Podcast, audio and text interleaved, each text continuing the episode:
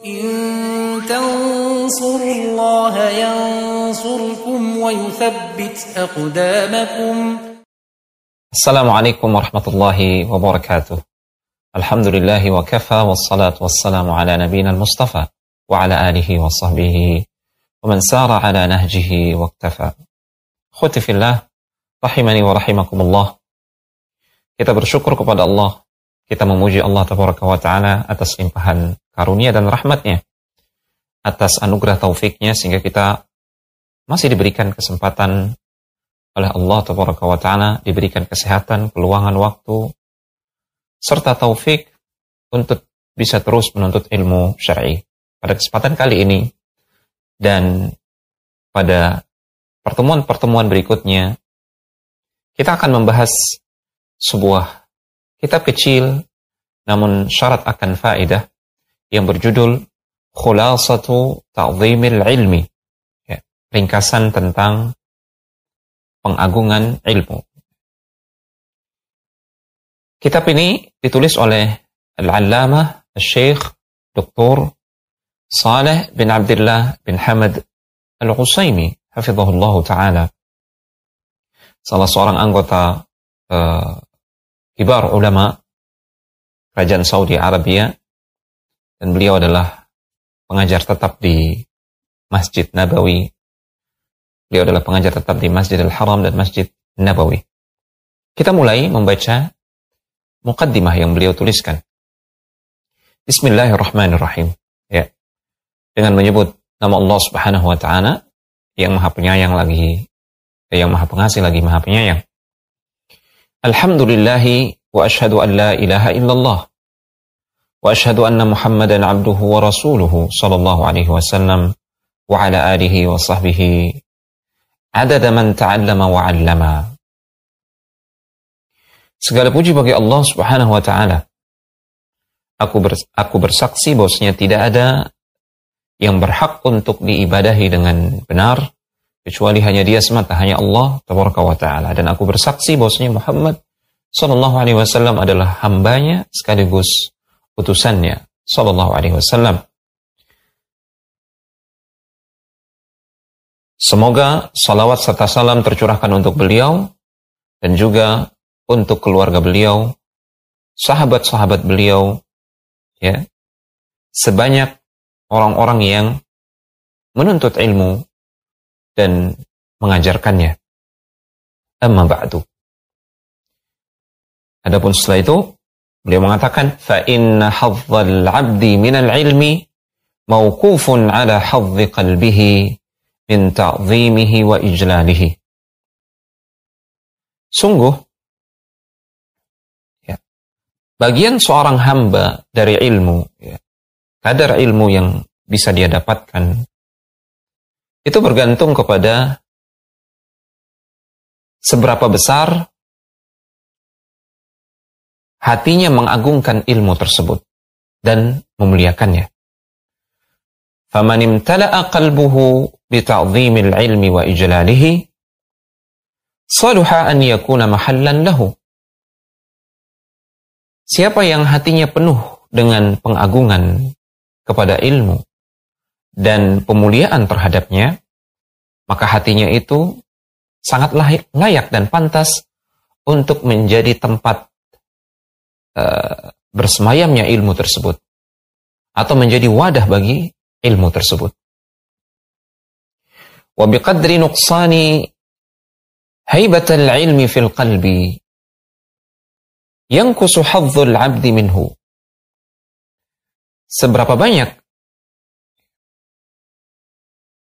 kadar ilmu di dalam hati seseorang, seberapa banyak dia berkurang, maka sebesar itu pula kadar ilmu itu akan didapatkan oleh seorang hamba. Ya, manfaat dari ilmu dan keberkahannya itu bergantung kepada seberapa besar hati seorang hamba mengagungkan ilmu. Semakin besar pengagungannya, semakin besar manfaat ilmu yang akan diperoleh. Hatta yakuna minal qulubi qalbun laisa fihi syai'un minal ilmi. Ya. Jika kadar pengagungan di hati itu terhadap ilmu semakin berkurang dan terus berkurang, ya, maka ilmu yang akan diperoleh dan manfaatnya juga akan semakin berkurang sampai nantinya, ya, di dalam hati tidak ada lagi satupun dari ilmu atau sama sekali dia tidak akan mendapatkan manfaat dari ilmu. Faman 'azzama al-'ilma lahat anwaruhu 'alaihi. Maka barang siapa yang mengagungkan ilmu, maka sinar ilmu itu akan meneranginya. Wa wafadat rusulu fununihi ilaihi. Ya. Demikian pula utusan-utusan ilmu tersebut, delegasi-delegasi ilmu tersebut ya, akan mendati, mendatanginya. Walam yakun lihimmatihi ghayatun illa talaqihi. Semakin besar pengagungan seseorang kepada ilmu, maka semakin besar gairah dan semangatnya. Ya. Semangatnya semangatnya yang tertinggi tidak lain dan tidak bukan adalah mendapatkan ilmu itu sendiri. Wala li nafsihi ladzatun illa al-fikru fihi. Tidak ada kenikmatan bagi jiwanya melainkan dengan memikirkan ilmu tersebut. Wa ka'anna Aba Muhammadin Ad-Darimi Al-Hafidh rahimahullahu taala lamaha hadzal ma'na. Seakan-akan Al-Hafidh Abu Muhammad Ad-Darimi rahimahullahu taala semoga Allah merahmati beliau Seakan-akan beliau uh, bisa membaca makna makna ini. Kitab al-ilmi min sunanihi al-musammah bi al-musnad al-jami' bibabin fi i'zamil ilmi. Itulah sebabnya beliau menutup kitab ilmu beliau ya dari kitab sunan sunan beliau yang diberi nama Al-Musnad Al-Jami' dengan satu bab yang membahas khusus tentang pengagungan terhadap ilmu. Dan kata beliau, hafizahullah ta'ala, syai'in 'ala al-wusuli ila i'dhamil ilmi wa ijlalihi ma'rifatu ma'aqidi ta'zimihi. Dan perkara yang paling membantu uh, seseorang untuk bisa sampai kepada pengagungan terhadap ilmu dan pemuliaannya adalah dengan mengenal simpul-simpul pengagungan terhadap ilmu tersebut. Wahiyal usul al-jami'ah yang merupakan kaidah-kaidah atau prinsip-prinsip yang mencakup uh, banyak hal atau banyak cabang al-muhaqqiqatu li'azamatil ilmi fil qalbi prinsip-prinsip dan kaidah tersebut bisa merealisasikan keagungan ilmu tersebut di dalam hati inilah yang perlu kita ketahui ya simpul-simpul pengagungan ilmu yang merupakan kaidah-kaidah atau prinsip-prinsip ya, yang mendasar yang pokok Eh, yang jika kita mengetahuinya, maka itu akan bisa merealisasikan pengagungan ilmu di dalam hati. Faman akhadha biha kana mu'azziman lil ilmi mujillan lahu. Orang siapa mengambil atau mempelajari simpul-simpul pengagungan ilmu ini, maka dia akan menjadi orang yang mengagungkan ilmu dan memuliakannya. Dayya'aha fali nafsihi adha'a.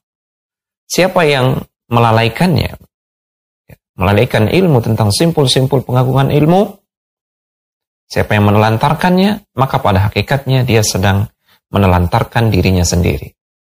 Walihawahu ata'a, pada dasarnya juga dia sedang mengikuti hawa nafsunya.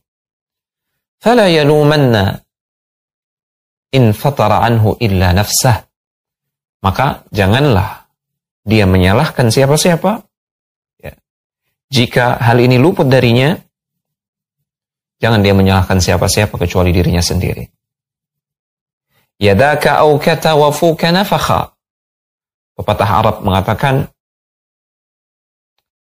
Jangan salahkan siapa-siapa kecuali dirimu, dirimu sendiri. Eh, bukankah kedua tanganmu yang telah mengikatnya sehingga engkau terikat? Bukankah ya mulutmu yang telah meniup api yang berkobar tersebut sehingga membakarmu? Waman la yukrimul ilma la yukrimuhul ilmu. Siapa yang tidak menghormati dan memuliakan ilmu, maka ilmu tidak akan memuliakannya dan menghormatinya. Khutafillah, rahimani wa rahimakumullah, demikianlah mukaddimah yang sangat indah yang ditulis oleh Syekh Dr. Salih Al-Usaimi, hafizahullah ta'ala. Semoga melalui mukaddimah ini kita bertambah semangat untuk mengkaji apa saja simpul-simpul pengagungan ilmu yang beliau tuliskan pada seri-seri berikutnya. Demikian, wassalamualaikum warahmatullahi wabarakatuh.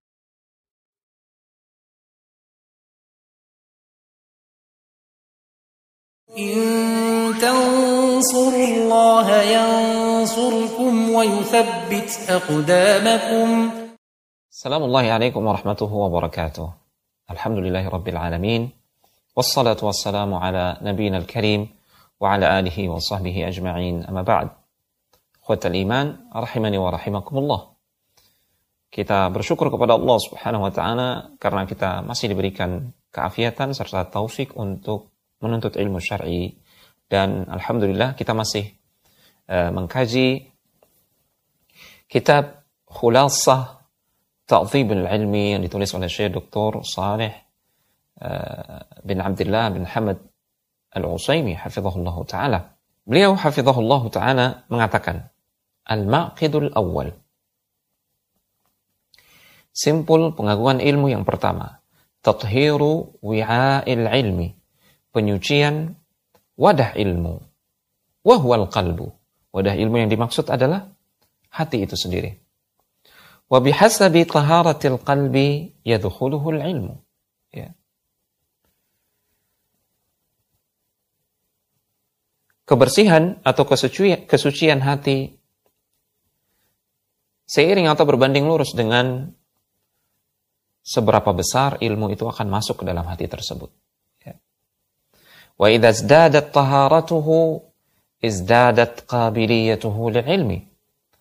Semakin hati suci dan bersih, maka semakin mampu dia menerima ilmu فمن أراد حيازة العلم فليزين باطنه Barang siapa menginginkan untuk meraih ilmu, maka hendaklah dia menghiasi batinnya, hatinya. Wa قَلْبَهُ مِنْ min najasatihi. Hendaklah dia menyucikan, membersihkan hatinya dari kotoran-kotoran hati. فَالْعِلْمُ جَوْهَرٌ لَطِيفٌ لَا يَصْلُحُ إِلَّا لِلْقَلْبِ النَّظِيفِ. Ilmu itu adalah permata yang sangat uh, halus, lembut. Tidak layak kecuali ditempatkan di hati yang suci dan bersih. Sebagaimana permata yang indah dan berharga tidak layak untuk diletakkan di tempat yang kotor. Maka demikian pula ilmu tidak layak kecuali di hati yang suci dan bersih. Taharatul qalbi tarji'u ila aslaini 'azimaini. Sucinya hati itu kembali kepada dua perkara yang pokok. Ahaduhuma yang pertama adalah taharatuhu min najasati syubuhat. Suci dan bersihnya hati tersebut dari kotoran kotoran-kotoran syubhat. Wal akhar dan yang kedua taharatuhu min najasati syahwat. Kebersihan dan kesuciannya dari kotoran-kotoran syahwat. Idza kunta tastahi min nadhari makhluqin mithlika ila wasakhi thawbika jika engkau malu, merasa malu ya dari pandangan orang lain ya, makhluk sepertimu, manakala dia memandang pakaianmu yang kotor, fastahi min nadharillahi ila qalbik, maka hendaklah engkau malu ya dari penglihatan Allah kepada hatimu. Wa fihi ihanun wa balaya. Malulah engkau manakala Allah melihat hatimu sementara di hatimu itu ada penyakit-penyakit berupa uh, dendam, berupa penyakit-penyakit hati yang lainnya wa dzunubun wa khataya. Sementara di hatimu juga ada dosa-dosa ya. dan kesalahan-kesalahan berupa maksiat. Fafi sahihi muslimin an Abi Hurairah radhiyallahu ta'ala anhu. Di dalam sahih Muslim dari sahabat yang mulia Abu Hurairah radhiyallahu ta'ala anhu, anna Nabi sallallahu alaihi wasallam qala Diriwayatkan bahwasanya Nabi Shallallahu Alaihi Wasallam bersabda, Inna Allah la yanzuru ila suwari Inna Allah la yanzuru ila suwarikum wa amwalikum. Sesungguhnya Allah tidak melihat kepada rupa fisik kalian dan juga harta-harta kalian. Walakin yanzuru ila qulubikum wa a'malikum. Namun yang Allah lihat adalah hati-hati kalian dan amal perbuatan kalian. Man tahara qalbahu fihi al-ilmu halla. Siapa yang menyucikan hatinya, maka uh, ilmu itu akan dia raih. Atau ilmu itu akan mendatangi hatinya. وَمَنْ لَمْ يَرْفَعْ مِنْهُ نَجَاسَتَهُ وَدَعَهُ الْعِلْمُ وَارْتَحَلَا siapa yang tidak mengangkat kotoran dari hatinya, ya, maka ilmu akan meninggalkan hatinya tersebut, ilmu akan pergi berlalu. Qala Sahal bin Abdullah rahimahullah ta'ala, Sahal bin Abdullah rahimahullah ta'ala pernah mengatakan, haramun ala qalbin an yadkhulahu nur wa fihi syai'un mimma yakrahu Allah azza wa jalla haram bagi hati untuk dimasuki oleh cahaya ilmu sementara di dalam hati di dalam hati tersebut ada sesuatu yang dibenci oleh Allah Subhanahu wa taala. Ikhwata fillah a'azani Allah wa iyyakum jami'an. Demikianlah Syekh menjelaskan simpul pengagungan ilmu yang pertama yang harus kita wujudkan pada diri kita adalah membersihkan wadah ilmu itu sendiri yaitu hati kita ya. Karena kesucian hati itu begitu agung dan penting, Allah Subhanahu wa taala memerintahkannya kepada baginda Rasulullah SAW eh, di awal-awal eh, wahyu turun kepada beliau saat Allah berfirman kepada beliau, "Ya ayuhal muddathir kum fa'anzir wa rabbaka fakabbir wa thiyabaka fatahhir." Allah berfirman, "Wa thiyabaka fatahhir." Sucikanlah wahai Muhammad sallallahu alaihi wasallam pakaianmu ya di antara para ulama ada yang menafsirkan yang dimaksudkan di sini adalah athiyab al-batin ya uh, athiyab yufassiruhu ba'dul mufassirin bil batin pakaian yang Allah perintahkan untuk disucikan di sini ditafsirkan oleh sebagian mufassir yang dimaksud adalah pakaian batin wa huwa qaulun hasan lahu ma'khadun sahihun dan ini adalah tafsiran yang baik dan benar. Kemudian, khutifillah, ada komentar yang sangat menarik dari Syekh Dr. Saleh Al-Usaimi sendiri ya terkait uh, simpul yang pertama ini beliau mengatakan idza tasaffahta ahwala ta'ifatin min tullabil ilmi fi hadzal ma'qid ya jika engkau memperhatikan keadaan para penuntut ilmu khususnya terkait simpul yang pertama ini ra'aita khalalan bayyina engkau melihat ya uh, cacat atau celah yang sangat jelas sekali. Ya. Ilmi min min imri'in taghdu syahawat wa syubuhat fi qalbihi wa taruhu? Mana mungkin eh, di hati seseorang, seorang penuntut ilmu akan uh, tumbuh dan lahir pengagungan terhadap ilmu itu sendiri. Sementara hatinya ya setiap saat uh, mengkonsumsi fitnah syahwat ya mengkonsumsi fitnah syubhat ya tad'uhu suratun muharramah. Setiap hari misalkan dia melihat gambar-gambar yang diharamkan wa tastahwihi maqalatun mujrimah ya kemudian dia membaca uh, tulisan-tulisan uh, atau ucapan-ucapan yang keji hashruhul munkarat والتلذذ بالمحرمات فيه غل وفساد وحسد وعناء وعناد ونفاق وشقاق ya seringkali dia bergelut dengan hal-hal yang mungkar dia menikmati perkara-perkara yang diharamkan di dalam hatinya dia memelihara ghil kedengkian ya penyakit dan kerusakan dalam hatinya rasa hasad kedengkian dan pengingkaran kemunafikan bahkan ya dan syikak pertikaian permusuhan terhadap kebenaran. Anna lihaula'i walil ilmi. Bagaimana mungkin orang-orang yang seperti ini akan mendapatkan ilmu ma hum minhu wa lahu wa ilaihim ya. mereka jauh dari ilmu dan ilmu itu sendiri berpaling dari mereka Akhwatifillah azani Allah wa iyyakum jami'an. Semoga penjelasan simpul yang pertama ini uh, bisa memberikan pelajaran berharga bagi kita semua untuk uh, memuhasabah kembali hati kita ya, agar benar-benar hati kita itu layak ilmu bersemayam di dalamnya. Ada wassalamualaikum warahmatullahi wabarakatuh.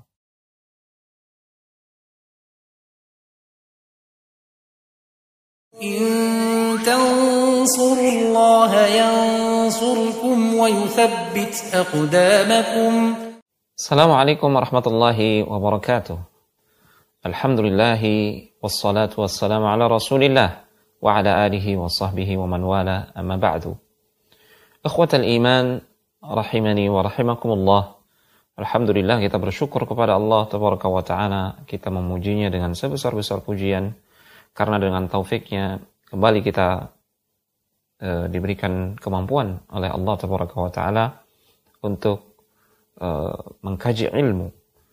Kita masih bersama kitab Khulasatu Ta'zimil Ilmi yang ditulis oleh Syekh Dr. Saleh Al-Utsaimin hafizahullah taala.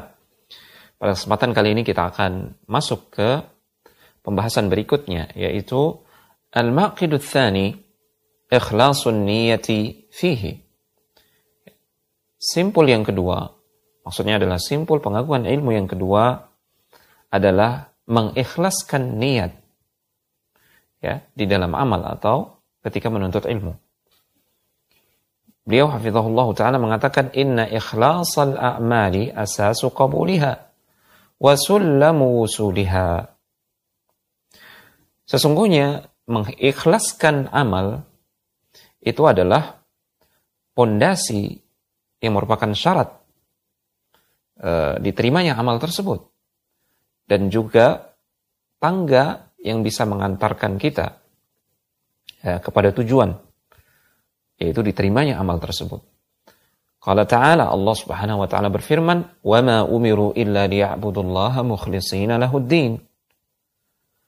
Tidaklah mereka diperintahkan melainkan untuk beribadah hanya kepada Allah Subhanahu wa taala dengan keikhlasan dengan memurnikan ibadah tersebut hanya karenanya dan untuknya. Ya. Hunafa condong kepada tauhid dan uh, menjauh atau menyimpang dari kesyirikan. Wa fi sahihain an Umar radhiyallahu anhu anna Rasulullah sallallahu alaihi wasallam qala di dalam Sahih Al-Bukhari dan Sahih Muslim dari sahabat yang mulia Umar bin Al-Khattab radhiyallahu taala anhu diriwayatkan bahwasanya Rasulullah sallallahu alaihi wasallam pernah bersabda Innamal a'malu binniyat atau in, al-a'malu binniyah wa likulli imri'in ma nawa Sesungguhnya setiap amal itu bergantung kepada niat dan setiap orang akan mendapatkan sesuai dengan apa yang dia niatkan. وما سبق من سبق ولا وصل من وصل من السلف الصالحين illa bil ikhlasi lillahi rabbil alamin. Tidaklah as-salaf as-salih lebih dulu meraih kebaikan. Ya, lebih dulu sampai kepada tujuan dan kemuliaan melainkan dengan mengikhlaskan uh, niat hanya kepada Allah tabaraka wa taala Rabbul alamin Rabb semesta alam. Qala Abu Bakar Al-Marruzi rahimahullah taala. Abu Bakar Al-Marruzi, semoga Allah merahmati beliau, pernah mengatakan, Sami'tu rajulan yaqulu li Abi Abdullah, yakni Ahmad bin Hanbal. Yakni Ahmad bin Hanbal. Aku pernah mendengar seorang laki-laki berkata kepada Abu Abdullah, yaitu Imam Ahmad bin dzakara lahu as-siddiq wal ikhlas. Ketika itu dia menyebutkan tentang uh, as-sidqu wal ikhlas ya. Ketulusan, kejujuran dan keikhlasan. Faqala Abu Abdullah bihadza irtafa'al qaum. Ya. Dengan ketulusan dan keikhlasan suatu kaum akan ditinggikan derajatnya. Wa innama yanalul mar'u al-ilma ada qadri ikhlasihi.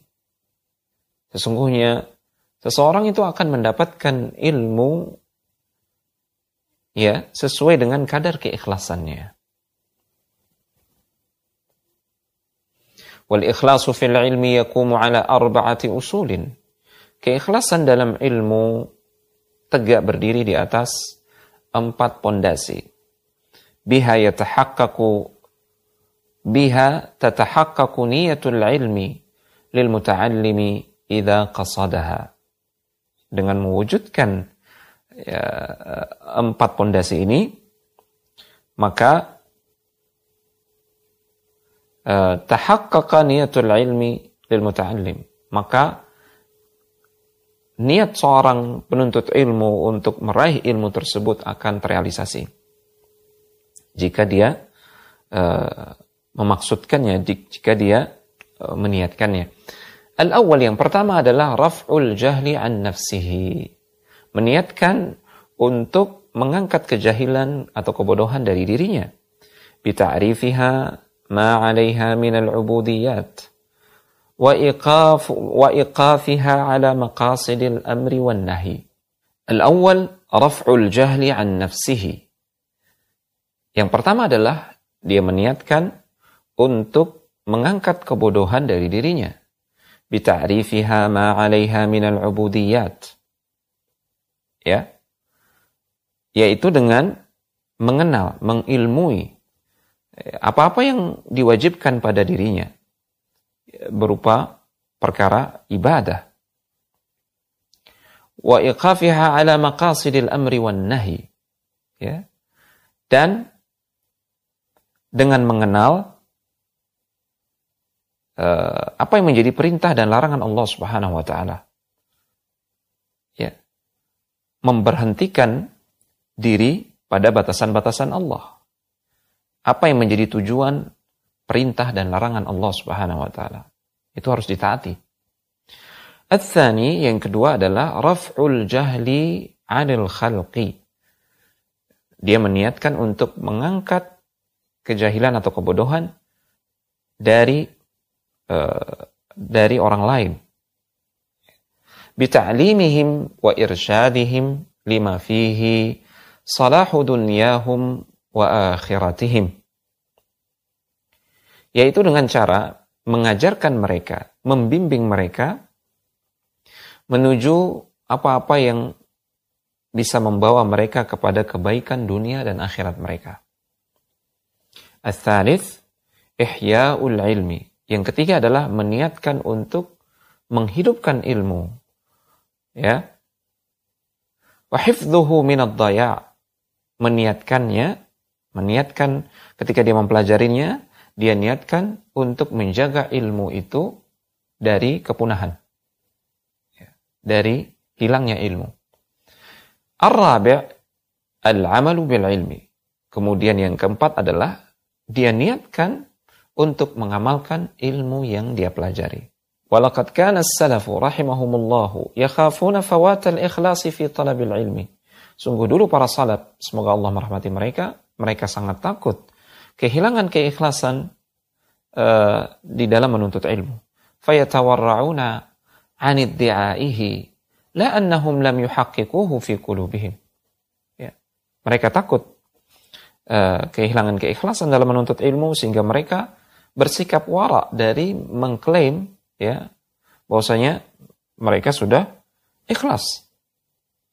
Bukan karena mereka belum merealisasikan ikhlas itu di dalam hati-hati mereka. So ilal Imam Ahmad. Imam Ahmad rahimahullah taala pernah ditanya, "Hal talabtal ilma lillah?" Apakah engkau pernah menuntut ilmu uh, ikhlas karena Allah Subhanahu wa taala? Faqala lillahi azizun. Maka beliau berkata, uh, ikhlas itu berat, perkara yang sungguh berat. Ya. Walakinnahu syai'un hubbiba ilayya fatalabtuhu.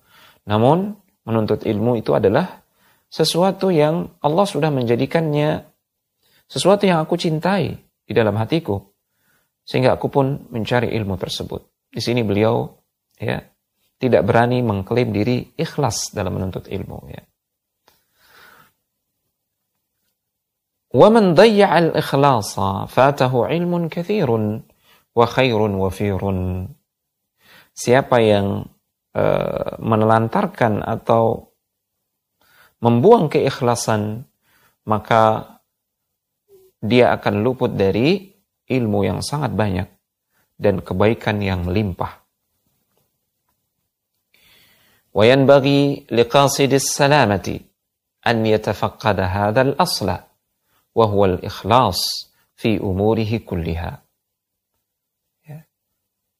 Bagi setiap orang yang menghendaki keselamatan, maka dia harus ya memperhatikan perkara yang pokok ini, perkara yang sangat mendasar ini, yaitu keikhlasan fi umurihi kulliha dalam setiap urusannya.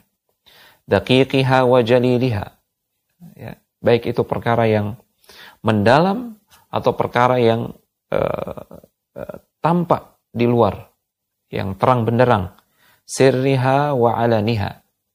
Baik itu perkara yang sifatnya tersembunyi maupun yang tampak jelas.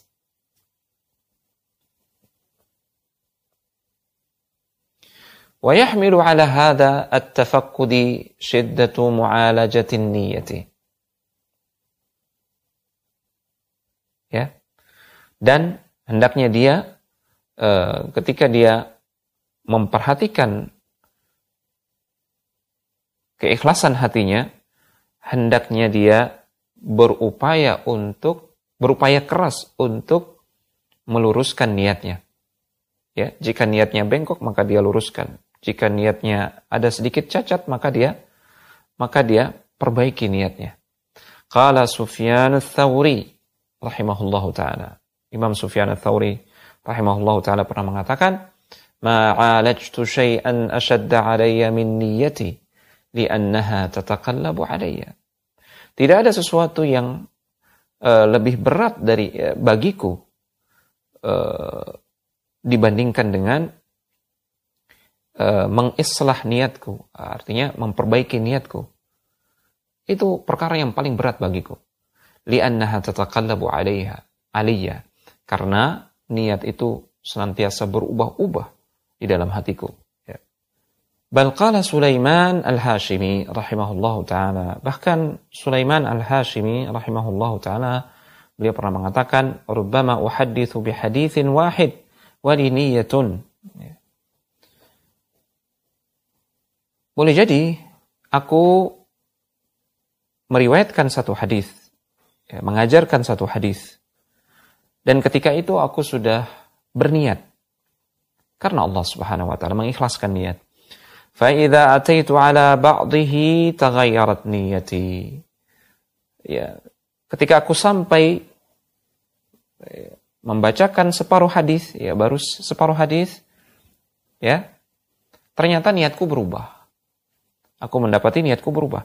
فإذا الحديث الواحد يحتاج إلى نيات ternyata menyampaikan satu hadis saja itu butuh uh, memperbaiki niat yang banyak gitu ya harus memperhatikan terus menerus kondisi di hati terkait niat-niat yang melintas di hati ikhwatal iman rahimani wa rahimakumullah kemudian Syekh uh, Dr. Saleh Al-Usaimi hafizahullah taala kembali menegaskan tentang makna keikhlasan yang uh, harus kita upayakan dalam setiap amal kita termasuk dalam menuntut ilmu. Uh, di sini beliau mengatakan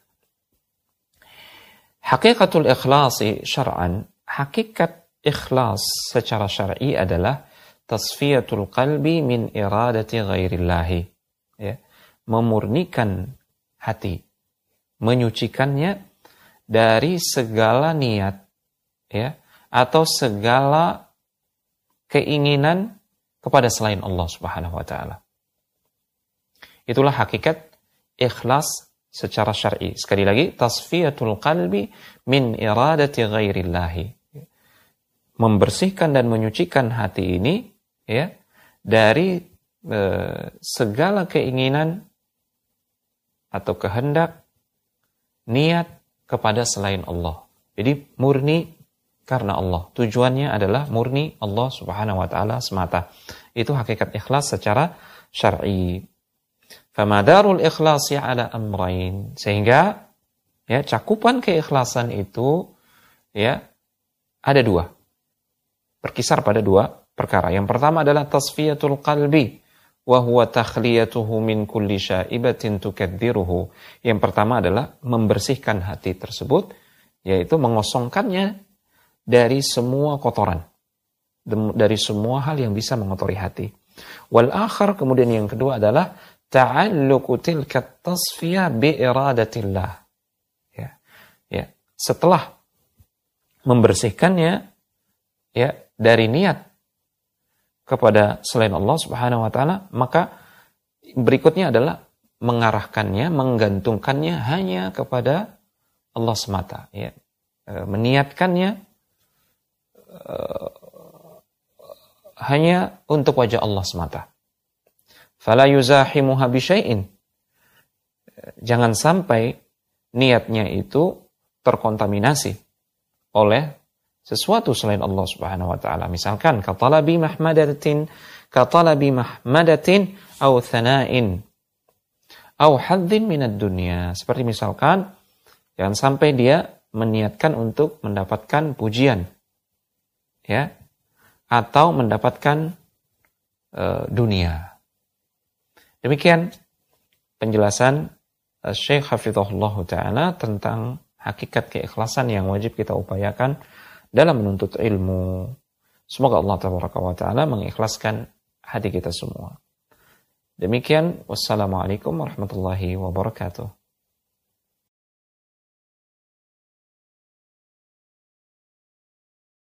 إن تنصروا الله ينصركم ويثبت أقدامكم. السلام عليكم ورحمة الله وبركاته. الحمد لله رب العالمين. والصلاة والسلام على نبينا الكريم وعلى آله وصحبه أجمعين. أما بعد أخوة الإيمان رحمني ورحمكم الله. Kita bersyukur dan memuji Allah Tabaraka wa Ta'ala karena kita masih diberikan kesehatan, keluangan waktu, serta taufik untuk menuntut ilmu syar'i dan kita masih uh, dalam serial ini serial pembahasan tentang kitab Khulasatu Ta'zimil Ilmi yang ditulis oleh Syekh Dr. Saleh Al-Utsaimin hafizahullah taala. Kita masuk kepada uh, pembahasan berikutnya yaitu Al-Ma'qidus Thalith simpul pengagungan ilmu yang ketiga adalah jam'u himmatin nafsi alaihi mengumpulkan uh, semangat jiwa demi ilmu. Beliau mengatakan, "Tujma'ul himmatu 'ala al-matlubi bitafaqqudi thalathati umurin." Semangat dan energi itu uh, di, bisa dikumpulkan pada suatu tujuan yang hendak dicari dengan memperhatikan tiga perkara. Awaliha, yang pertama adalah Al-hirsu ala ma yanfa'u. Bersemangat untuk meraih apa-apa yang bermanfaat. Famata wufiqal abdu ila ma yanfa'uhu haras alaihi. Kapan seorang hamba itu diberikan taufik oleh Allah Subhanahu wa taala untuk meraih apa-apa yang bermanfaat baginya, maka dia akan bersemangat untuk meraihnya. Thaniha al-isti'anatu billahi azza wa jal fi tahsilihi. Perkara yang kedua yang harus diperhatikan adalah memohon pertolongan dari Allah Subhanahu wa taala dalam mendapatkan yang bermanfaat ya. Dalam meraih ya, sesuatu yang bermanfaat. Thalithiha dan yang ketiga adalah adamul ajzi an bulughil bughyati minhu ya tidak boleh ada rasa malas atau lemah untuk meraih uh, sesuatu yang bermanfaat tersebut. Ya. وقد جمعت هذه الأمور الثلاثة في الحديث الذي رواه مسلم عن أبي هريرة رضي الله عنه. Dan ketiga perkara ini sudah terkumpul dalam satu hadis yang diriwayatkan oleh Imam Muslim dari sahabat yang mulia Abu Hurairah radhiyallahu taala anhu, anna Nabi sallallahu alaihi wasallam qal bahwasanya Nabi sallallahu alaihi wasallam pernah bersabda, "Ihris ala ma yanfa'uka wasta'in billahi wala wala ta'jiz." Bisa juga dibaca wala ta'jaz ya. Eh, beliau bersabda sallallahu alaihi wasallam, bersungguh-sungguhlah, bersemangatlah untuk meraih apa yang bermanfaat bagimu dan mohonlah pertolongan kepada Allah Subhanahu wa taala dan jangan lemah. Jangan lemah, jangan bermalas-malasan. Qala Al-Junaid rahimahullahu taala. Al-Junaid rahimahullahu taala pernah mengatakan, "Ma talaba ahadun syai'an bijiddin wa sidqin illa nalahu." Fa in lam yanalhu kullahu nala ba'dahu. Tidaklah seseorang itu ya berupaya mendapatkan sesuatu dengan sungguh-sungguh, dengan jujur ingin mendapatkannya. Melainkan pasti dia akan mendapatkannya dan meraihnya.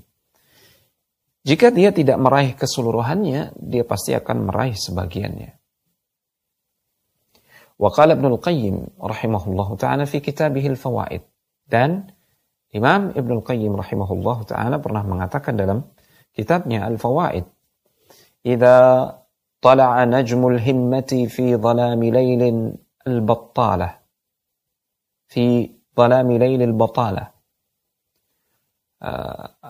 وردفه قمر العزيمة. أشرقت الأرض بنور ربها. الله أكبر. jika bintang semangat telah terbit di tengah kegelapan malam, eh, di tengah kegelapan malam kemalasan dan kelemahan, kemudian di, diiringi oleh rembulan tekad, maka niscaya bumi akan tersinari terang benerang dengan cahaya robnya. Maksudnya Allah Subhanahu wa taala akan memberikan cahaya ilmu eh, ke dalam hati hamba yang bersungguh-sungguh. Ya, memohon pertolongan kepada Allah Subhanahu wa taala dan menjauhkan diri dari sifat malas. Wa inna mimma uh, yu'lil himmata wa yasmu bin nafsi i'tibara hala i'tibara حالما سبق وتعرف همم القوم الماضين ya semangat uh, bisa menjadi tinggi dan berkobar dan tumbuh di dalam jiwa dengan cara membaca, mengetahui dan mengenal keadaan orang-orang terdahulu dalam menuntut ilmu mengenal bagaimana berkobarnya, betapa tinggi semangat mereka uh, dalam meraih segala sesuatu yang bermanfaat. Dalam hal ini adalah ilmu. Ya. Kita perhatikan biografi dan sejarah orang-orang terdahulu. فأبو عبد الله أحمد بن حنبل كان وهو في في الصبا ربما أراد الخروج قبل الفجر إلى Hilaki syuyuhi. Abu Abdullah, Imam Ahmad bin Hanbal, dulu ketika beliau masih kecil, ya, beliau e, biasanya ingin keluar rumah sebelum waktu subuh untuk mengikuti majelis-majelis ilmu para syekh, para ulama di zaman beliau. Fata'khudhu ummuhu bithiyabihi wa taqul rahmatan bihi. Namun ibunya merasa kasihan karena dia masih kecil dan keluar sebelum waktu subuh. Akhirnya ibunya menarik pakaiannya, pakaian Imam Muhammad ketika masih kecil, eh, menahan dia. Ya. Hatta yu'adzinan nas au yusbihu. Bersabarlah, tunggu sampai orang e, mengumandangkan adzan subuh sampai masuk waktu subuh baru silakan keluar. Demikian semangat Imam Ahmad dalam menuntut ilmu. Dan itu semenjak beliau usia belia. Wa al-Khatib al-Baghdadi rahimahullahu Sahih al-Bukhari kullahu ala Ismail al-Hiri fi thalathati majalisa. Allahu Akbar.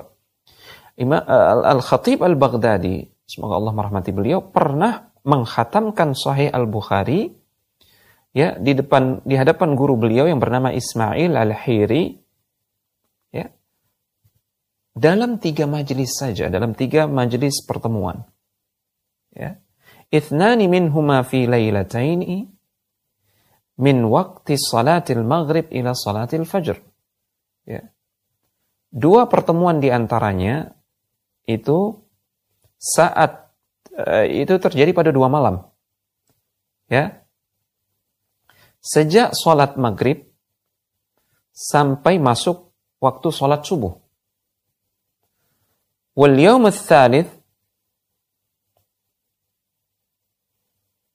min dhahwatin nahari ila salatil maghrib. Kemudian pada hari yang ketiga, beliau tuntaskan Sahih Al-Bukhari itu di waktu duha, mulai waktu duha sampai masuk waktu maghrib. Dalam tiga hari berturut-turut seperti itu. Wa minal maghrib ila tulu'il fajri. Dilanjutkan setelah sholat maghrib sampai subuh lagi. Tiga hari berturut-turut seperti itu. Beliau uh, tuntaskan, menghatamkan Sahih Al-Bukhari di hadapan gurunya.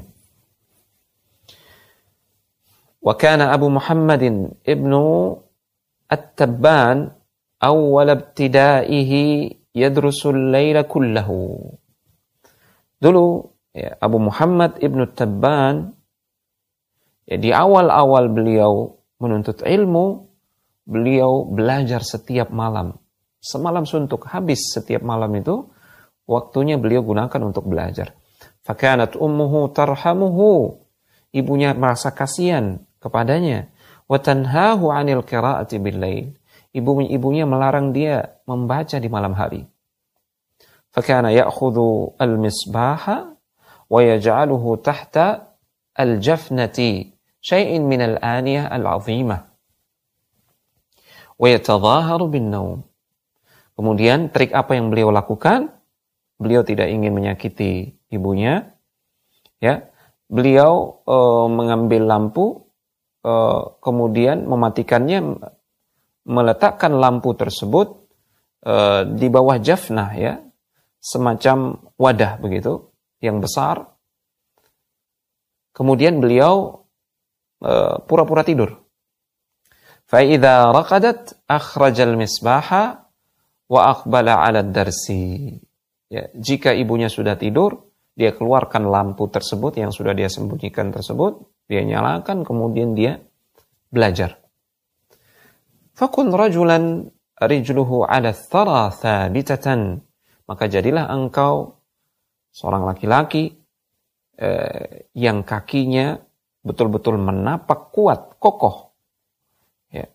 Wahammatuhu eh, wahammatu himmatihi fauqa thuraya samiqatan.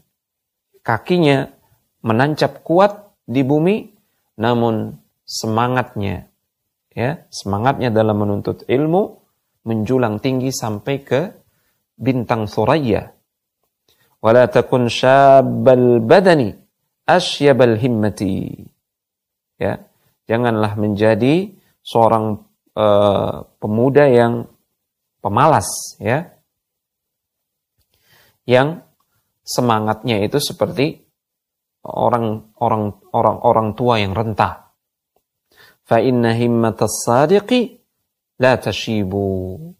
Karena semangat orang-orang yang tulus, jujur, benar-benar ingin mendapatkan ilmu dan kemanfaatan yang besar, tidak akan pernah menua.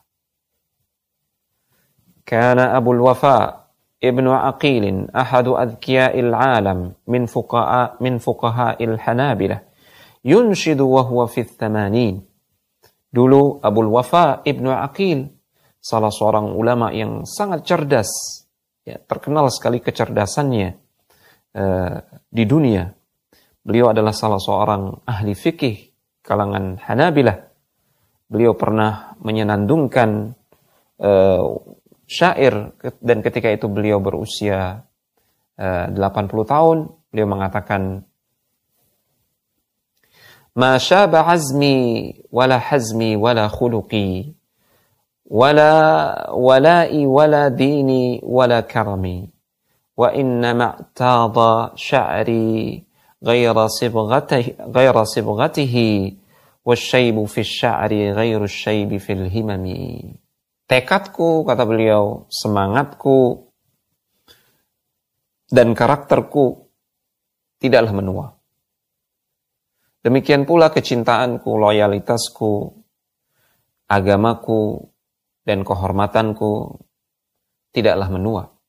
Yang menua hanya rambutku yang berubah dari warna aslinya. Namun, rambut yang menua dan sudah berubah warnanya tentu saja tidak bisa disamakan dengan semangat yang menua. Maksudnya, rambut boleh beruban, namun semangat tetap e, bergelora, tidak boleh beruban. Jadi khotifillah azan Allah wa iyyakum jami'an uh, intinya pada simpul yang ketiga ini Syekh Hafizahullah Ta'ala hendak menjelaskan kepada kita, kepada kita tiga hal yang sangat penting untuk kita wujudkan ya agar semangat dalam menuntut ilmu itu bisa bergelora di dalam dalam hati kita. Yang pertama adalah bersemangat untuk meraih sesuatu yang bermanfaat ya. Ingatlah bahwasanya perkara yang paling berharga dan paling bisa mendatangkan manfaat bagi kita dunia dan akhirat adalah ilmu. Ya. Kemudian yang kedua, mohonlah pertolongan kepada Allah Subhanahu wa taala untuk meraih ilmu tersebut. Tentunya ilmu yang bermanfaat. Kemudian yang ketiga, jauhkan sifat malas, ya, jauhkan sifat lemah di hati kita. Ya, dengan ketiga hal ini, insya Allah Eh, siapa yang jujur kepada Allah taala maka Allah pun akan jujur kepadanya. Allah akan memberikannya taufik, Allah akan memberikannya pertolongan untuk mendapatkan uh, yang dicita-citakannya. Semoga Allah taala mengadukrahkan kepada kita uh, himmah aliyah, ya, semangat yang tinggi dan bergelora dalam menggapai ilmu Allah Subhanahu wa taala. Demikian wassalamualaikum warahmatullahi wabarakatuh.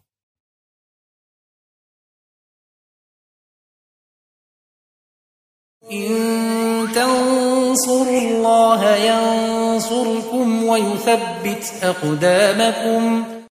السلام عليكم ورحمة الله وبركاته.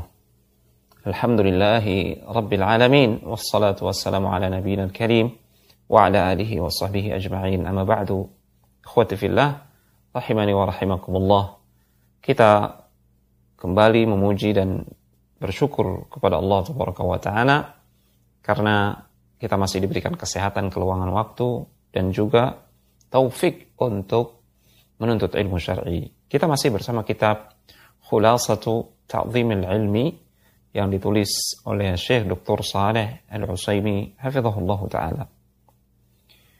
Pada kesempatan kali ini kita masuk kepada uh, poin yang keempat, ya al-maqid al-maqidur rabi' simpul pengagungan ilmu yang keempat yaitu Himmati fihi ila ilmi al-Qur'ani was sunnati. Ya. Memalingkan fokus semangat kita itu dalam menuntut ilmu kepada ilmu tentang Al-Quran dan As-Sunnah.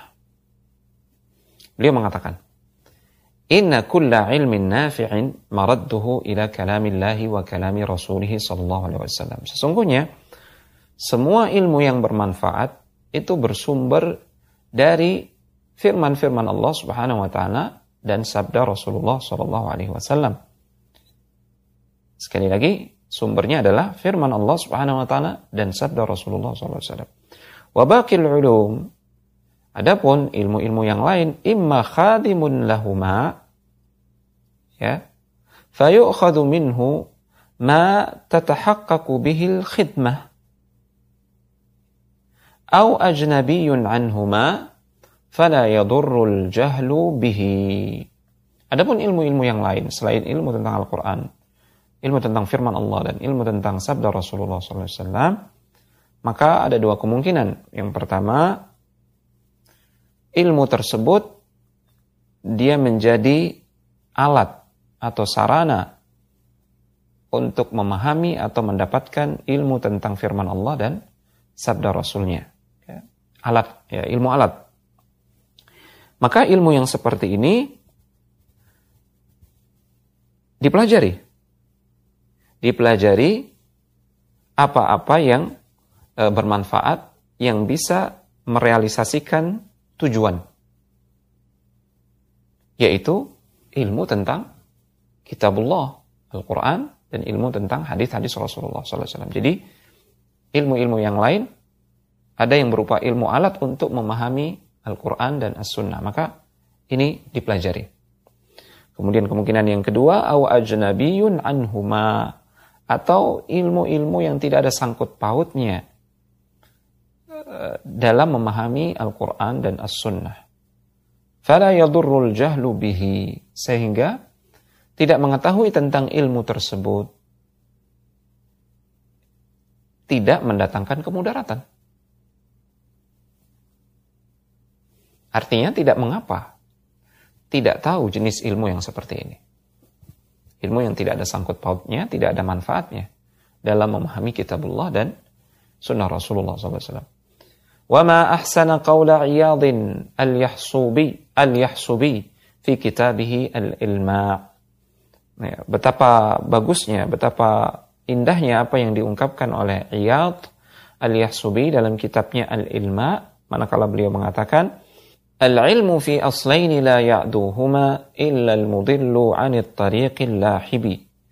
Ilmu itu ada dua yang pokok. La ya'duhuma. Tidak lebih. Ya.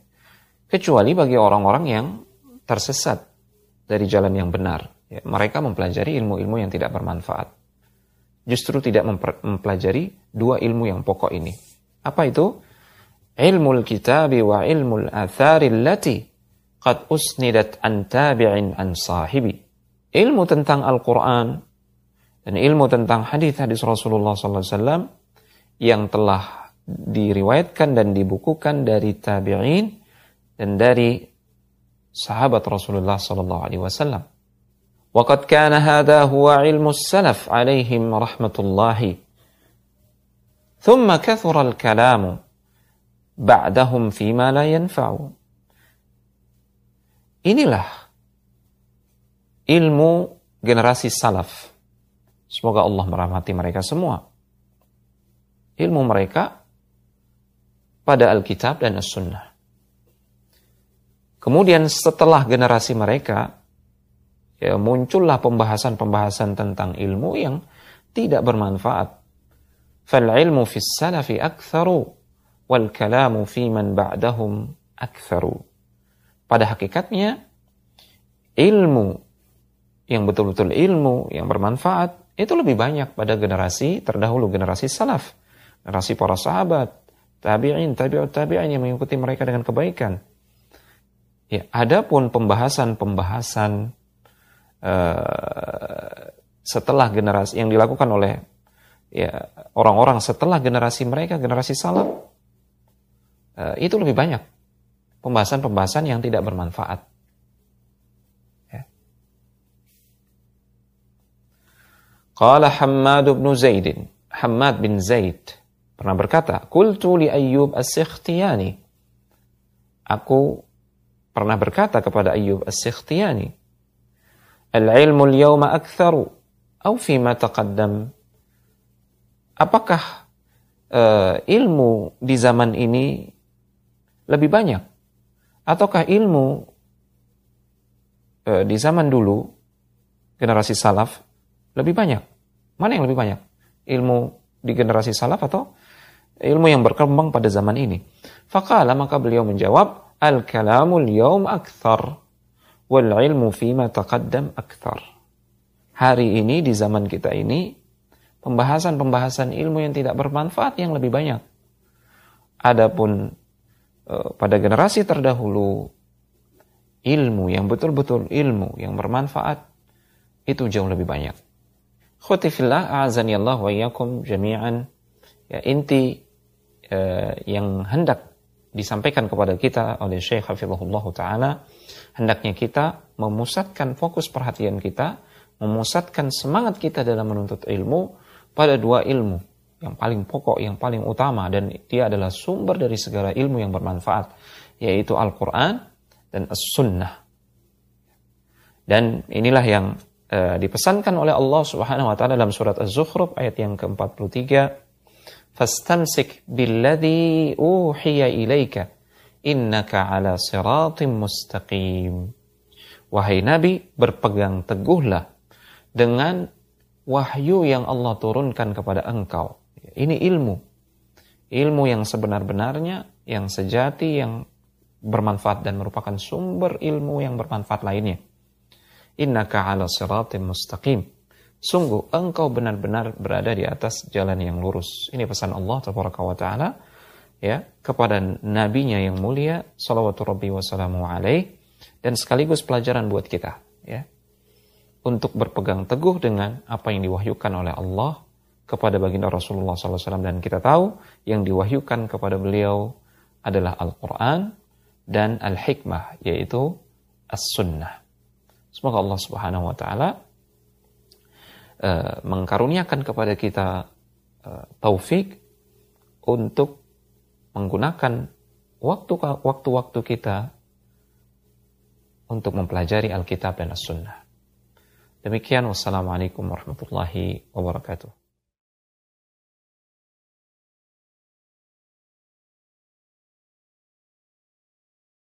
إن تنصروا الله ينصركم ويثبت أقدامكم السلام عليكم ورحمة الله وبركاته الحمد لله والصلاة والسلام على رسول الله وعلى آله وصحبه ومن والاه أما بعد Ikhwatal iman, rahimani wa rahimakumullah. Kita bersyukur kepada Allah Subhanahu wa taala karena kita masih diberikan keluangan waktu, kesehatan serta taufik untuk menuntut ilmu syar'i. Kita masih dengan kitab Khulasatu Ta'zim al-Ilmi yang ditulis oleh Syekh Dr. Saleh uh, Al-Usaimi hafizahullah taala. Dan pada kesempatan kali ini kita masuk ke pembahasan Al-Maqid Al-Khamis simpul pengagungan ilmu yang kelima. Beliau hafizahullah taala mengatakan, Al-maqidul khamis sulukun sulukul jaddati al-musilati ilaih. Sulukul jaddati al-musilati ilaihi. Simpul pengagungan ilmu yang kelima adalah menempuh jalan atau metode yang benar yang mengantarkan kepada tujuan. Beliau hafizahullah mengatakan likulli matlubin tariqun yusiru ilaihi. Setiap tujuan yang hendak digapai pasti memiliki jalan untuk sampai kepada tujuan tersebut. Faman salaka jaddata matlubihi awqafathu alaihi. Siapa yang menempuh jalan yang benar, menuju tujuan tersebut, maka dia akan sampai kepada tujuan. faman adala aw man adala anha lam yadhfar bimatlubihi. Ya. siapa yang menyimpang dari jalan yang benar untuk sampai kepada tujuan maka dia tidak akan sukses mendapatkan tujuannya. Wa inna lil ilmi tariqan. Man akhta'aha dhalla walam yanalil maqsuda. Sesungguhnya uh, ilmu ada jalan untuk mencapainya. Ilmu itu ya ada jalan untuk bisa meraihnya.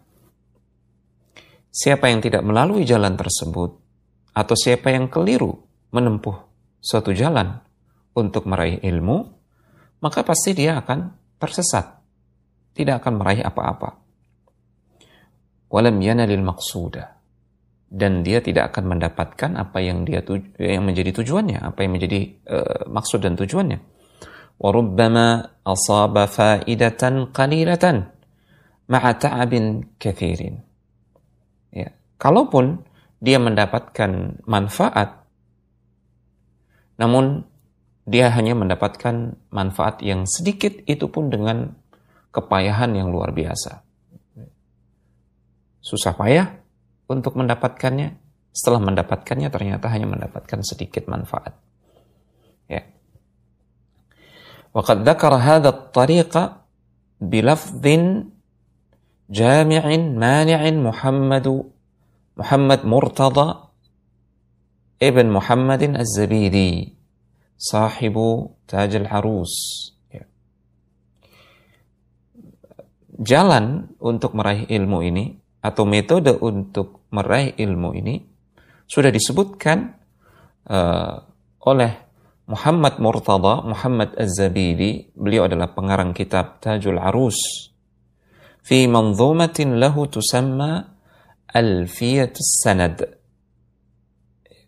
Beliau sebutkan ini ya dalam bait uh, nazam beliau yang uh, dikenal dengan sebutan Alfiyah al-Sanad yaqulu fiha di mana beliau mengatakan di dalamnya fama hawal ghayata fi alfi sanah syakhsun fakhudh min kulli fannin ahsanah.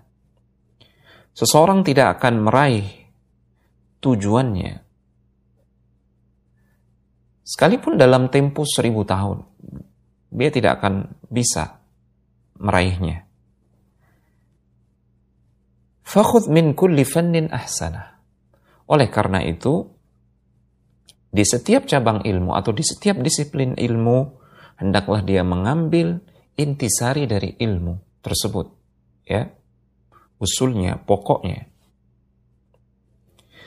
Bihifzi matnin jami'in lirrajihi ta'khudhuhu ala mufidin nasihi. Bagaimana caranya? Yaitu dengan menghafalkan matan yang menghimpun inti-inti dari setiap disiplin ilmu, yaitu matan yang di situ terdapat ringki, ringkasan uh, intisari dari keilmuan dari suatu disiplin ilmu yang rajih, yang uh, di situ menghimpun pendapat terkuat ta'khudhuhu ala mufidin nasihin. Dan cara mempelajarinya adalah e, melalui seorang guru yang memiliki dua sifat, mufid, nasih. Seorang guru yang kompeten, menguasai cabang keilmuan tersebut, dan nasih.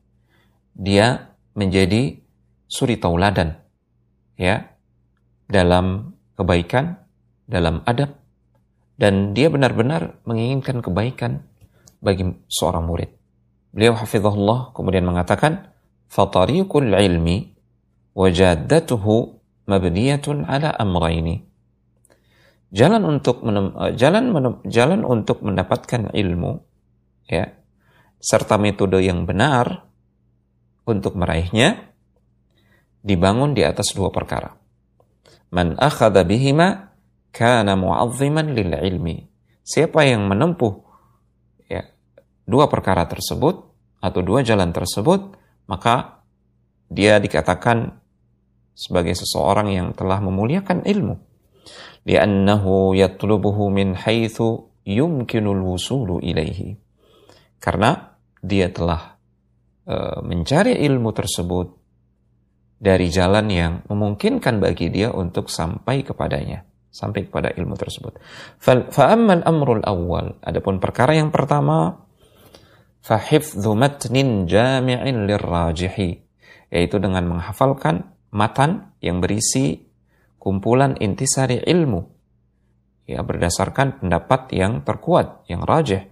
Fala budda min hifdhin. Tidak bisa tidak harus dengan menghafalnya. Wa man dhanna annahu yanalu ilma bila hifdhin fa innahu yatlubu muhalan. Siapa yang menyangka bahwasanya dia mampu mendapatkan ilmu tanpa menghafalkan intisari ilmu tersebut, maka sesungguhnya dia sedang mencari sesuatu yang mustahil untuk diraih. Wal mahfudhul mu'awwalu alaihi huwa al-matnul jami' lirrajih. Ay al-mu'tamad inda ahli al-fanni.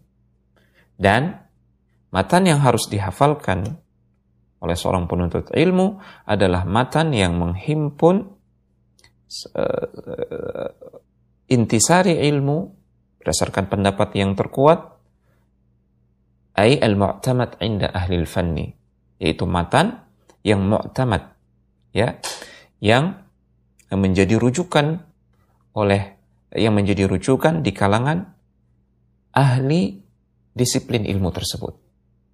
Yang menjadi rujukan utama di kalangan ahli disiplin ilmu tersebut wa ammal amru tsani adapun perkara yang kedua fa akhdhuhu ala mufidin nasihin yaitu dengan mengambil ilmu tersebut dari seorang guru yang mufid, yang kompeten, yang menguasai keilmuan dan nasih.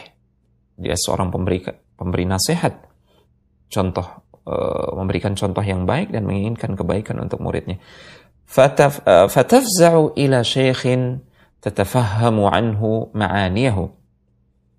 Maka dia mengambil ilmu tersebut dari seorang syekh atau guru yang dia bisa memahami dari guru tersebut makna-makna dari uh, matan yang sedang dia pelajari, matan ilmu yang sedang dia pelajari.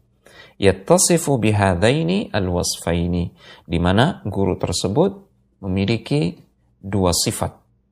Awaluhuma, sifat yang pertama adalah al-ifadah, wahia al-ahliyah fil ilmi, yaitu al-ifadah seorang guru tersebut dia memiliki kompetensi, dia berkompeten, memiliki keahlian, menguasai ilmu tersebut.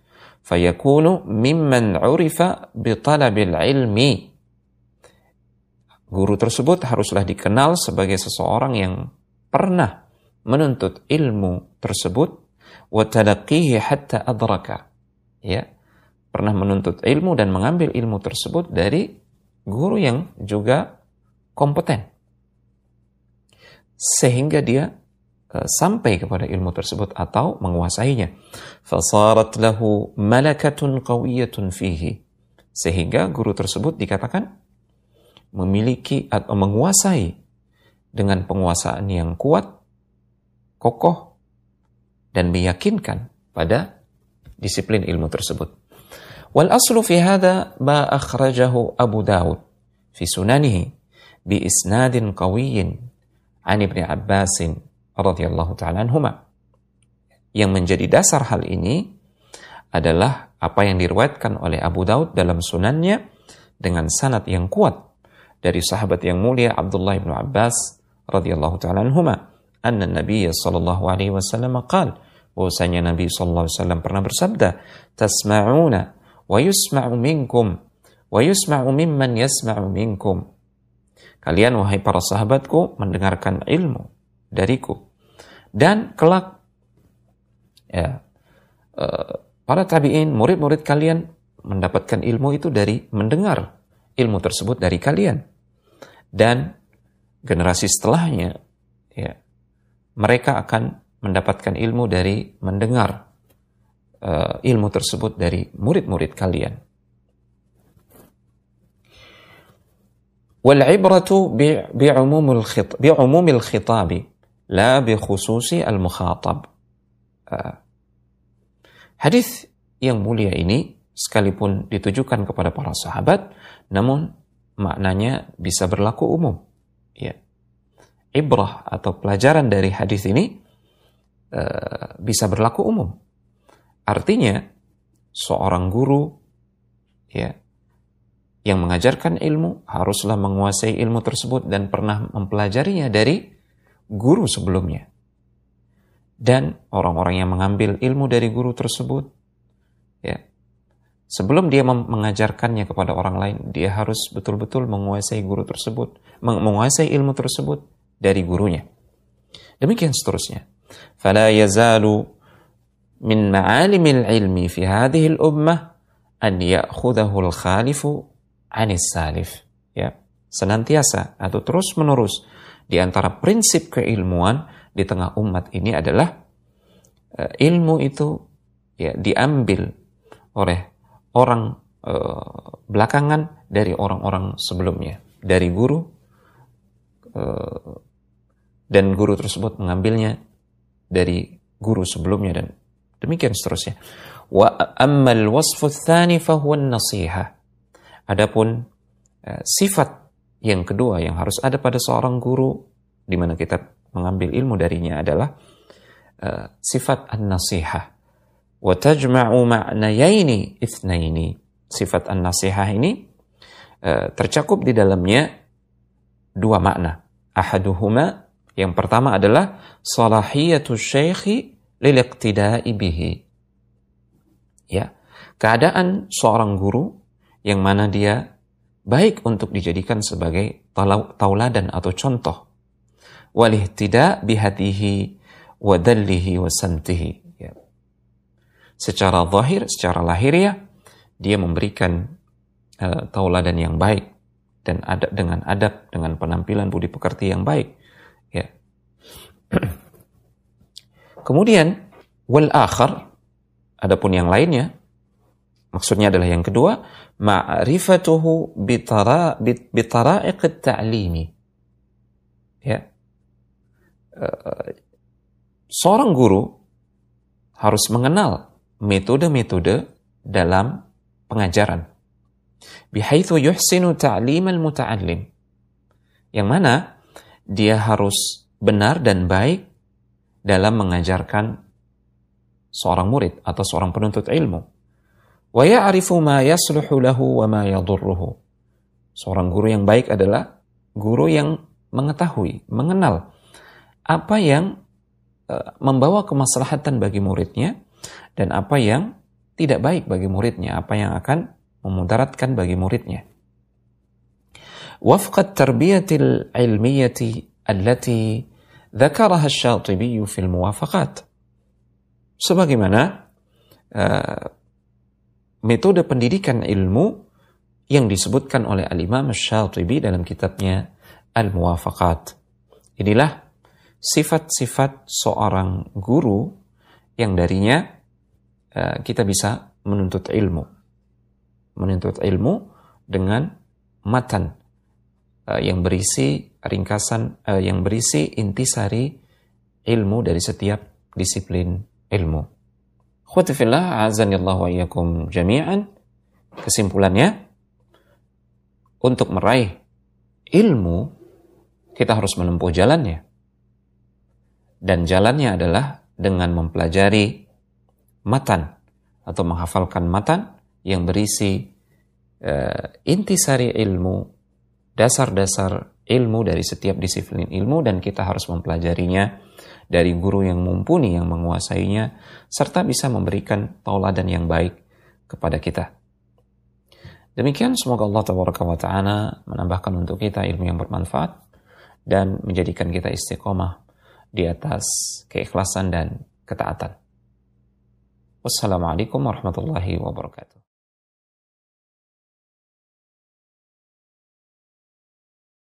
إن تنصروا الله ينصركم ينصركم ويثبت أقدامكم السلام عليكم ورحمة الله وبركاته الحمد لله وكفى والصلاة والسلام على نبينا المصطفى وعلى آله وصحبه ومن سار على نهجه واكتفى الحمد لله kita memuji Allah Tabaraka wa Ta'ala kita bersyukur kepadanya karena kita masih diberikan kesehatan, keluangan waktu serta taufik untuk Eh, menuntut ilmu syar'i. Kita masih dengan kitab Khulasatu Ta'zimil Ilmi karya Syekh Dr. Saleh Al-Usaimi hafizahullah taala.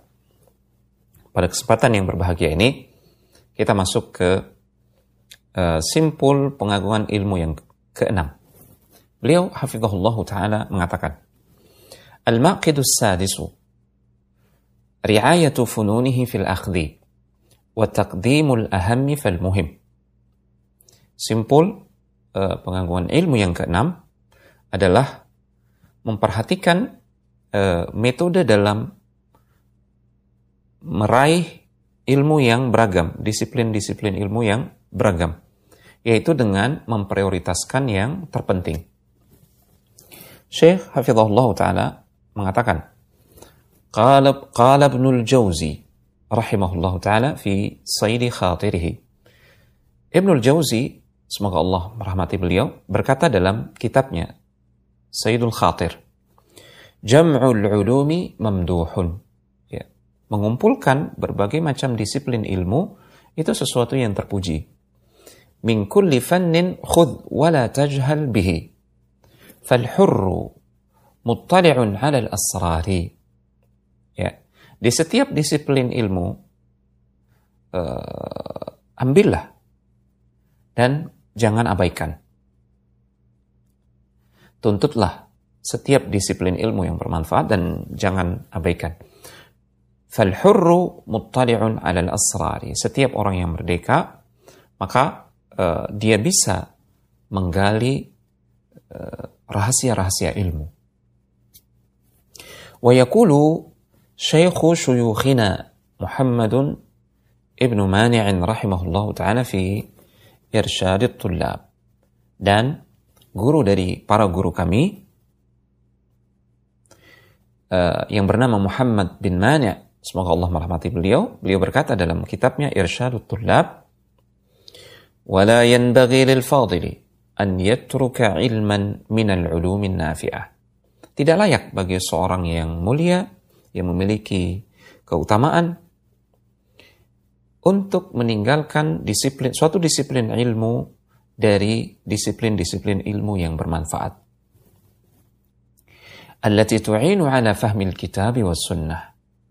Eh, yaitu disiplin-disiplin ilmu yang bisa membantu untuk memahamkan dia uh, akan kitabullah dan sunnah Rasulullah SAW. Idza kana ya'lamu min nafsihi quwwatan ala ta'allumihi. Itu jika dia e, mengetahui dirinya memiliki kemampuan, kapabilitas untuk mempelajari cabang-cabang ilmu tersebut atau disiplin-disiplin ilmu yang banyak tersebut yang bisa membantu dia dalam rangka memahami kitabullah dan sunnah Rasulullah sallallahu alaihi wasallam.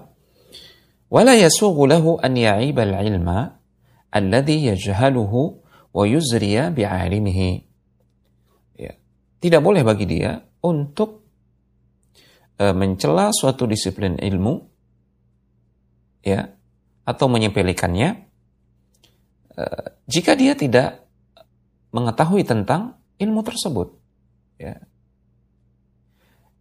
Dan tidak boleh bagi dia untuk meremehkan e, orang yang berilmu tentang disiplin ilmu tersebut yang mana dia jahil tentangnya yang mana dia tidak mengetahuinya. Tidak boleh. Fa inna hadha naqsun wa radilah. Karena yang demikian ini adalah sifat kurang dan sifat celah. Fal'aqilu yanbaghi lahu an yatakallama bi'ilmin. Seorang yang berakal ya tidak bisa tidak. Uh, dia harus wajib atau wajib bagi dia untuk bicara atas dasar ilmu, atas dasar pengetahuan. Au yaskuta bihilmin. Jika tidak, maka sebaiknya dia diam saja. ya dengan penuh uh, uh, santun dan sabar. Wa illa dakhala tahta qaulil qaili. Jika tidak, maka dia termasuk uh, dalam cakupan ucapan seorang penyair yang mengatakan atani anna sahlan dhamma jahla. Uluman laysa ya'rifuhunna sahlu. Uh, telah datang kepadaku kabar bahwasanya Sahal nama seorang laki-laki dia mencela satu uh, cabang ilmu satu disiplin ilmu. Atau uh, disiplin-disiplin uh, ilmu yang tidak dia ketahui itu dia celah. Ya. Kemudian dikatakan uluman law qara'ha ma qalaha. Disiplin-disiplin ilmu tersebut andai kata uh, dia membacanya, dia mengetahuinya, niscaya dia tidak akan meremehkan ilmu-ilmu tersebut. Walakinnar ridha bil jahli sahlu. Hanya saja seseorang yang uh, merasa puas dengan ketidaktahuannya uh, itu lebih gampang. Ya. Intaha kalamuhu selesai ucapan dari uh, Syekh Muhammad bin Mani rahimahullah taala. Wa innama tanfa'u wa innama tanfa'u ri'ayatu fununil ilmi bi'timadi aslaini. Ya. Memperhatikan cabang-cabang uh, ilmu atau disiplin-disiplin ilmu yang lain itu akan memberikan manfaat jika kita berpedoman atau bersandar pada dua uh, dua perkara pokok. Ahaduhuma yang pertama adalah takdimul ahammi fal muhim yaitu dengan memprioritaskan yang terpenting baru kemudian uh, disiplin ilmu yang penting. Mimma yaftaqiru ilaihi al-muta'allimu fil qiyami biwadha'ifil ubudiyyati lillahi. Yang pertama harus diprioritaskan adalah disiplin ilmu yang dibutuhkan, sangat dibutuhkan oleh seorang penuntut ilmu dalam rangka menegakkan tugas-tugas dia sebagai hamba Allah dalam rangka menunaikan peribadatan atau ubudiyah kepada Allah Subhanahu wa taala. Ini yang terpenting, yang paling penting yang harus dia prioritaskan. Wal akhar an yakuna qasduhu fi awwali talabihi tahsila mukhtasarin fi kulli fannin. Kemudian yang kedua, uh, dia harus berupaya atau bermaksud untuk uh, mempelajari ringkasan-ringkasan ilmu di setiap disiplin ilmu. Di awal, uh, di awal fase dia menuntut ilmu, ya, dia harus punya tekad, punya niat, di awal fase dia menuntut ilmu, dia mempelajari uh, ringkasan-ringkasan ilmu, intisari ilmu di setiap disiplin ilmu yang dia pelajari. Hatta idza stakmala anwa'al ulumi an-nafi'ati hingga jika dia sudah uh, menyempurnakan berbagai macam cabang ilmu yang bermanfaat, nazara ila ma uh, wafaqa Eh, tab'ahu minha maka kemudian dia bisa melihat mana cabang ilmu yang uh, dia condong kepadanya. Wa anasa min nafsihi qudratan alaihi. Dia melihat mana cabang ilmu yang uh, jiwanya itu dia rasakan memiliki kemampuan untuk mendalaminya mendalami cabang ilmu tersebut. Fatabahhara fatabahhara fihi. Dia kemudian mengarungi uh, disiplin ilmu tersebut atau cabang ilmu tersebut sawaun kana fannan wahidan au am akthar sama saja uh, apakah itu cabang ilmu satu cabang ilmu ya atau lebih dari satu cabang ilmu ya. intinya uh, pelajari dulu intisari atau ringkasan dari semua cabang ilmu yang bermanfaat. Baru kemudian dia melihat mana yang menjadi kecondongan hatinya, kemudian dia di situ uh, uh, menggeluti cabang ilmu tersebut. Bisa satu cabang ilmu atau lebih.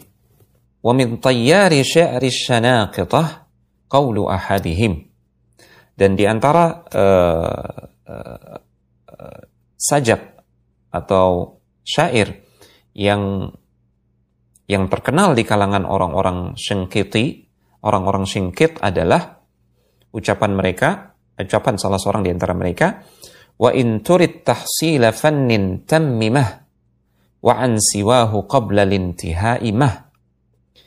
Uh, jika engkau ingin menguasai satu disiplin ilmu, maka tuntaskan dulu mempelajari satu disiplin ilmu tersebut. Dan jangan berpaling kepada uh, disiplin ilmu yang lain sebelum engkau menuntaskan sebelum engkau menuntaskannya, menyempurnakannya. Ya. Wa fi taradufil ulumil man'uja in aman istabaqa lan yakhruja. Ya. Karena mempelajari lebih dari satu disiplin ilmu eh, setengah-setengah ya sebelum menyempurnakan satu disiplin ilmu, dia sudah mempelajari disiplin ilmu yang lain, mempelajarinya secara bersamaan, uh, itu tidak akan menghasilkan uh, manfaat yang berarti. Justru akan mencegah dia dari meraih ilmu tersebut. Seperti dua bayi kembar yang ingin keluar dari rahim ibunya secara berbarengan, maka tidak akan keluar. Ya, harus satu persatu terlebih dahulu. Man arafa min nafsihi qudratan 'ala al-jam'i jama'a.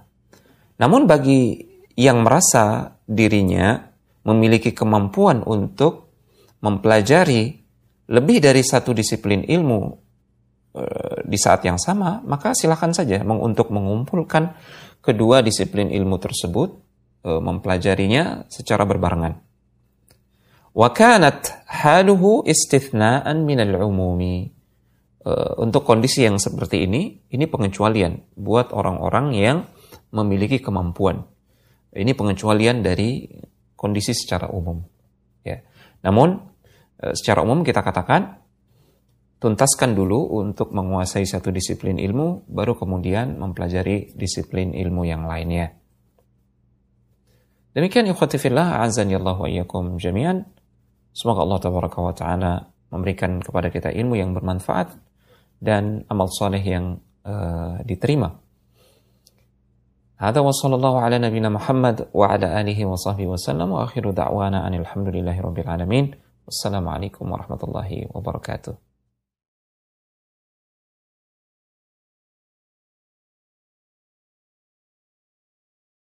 إن تنصروا الله ينصركم ويثبت أقدامكم. Assalamualaikum warahmatullahi wabarakatuh. Alhamdulillahi rabbil alamin wassalatu wassalamu ala ashrafil anbiya'i wal mursalin nabiyina Muhammad wa ala alihi wa sahbihi ajma'in amma ba'd. Alhamdulillah kita memuji Allah tabaraka wa ta'ala dengan sebesar-besar pujian. Kita masih diberikan kemampuan dan taufik untuk mengkaji ilmu-ilmu syar'i dan saat ini kita masih bersama kitab Khulasatu Ta'zim Al-Ilmi karya Syekh Dr. Saleh Al-Usaimi hafizahullah taala. Pada kesempatan yang berbahagia ini kita akan masuk ke poin yang ketujuh dari simpul-simpul uh, pengagungan ilmu. Beliau hafizahullah taala mengatakan, "Al-ma'qidus sabi' al-mubadaratu ila tahsilihi wa Sinnis siba wasyabab. Simpul pengagungan ilmu yang ketujuh adalah bersegera untuk meraih ilmu dan e, memanfaatkan usia muda dan e, usia belia untuk mendulang ilmu. Kala Ahmad rahimahullahu taala. Imam Ahmad rahimahullahu taala pernah mengatakan, ما شبهت الشباب إلا بشيء كان في كمي فسقطا ya Imam Ahmad beliau pernah mengatakan masa muda itu sangat mirip sekali dengan sesuatu yang aku uh, letakkan di uh, uh, lengan baju kemudian uh, dia terjatuh. Dia terjatuh. Ya. Artinya masa muda itu lekas sekali dia berlalu dan mustahil akan kembali sehingga harus dimanfaatkan. Wal ilmu fi sinni syababi asra'u ila nafsi wa aqwa ta'alluqan wa lusuqan. Uh, ilmu yang diraih di masa muda itu lebih cepat untuk uh, bisa didapatkan, lebih cepat untuk bisa dikuasai, dan lebih kuat uh, melekat di di di hati, ya.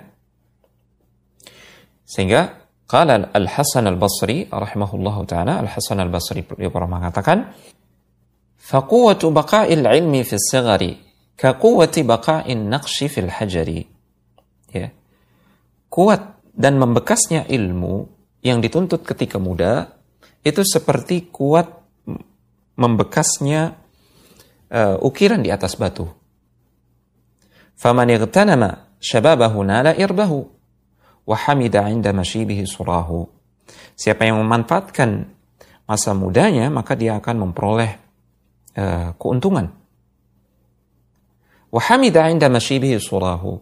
Dan kelak di masa tuanya, dia akan uh, memuji Allah Ta'ala bersyukur kepadanya terkait kebahagiaan dan kenikmatan yang dirasakannya. Karena dia sudah memanfaatkan masa mudanya di atas ilmu. Iqtanim sinna syababi ya fata. Indal masyibi yahmadul qaum sura. Manfaatkanlah usia muda wahai para pemuda. Iktanim sinna syababi ya fata. Manfaatkanlah usia muda wahai pemuda ya indal masyibi yahmadul qaum sura karena kelak di masa tua orang-orang akan e, memuji, akan bersyukur e, terkait kebahagiaan yang dirasakannya karena sudah memanfaatkan masa muda. Wala yutaham wala yutawahhamu mimma sabaq anna al-kabira la yata'allamu. Jangan salah persepsi, jangan salah e, anggapan dari apa yang sudah dipaparkan bahwasanya orang-orang yang sudah tua tidak perlu lagi belajar. Tidak. Bukan demikian maksudnya. Bal haula'i ashabu Rasulillah sallallahu alaihi wasallam ta'allamu kibaran. Bahkan para sahabat Rasulullah sallallahu alaihi wasallam justru kita ketahui mereka belajar di usia tua mereka. Ya. Mereka sudah dewasa, sudah tua, mendapatkan hidayah dan mereka menuntut ilmu dari Rasulullah SAW dan menjadi orang-orang terbaik setelah Rasulullah SAW. Dakarahul Bukhari rahimahullah taala fi kitabihi eh, fi kitabil ilmi fi sahihihi. Ya, yang demikian ini disebutkan oleh Imam Al-Bukhari dalam Kitabul Ilmi dalam sahihnya. Bahwasanya eh, walaupun sudah berusia tua dan dewasa tetap harus belajar Ya'sur ta'allumu fil kibari kama bayyanahu al-Mawardi fi adab dunya wa din likathrati syawagil. Ya. Menuntut ilmu di, di waktu tua itu sulit. Sebagaimana yang dijelaskan oleh Al-Mawardi dalam kitabnya Adabud Dunya wa Din. Karena di waktu tua, di waktu dewasa, kesibukan sudah banyak. Sudah menjadi banyak. ya Sudah semakin banyak. Wa ghalabatil qawati' banyak permasalahan-permasalahan yang bisa memutus seseorang dari upayanya menuntut ilmu. Karena banyak urusan. Watakathuri al-ala'iq. Karena sudah banyak oh, hubungan dan relasi. Semakin dewasa, semakin dewasa, semakin banyak hubungan dan relasi. Dan itu semakin mengurangi waktu dia untuk menuntut ilmu. Faman qadira ala daf'iha an nafsihi adrakal ilma. Namun siapa yang memiliki kemampuan untuk menghalau eh, faktor-faktor yang bisa mencegah dia dari meraih ilmu dari dirinya, maka dia akan mendapatkan ilmu. Khotifillah azan Allah wa iyakum, demikianlah uh, apa yang kita baca dari um, simpul pengakuan ilmu yang ketujuh ini. Intinya adalah jangan tunda-tunda waktu. Jika uh, kita masih berada di usia yang muda belia, manfaatkan usia tersebut untuk menuntut ilmu sebanyak-banyaknya sesuai dengan kemampuan kita. Namun jika di usia tua kita mendapatkan hidayah untuk mendapat uh, untuk menuntut ilmu, maka jangan putus asa karena banyak orang-orang mulia menuntut ilmu di waktu tua Dan mereka tetap bisa mendapatkan ilmu tersebut. Demikian, semoga Allah Taala memberkahi. Wassalamualaikum warahmatullahi wabarakatuh.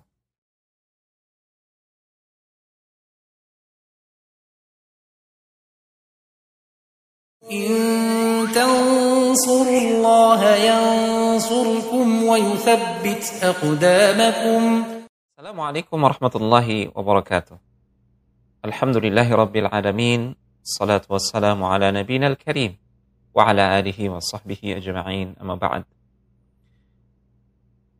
Akhwati fi din A'azani Allah Wa iyyakum jami'an. Kembali kita bersyukur kepada Allah Ta'ala karena dengan limpahan rahmatnya serta taufiknya kita bisa bertemu kembali dalam rangka mengkaji kitab Khulasatu Ta'zimil Ilmi yang uh, disusun oleh Syekh Dr. Salih Al-Usaimi hafizahullah taala.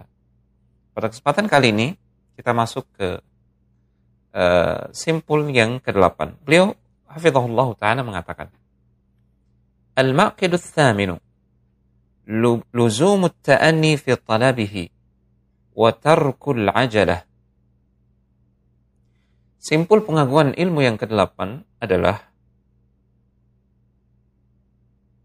senantiasa uh, bertahap dalam menuntut ilmu dan tidak terge tidak tergesa-gesa. Bersabar dalam menuntut ilmu dan tidak tergesa-gesa. Inna tahsil al-ilmi la yakunu jumlatan wahidatan. Sesungguhnya meraih ilmu itu tidak bisa sekaligus, tidak bisa sekaligus dalam satu waktu. Idil qalbu yad'ufu an dhalika. Karena hati lemah untuk itu. Tidak mampu hati kita ini uh, menampung keseluruhan ilmu Allah ilmu agama Allah Subhanahu wa taala sekaligus di satu waktu, tidak mampu. Wa inna lil ilmi fihi thiqalan ka thiqalil hajari fi yadi hamilihi. Sesungguhnya ilmu itu dia memiliki bobot berat. Sebagaimana uh, sebuah batu dia memiliki bobot dan berat di tangan orang-orang yang uh, memegang atau mengangkat batu tersebut. Qala ta'ala, Allah subhanahu wa ta'ala berfirman dalam surat Al-Muzammil ayat yang kelima. Inna sanulqi alaika qawlan thaqila.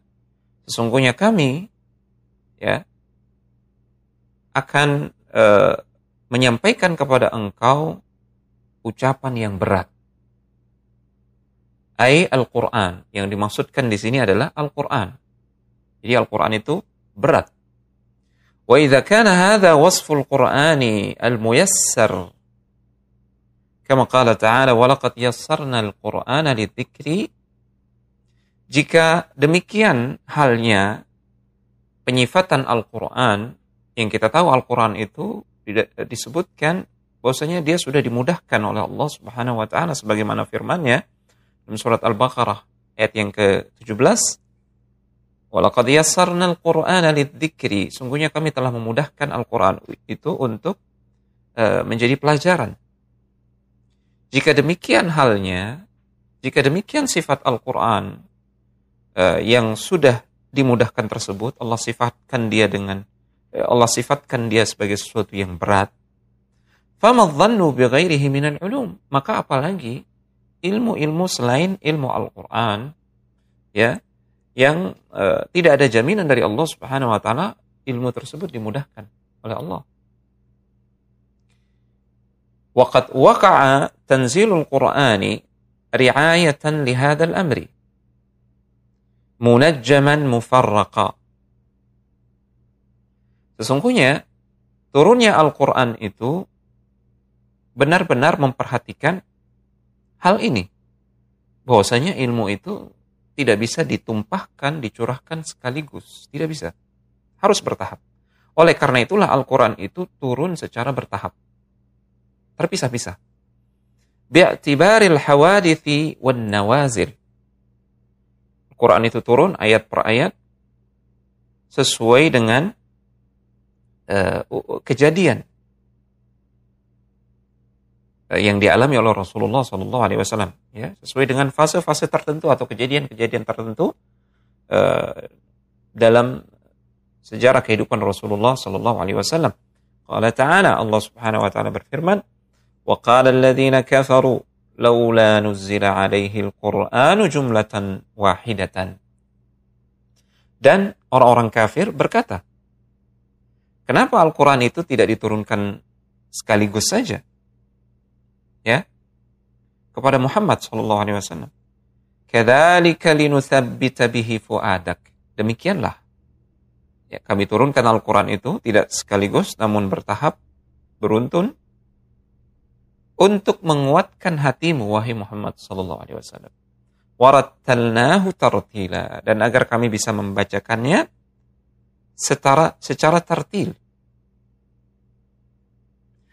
Firman Allah Subhanahu wa taala ini terdapat dalam surat Al-Furqan ayat yang ke-32.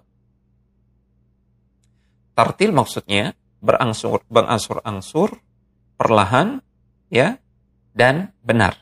Kemudian Asy-Syaikh hafizahullah taala mengatakan, "Wa hadhihi al-ayatu hujjatun fi luzumi at-ta'anni fi talabil ilmi." Ayat yang mulia ini, maksudnya adalah surat Al-Furqan, ayat yang ke-32, merupakan dalil uh, wajibnya kita ta'anni, tidak tergesa-gesa, bersabar dalam menuntut ilmu. Wattadarruj fihi, dan bertahap dalam menuntut ilmu. Watar, watarkil ajalah, dan meninggalkan sikap tergesa-gesa. Ingin meraih ilmu itu secepat mungkin, sesegera mungkin, sekaligus. Kama dzakarahu al-Khatib al-Baghdadi fil faqih wal mutafaqqih. Sebagaimana hal ini disebutkan oleh Al-Khatib Al-Baghdadi dalam kitabnya Al-Faqih wal Mutafaqqih. Ya, jadi sekali lagi ayat yang tadi adalah dalil bahwasanya ilmu agama Allah Subhanahu wa taala tidak bisa dituntut sekaligus, harus kita harus bersabar, bertahap, ya, tidak boleh tergesa-gesa. Warraghib al-Asfahani fi muqaddimati Jami' al-Tafsir dan uh, ini juga disebutkan disinggung oleh Ar-Raghib al-Asfahani dalam muqaddimah kitab Jami' al-Tafsir. Wa min sya'ri Ibn Nahas al-Halabi qawluhu rahimahullahu taala. Dan di antara syair Ibnu An-Nahas Al-Halabi adalah ucapan beliau Al-yawma syai'un wa ghadan mithluhu min nukhabil ilmi allati tultaqat yuhassilu al-mar'u biha hikmatan wa innama as-sailu ijtima'un nuqat hari ini sedikit demi sedikit, setetes demi uh, setetes ilmu. Dan besok juga semisalnya setetes ilmu diambil dari eh, ilmu-ilmu uh, pilihan yang terbaik. Dengan metode yang demikian, seseorang akan mendapatkan hikmah atau ilmu. Ketahuilah bahwa sesungguhnya banjir bandang itu terdiri dari tetesan-tetesan air. Wa muqtada luzum at-ta'anni wat-tadarruji al-bada'atu bil mutun al-qisari al-musannafati fi funun al-ilmi. Dan di antara konsekuensi keharusan untuk bertahap dan tidak tergesa-gesa dalam menuntut ilmu adalah memulai dalam menuntut ilmu dengan matan-matan yang ringkas, ya eh, yang ditulis pada setiap disiplin ilmu hifdhan wastishra hifdhan wastishrahan dihafalkan dan dipelajari syarahnya dari ulama yang menguasai disiplin ilmu tersebut. Wal mailu an mutala'atil mutawwalati. Ya. Allati lam yartafi'it talibu ba'du ilaiha.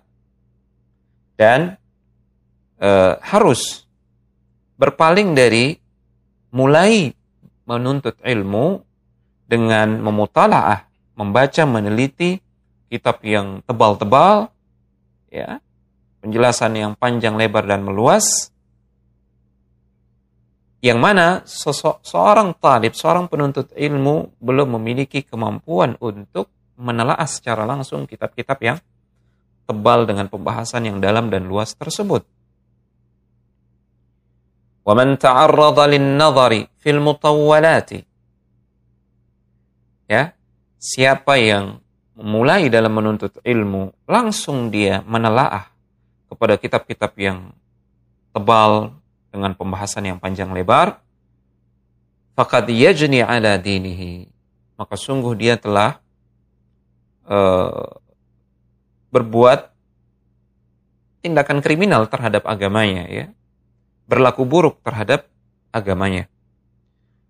Wa tajawazul i'tidali fil ilmi rubbama adda ila tadyi ila tadyi'ihi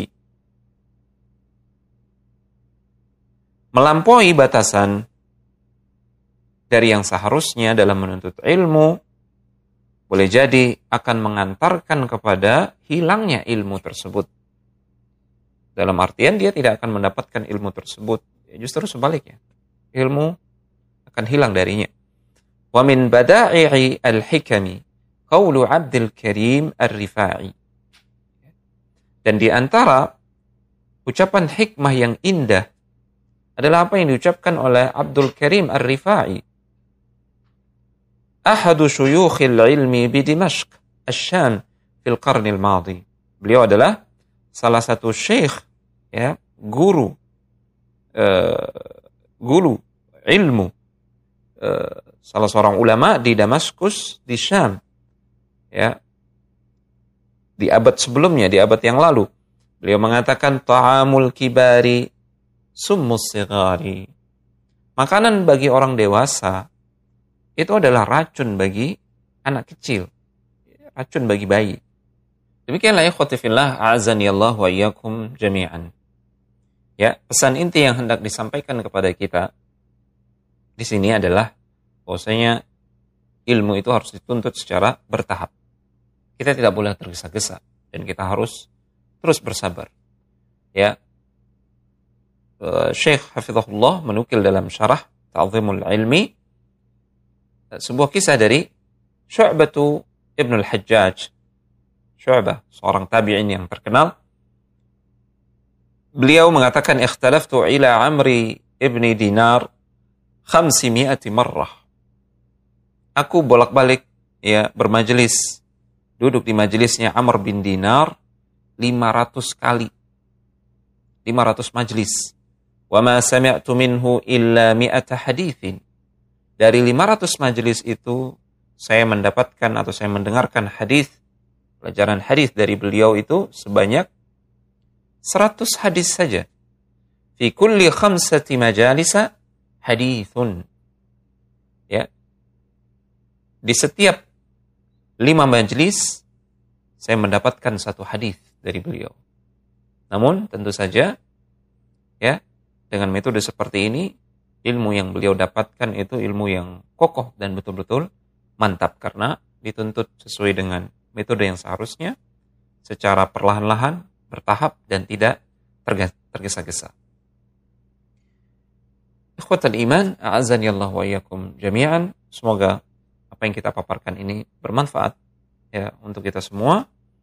Semoga Allah tabaraka wa taala memberikan kita taufik dan memberikan kita tambahan ilmu yang bermanfaat agar kita senantiasa bisa taat kepada Allah tabaraka wa taala di atas ilmu dan keikhlasan. Demikian wassalamualaikum warahmatullahi wabarakatuh.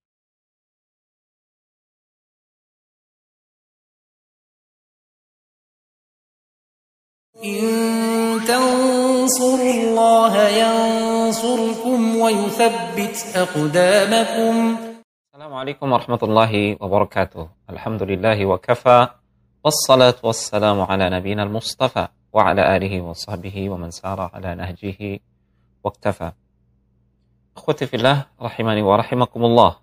Kembali kita bersyukur kepada Allah Tabaraka wa taala karena dengan limpahan taufiknya kembali kita bisa bertemu dalam rangka mengkaji kitab yang kecil namun syarat akan faedah ini. Kitab Khulasatu Ta'zimil Ilmi yang disusun oleh Syekh Dr. Saleh Al-Utsaimin hafizahullah taala dan alhamdulillah pada kesempatan kali ini kita akan masuk ke simpul pengakuan ilmu yang ke-9. Beliau hafizahullah taala mengatakan Al-maqidu tasi'u as-sabru fil ilmi tahammulan wa adaan. Simpul pengakuan ilmu yang ke-9 adalah bersabar di atas ilmu tahammulan wa adaan. Tahammulan beliau uh, menjelaskan yang dimaksud dengan tahammulan di sini adalah bersabar ketika uh, menuntut ilmu dalam proses menuntut ilmu. Wa adaan beliau menjelaskan al-badlu. Bersabar dalam berkorban demi demi ilmu.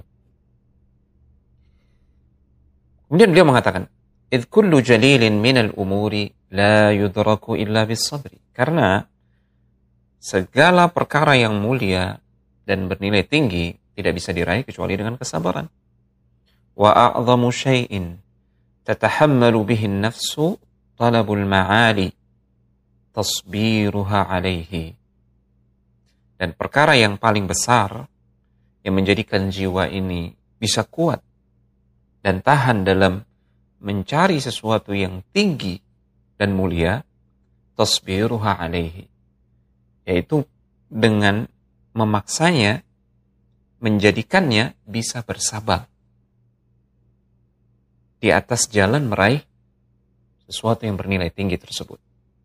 Walihada, oleh karena itu, kana sabru wal musabaratu ma'muran bihima. Oleh karena itulah, kesabaran dan memperkuat kesabaran keduanya adalah diperintahkan. Keduanya adalah perkara yang diperintahkan. Litahsili aslil imani taratan walitahsili kamalihi taratan ukhra. Dalam rangka meraih pokok keimanan ya atau dalam rangka menggapai kesempurnaan menggapai kesempurnaannya. Qala ta'ala Allah ta'ala berfirman, "Ya ayyuhalladzina amanu sabiru wasabiru."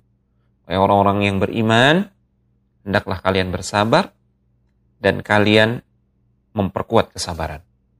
Hendaklah kalian bersabar dan hendaklah kalian memperkuat kesabaran kalian. Ini difirmankan Allah dalam surat Ali Imran ayat yang ke-200. Kemudian, waqala ta'ala. Kemudian Allah Subhanahu wa taala juga berfirman dalam surat Al-Kahfi uh, ayat yang ke-28. Ma'al ladzina yad'una rabbahum bil ghadati wal 'ashyi yuriduna wajhah. Dan hendaklah engkau bersabar bersama orang-orang uh, yang menyeru Rabb mereka di waktu pagi dan di waktu senja hari.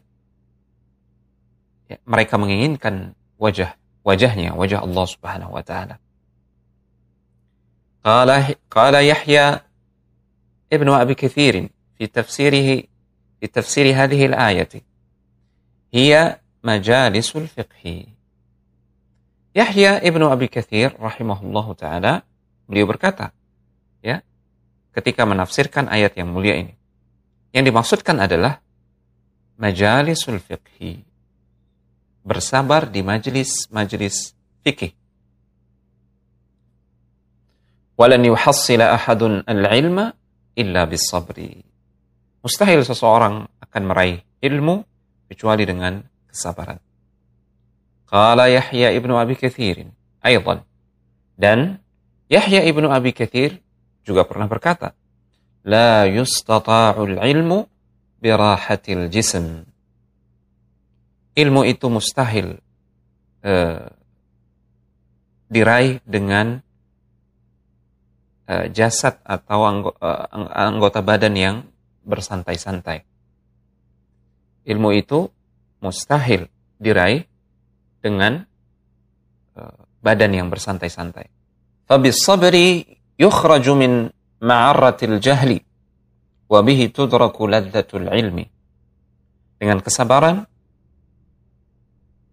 seseorang itu akan keluar dari kejahilan dan dengannya dengan kesabaran tersebut nikmatnya ilmu bisa diraih.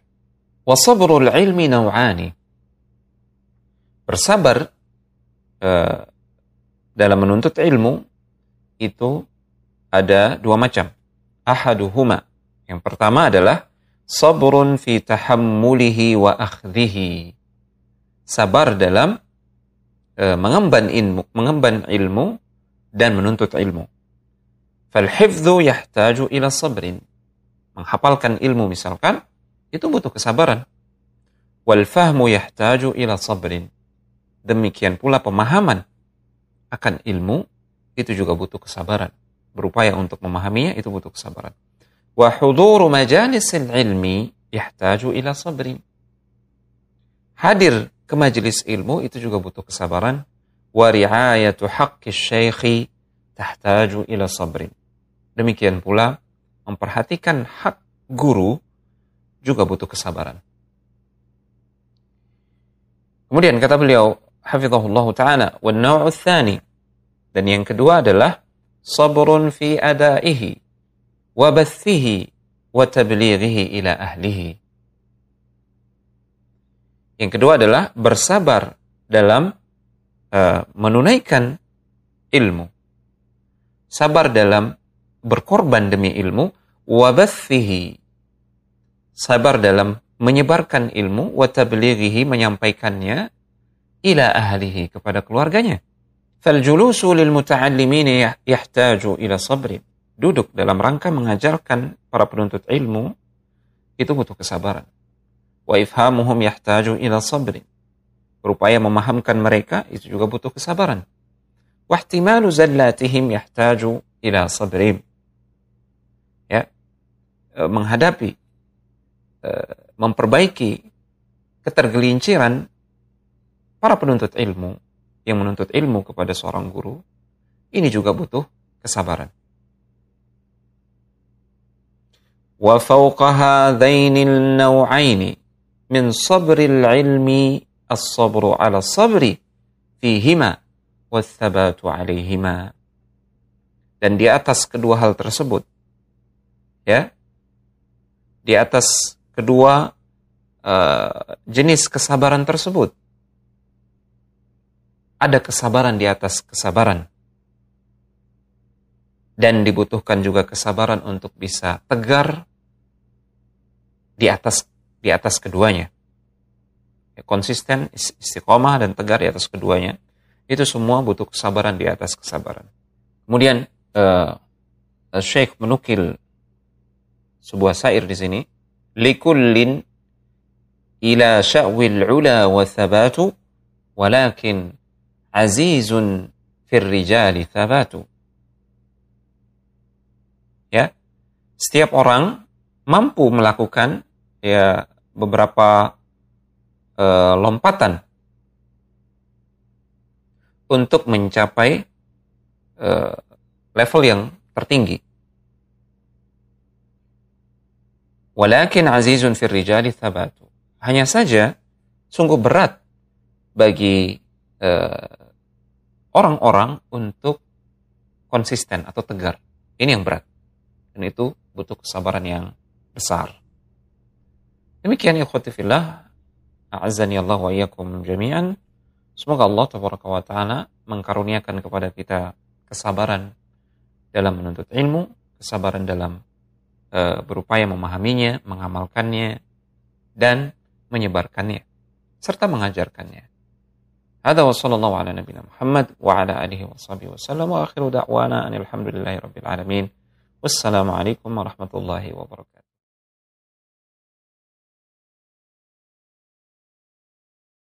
إن انصروا الله ينصركم ويثبت أقدامكم Assalamualaikum warahmatullahi wabarakatuh. Akhwatal iman, rahimani wa rahimakumullah. Alhamdulillahi wassalatu wassalamu ala rasulillah wa ala alihi wa sahbihi wa man wala amma ba'du. Kita kembali bersyukur kepada Allah tabaraka wa ta'ala karena kita masih diberikan taufik untuk melanjutkan kajian kita dari kitab ini.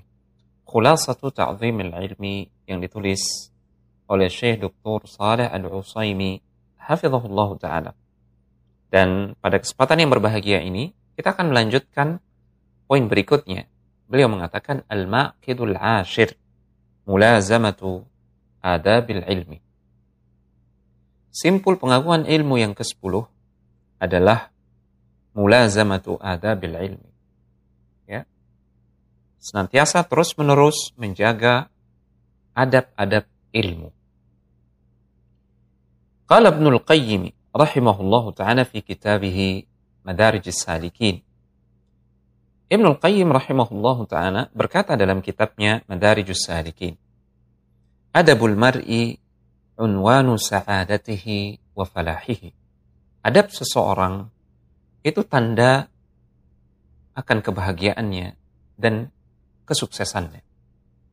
Wa qillatu adabihi unwanu syaqawatihi wa bawarihi Sebaliknya, sedikitnya adab seseorang itu pertanda akan kenestapaan yang menimpa orang tersebut ya dan kemalangannya. Famastujliba khairud dunya wal akhirah bimithlil adab. Tidak ada yang mampu uh, menghimpun segenap kebaikan-kebaikan di dunia maupun di akhirat sebagaimana adab mampu menghimpunnya. Artinya jika ingin menghimpun kebaikan-kebaikan di dunia dan akhirat, maka jalan terbaik adalah dengan adab. Hirmanuhuma adab. Sebaliknya, ya, tidak ada yang mampu menjauhkan kebaikan-kebaikan di dunia dan uh, di akhirat sebagaimana kurangnya adab mampu e, menjadikan kebaikan-kebaikan dunia dan akhirat itu menjauh atau tidak bisa diraih. Artinya dengan adab yang buruk, ya, seseorang tidak akan mendapatkan kebaikan-kebaikan di dunia e, maupun di akhirat. Kemudian dikatakan wal mar'u la yasmu bi ghairil adabi. Seorang tidak akan mencapai derajat yang tinggi tanpa adab wa iyakun hasabin wa nasabin. Ya. Sesekali sekalipun seseorang itu memiliki status sosial yang tinggi atau dia turunan seorang bangsawan. Namun tanpa adab mustahil dia akan memperoleh derajat yang tinggi. Wa inna ma yasluhu lil ilmi man ta'addaba bi'adabihi fi nafsihi wa darsihi. Seorang layak uh, meraih ilmu jika dia beradab dengan adab-adab ilmu pada dirinya dan pada uh, pelajarannya ketika dia belajar. Wa ma'a syaikhihi wa qarinihi. Termasuk ketika bersama gurunya dan temannya, teman sejawatnya. Harus dengan adab. Qala Yusuf ibn al-Husain. Berkata Yusuf ibn al-Husayn. Bil adabi tafhamul ilma. Dengan adab engkau akan mampu memahami ilmu. Al-muta'addiba yura ahlan lil ilmi fayubdhalu lahu. Ya. Karena orang-orang yang beradab dia dipandang layak untuk diberikan ilmu. Sehingga guru akan uh, uh, akan bersabar dan berupaya untuk uh, berkorban demi muridnya tersebut, demi muridnya yang beradab tersebut, karena dia dipandang layak untuk mengemban ilmu. Wa qalilul adabi yu'azzul ilmu an yudayya' indahu. Sebaliknya, orang penuntut ilmu yang kurang adab uh, maka dianggap ilmu tidak layak bagi dia. Dikhawatirkan jika ilmu diberikan kepadanya akan menjadi sia-sia. Ini yang semakin menjadikan seorang seorang yang tidak beradab semakin jauh dari ilmu. Karena guru uh, enggan untuk memberikan ilmu kepada pelajar yang tidak atau penuntut ilmu yang tidak beradab. Wa min huna kana as-salafu rahimahumullah yahtammuna bita'allumil adabi kama yahtammuna bita'allumil ilmi. Dari sinilah uh, para salaf terdahulu, semoga Allah merahmati mereka, mereka sangat memberikan perhatian uh, dalam mempelajari adab sebagaimana mereka memberi, memberikan perhatian yang besar ketika mempelajari ilmu itu sendiri. Qala Ibnu Sirin, Ibnu Sirin rahimahullah taala pernah mengatakan, "Kanu yata'allamuna al-hadya kama yata'allamuna al-ilma." Dahulu para salaf mereka mempelajari al-hadya, maksudnya adalah adab, akhlak. Sebagaimana mereka mempelajari ilmu itu. Jadi para salaf itu belajar adab, belajar akhlak sebagaimana mereka mempelajari il ilmu. Bal inna ta'ifatan minhum yuqaddimuna ta'allumahu ala ta'allumil ilmi. Bahkan ya, sebagian di antara mereka, maksudnya adalah para salaf, mereka lebih mendahulukan untuk belajar adab dan akhlak sebelum mempelajari ilmu. Qala Malik ibnu Anas lifata min Quraisy.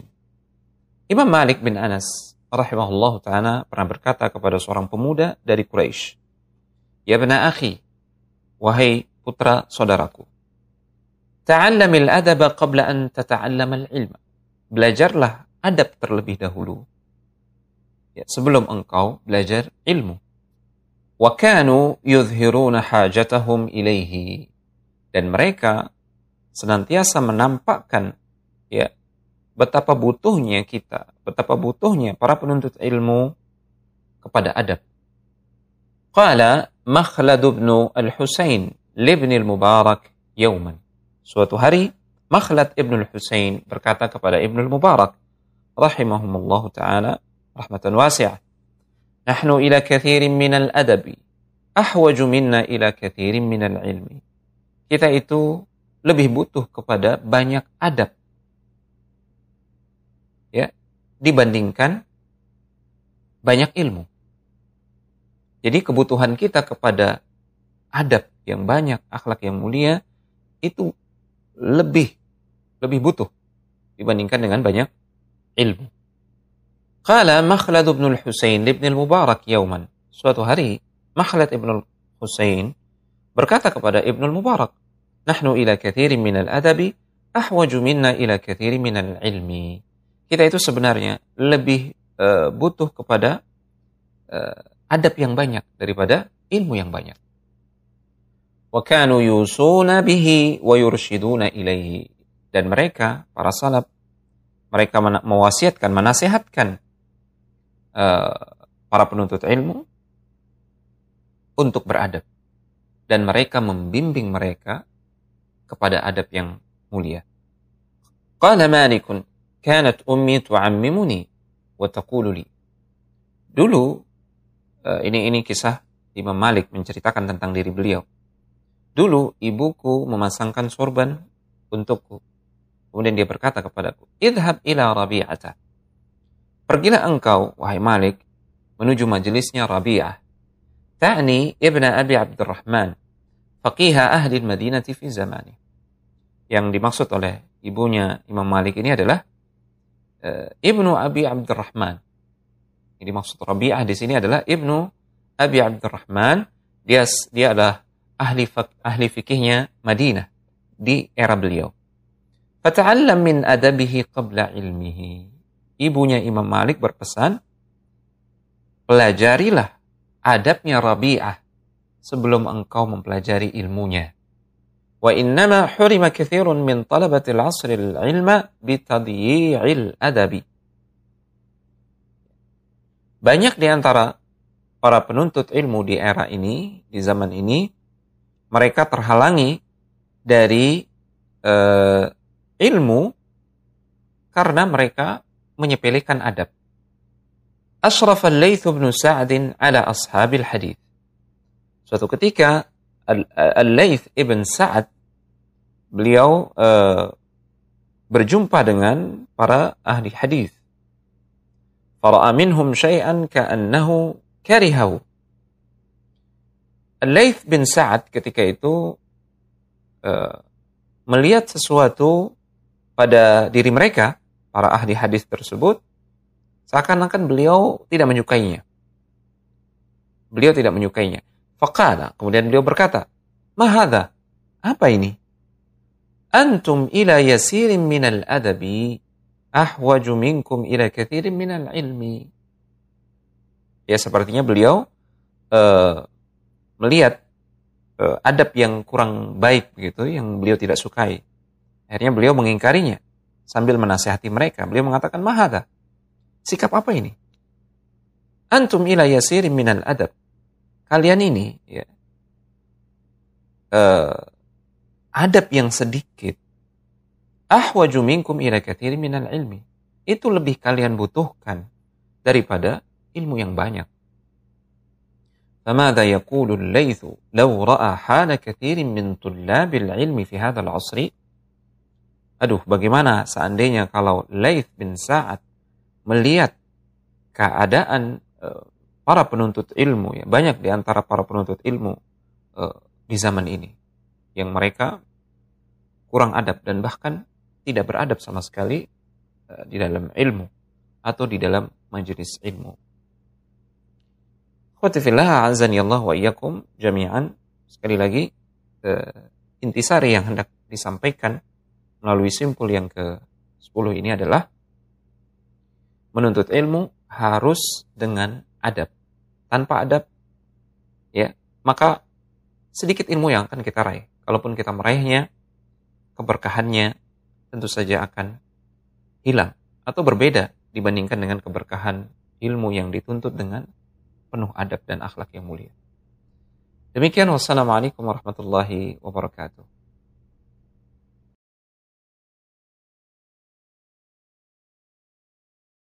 إن تنصروا الله ينصركم ويثبت أقدامكم Assalamualaikum warahmatullahi wabarakatuh. Alhamdulillahi wassalatu wassalamu ala nabiyina al-karim wa ala alihi wa sahbihi ajma'in amma ba'du. Alhamdulillah kita memuji Allah, kita bersyukur kepada Allah tabaraka wa taala karena sampai dengan saat ini kita masih diberikan taufik untuk melanjutkan kitab Khulasatu Ta'zimil Ilmi yang ditulis oleh Syekh Dr. Saleh Al-Utsaimin hafizahullah taala. Pada kesempatan yang kita harapkan keberkahannya ini, kita akan e, melanjutkan simpul berikutnya. Beliau mengatakan Al-Maqidul Hadi Asyara. Simpul pengagungan terhadap ilmu yang ke-11. Siyanatul ilmi amma yashinu mimma yukhaliful muru'ata wa yakhrimuha. Menjaga ilmu dari perkara-perkara yang buruk yang menyelisihi al-muru'ah dan yang akan e, menghancurkannya, yang akan merusaknya, merusak al-muru'ah tersebut. Ya. Al-muru'ah maksudnya adalah kehormatan, akhlak yang mulia, budi pekerti yang luhur, ya. Man lam yasunil ilma lam yasunhul ilmu. Qalahu syafi'i. Siapa yang tidak menjaga kehormatan ilmu, maka ilmu tidak akan menjaganya. Demikian uh, yang pernah dikatakan oleh Imam Syafi'i rahimahullahu taala. Wa man akhalla bil muru'ati bil wuku'i fi ma yashinu ya. Siapa yang uh, menyepelekan urusan ah, akhlak dan adab yang mulia, etika dan budi pekerti yang luhur, dia tidak mengindahkannya dengan menjatuhkan diri atau jatuh kepada perkara-perkara yang buruk, maksiat misalkan, aib, ya. faqad istakhaffafa bil ilmi. Maka sungguh dia telah uh, meremehkan ilmu. Dia tidak mengagungkan ilmu. Falam yu'azzimhu. Pada hakikatnya dia tidak memuliakan ilmu. Wa waqa'a fil batalah. Dan dia telah jatuh kepada sifat orang-orang pemalas fatufdi bihil halu ila zawal ismil ilmi anhu ini yang kemudian mengantarkan dia kepada suatu kondisi di mana ilmu itu akan hilang atau lenyap dari dirinya. Qala Wahab ibnu Munabbih rahimahullah ta'ala. Wahab ibnu Munabbih pernah mengatakan, semoga Allah merahmati beliau, La yakunul battalu minal hukama. Sama sekali. Para pemalas itu tidak akan pernah menjadi orang-orang yang ahli hikmah, orang-orang yang bijak.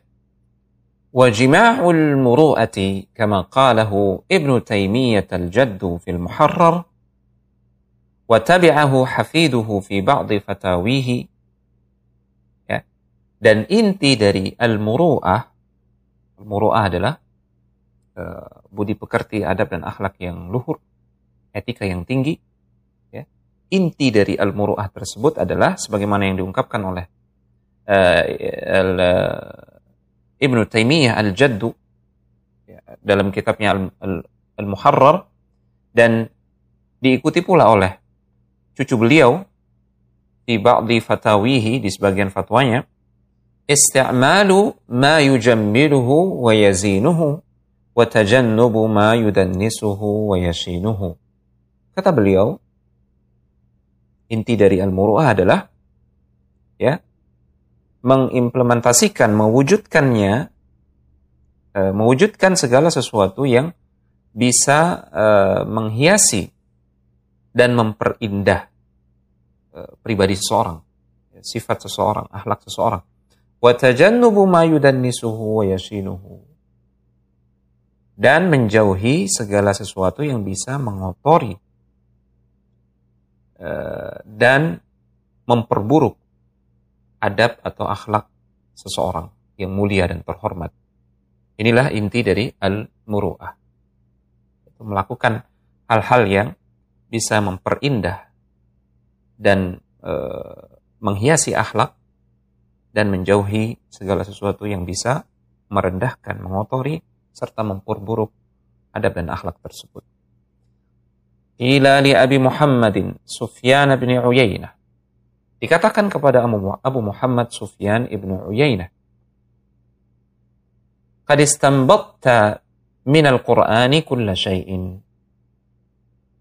Ya, sungguh engkau, wahai Sufyan ibnu Uyainah, engkau telah uh, menarik kesimpulan atau pelajaran-pelajaran yang berharga dari Al-Quran. Ya, engkau sudah menimba atau mengeluarkan pelajaran-pelajaran berharga dari Al-Quran. Kulla syai'in. Pada setiap perkara. Fa'inal muru'atu fihi. Di manakah engkau uh, bisa menemukan di dalam Al-Quran ayat yang berbicara tentang al-muru'ah? Faqala fi ta'ala. Al-muru'ah disebutkan di dalam firman Allah Subhanahu wa taala dalam surat Al-A'raf ayat yang ke-199. Khudhil afwa wa'mur bil 'urfi wa'arid 'anil jahilin. Ya, berikanlah maaf.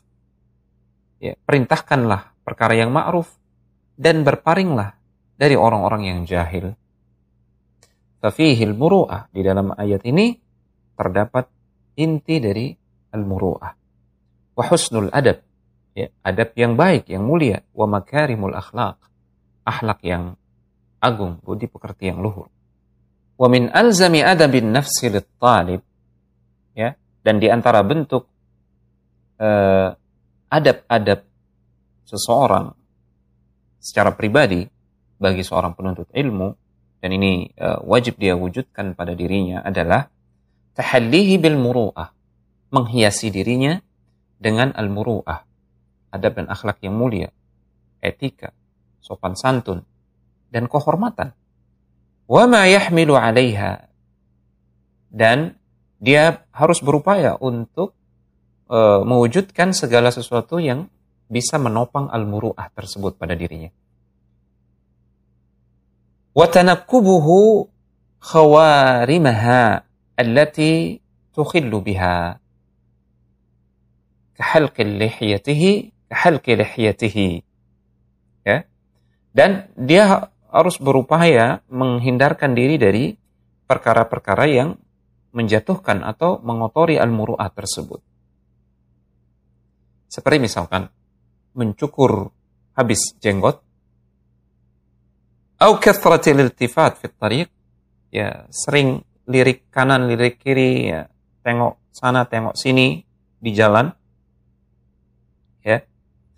mengumbar pandangan itu maksudnya au maddir rijlaini fi majma'in nasi min ghairi hajatin wala daruratin da'iyah ya atau misalkan menjulurkan kaki ya di perkumpulan orang-orang tanpa ada kebutuhan.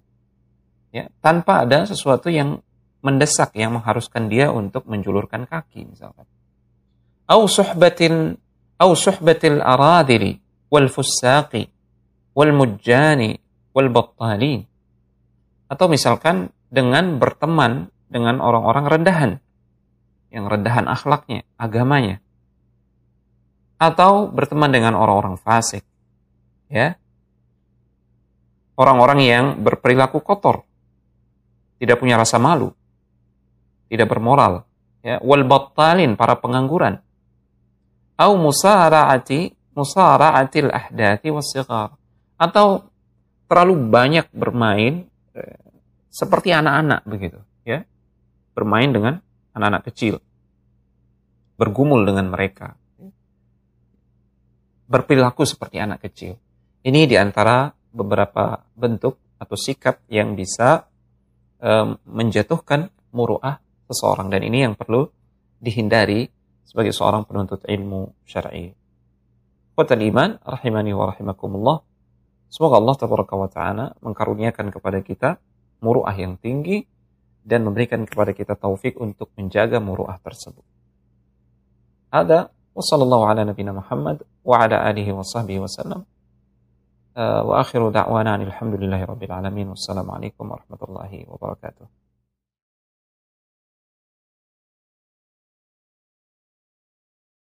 إن تنصروا الله ينصركم ويثبت أقدامكم. السلام عليكم ورحمة الله وبركاته. الحمد لله رب العالمين والصلاة والسلام على نبينا الكريم وعلى آله وصحبه أجمعين. أما بعد Kita bersyukur kepada Allah Tabaraka wa Ta'ala karena kembali kita diberikan kesempatan, diberikan taufik untuk melanjutkan kajian kitab kita dari kitab Khulasatu Ta'zimil Ilmi yang disusun oleh Syekh Dr. Salih Al-Usaimi hafizahullah taala. Pada kesempatan yang kita harapkan keberkahannya ini kita akan masuk ke poin yang ke-12. Syekh Hafizahullah Ta'ala mengatakan, Al-Maqidu Thani'a Ashara Ittikhadu suhbati as-salihati lahu.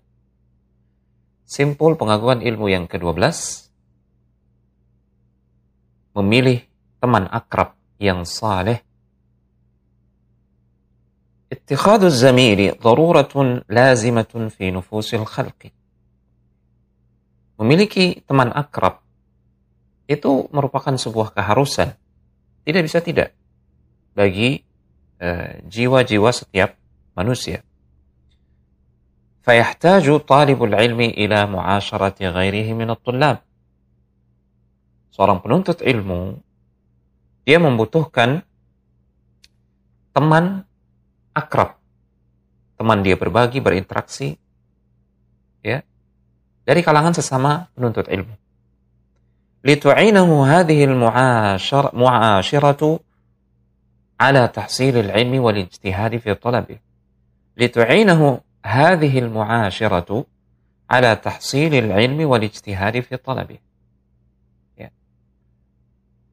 Dengan pertemanan tersebut, dengan interaksi bersama sesama penuntut ilmu syar'i ini akan membantu dia untuk meraih ilmu dan membantu dia untuk meningkatkan semangatnya dalam mencari ilmu. والزمانة في العلم إن سلمت من الغوائل نافعة في الوصول إلى المقصود. Pertemanan atau persahabatan uh, dalam menuntut ilmu, jika dia selamat dari pengaruh-pengaruh yang negatif, maka itu akan bermanfaat sekali uh, dalam mencapai tujuan. ولا يحسن بقاصد العلا إلا انتخاب إلا انتخاب صحبة صالحة تعينه. Tidak layak bagi eh, orang-orang uh, yang mencari kemuliaan dan derajat yang tinggi, melainkan memilih teman akrab yang saleh yang bisa membantunya untuk meraih tujuan tersebut tentunya. Fa inna lil khalif fa lil khalili fi khalilihi athara. Karena teman akrab ya itu akan sangat memberikan pengaruh kepada teman akrab yang dicintainya. Ya. Dua orang teman akrab yang saling mencintai itu akan saling memberikan pengaruh. Rawa Abu Dawud wa Tirmidzi an Abi Hurairah radhiyallahu taala anhu. Abu Dawud dan At-Tirmidzi meriwayatkan dari sahabat yang mulia Abu Hurairah radhiyallahu taala anhu, anna Nabi sallallahu alaihi wasallam qaal bahwasanya Nabi sallallahu alaihi wasallam pernah bersabda, "Ar-rajulu ala dini khalilihi, falyanzur ahadukum man yukhalil." Seorang laki-laki itu bergantung kepada agama teman akrabnya, teman kesayangannya. Maka hendaklah salah seorang di antara kalian memperhatikan, hendaklah dia bersikap selektif ya dalam memilih teman kesayangan. Qala Raghib Al-Asfahani laisa i'da'ul jalisi li jalis li jalis li jalisihi bimaqalihi wa fi'alihi faqat bal bin nadhari ilaihi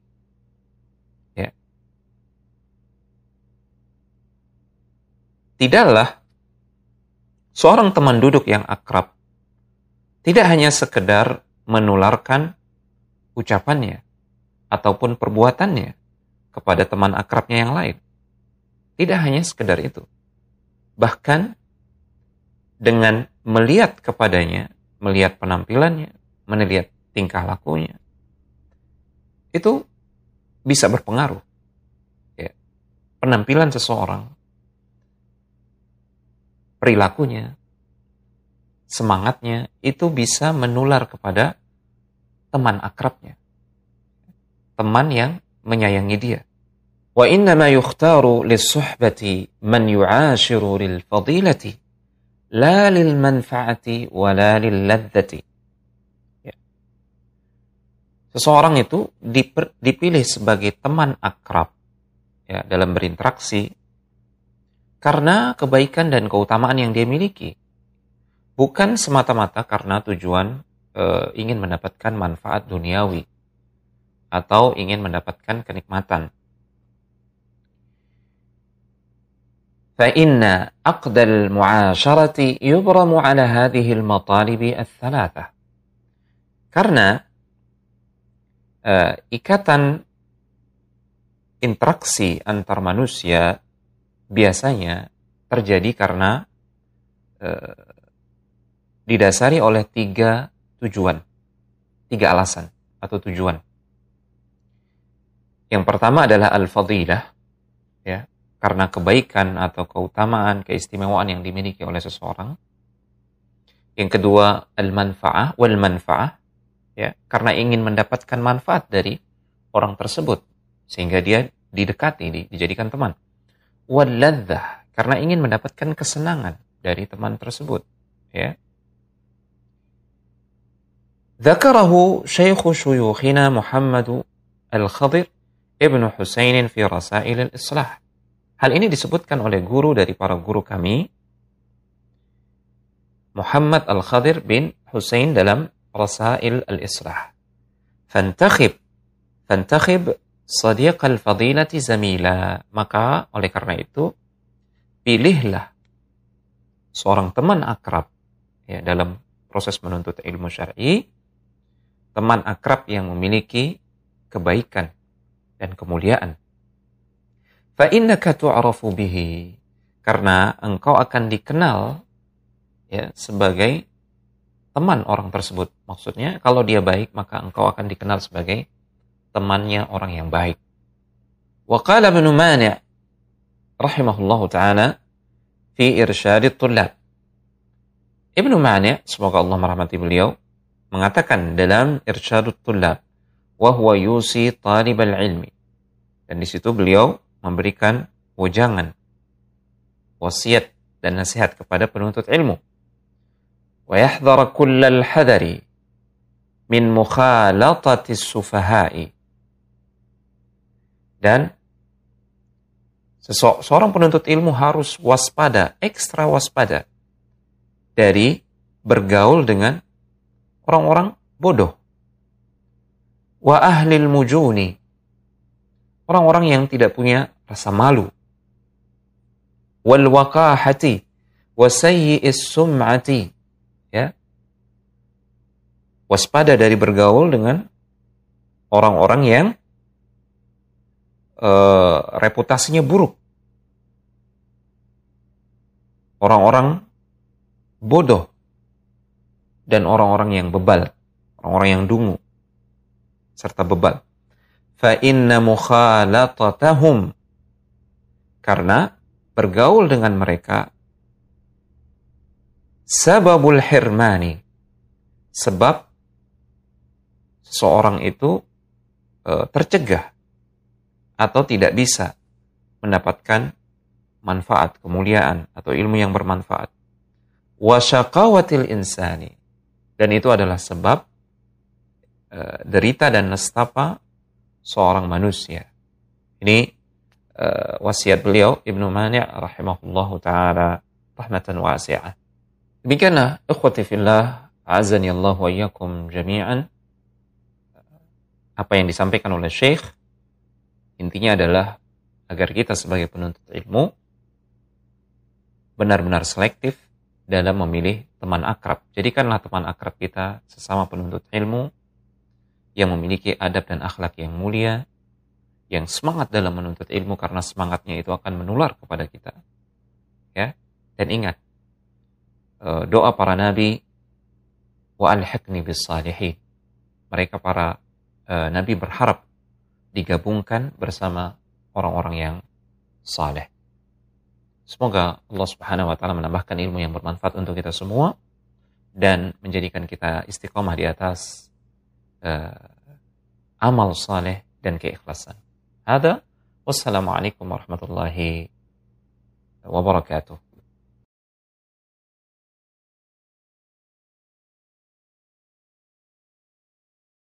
إن تنصروا الله ينصركم ويثبت أقدامكم. السلام عليكم ورحمة الله وبركاته. الحمد لله والصلاة والسلام على نبينا الكريم وعلى آله وصحبه أجمعين. أما بعد kita kembali bersyukur dan tidak henti-hentinya memuji Allah Tabaraka wa Ta'ala atas segenap karunia dan nikmatnya. Terutama taufik sehingga kita bisa kembali melanjutkan kajian kitab kita dari kitab Khulasatu Ta'zimil Ilmi yang disusun oleh Syekh Dr. Saleh Al-Utsaimin hafizahullah taala. Di sini beliau mengatakan, Al-Maqidu Thalitha Ashar. Simpul pengagungan ilmu yang ke-13. Fi tahaffuzil ilmi wal mudhakarati bihi was su'ali anhu. Berkorban, e, mengupayakan dengan penuh kesungguhan dalam rangka penjagaan ilmu, uh, mempelajarinya bersama teman-teman sesama penuntut ilmu, dan bertanya tentang ilmu itu dari ahlinya. إذ تلقيه عن الشيوخ لا ينفع بلا حفظ له karena mengambil ilmu dari para syekh, dari para guru, itu tidak akan banyak memberikan manfaat tanpa menghafalkan ilmu tersebut. Wa mudakaratin bihi dan tanpa bermudakarah mempelajarinya kembali, membahasnya bersama teman-teman sesama penuntut ilmu. Wasu'alin anhu dan jika tanpa bertanya tentang perkara-perkara yang kurang difahami dari guru yang memahaminya. Tanpa ketiga hal ini,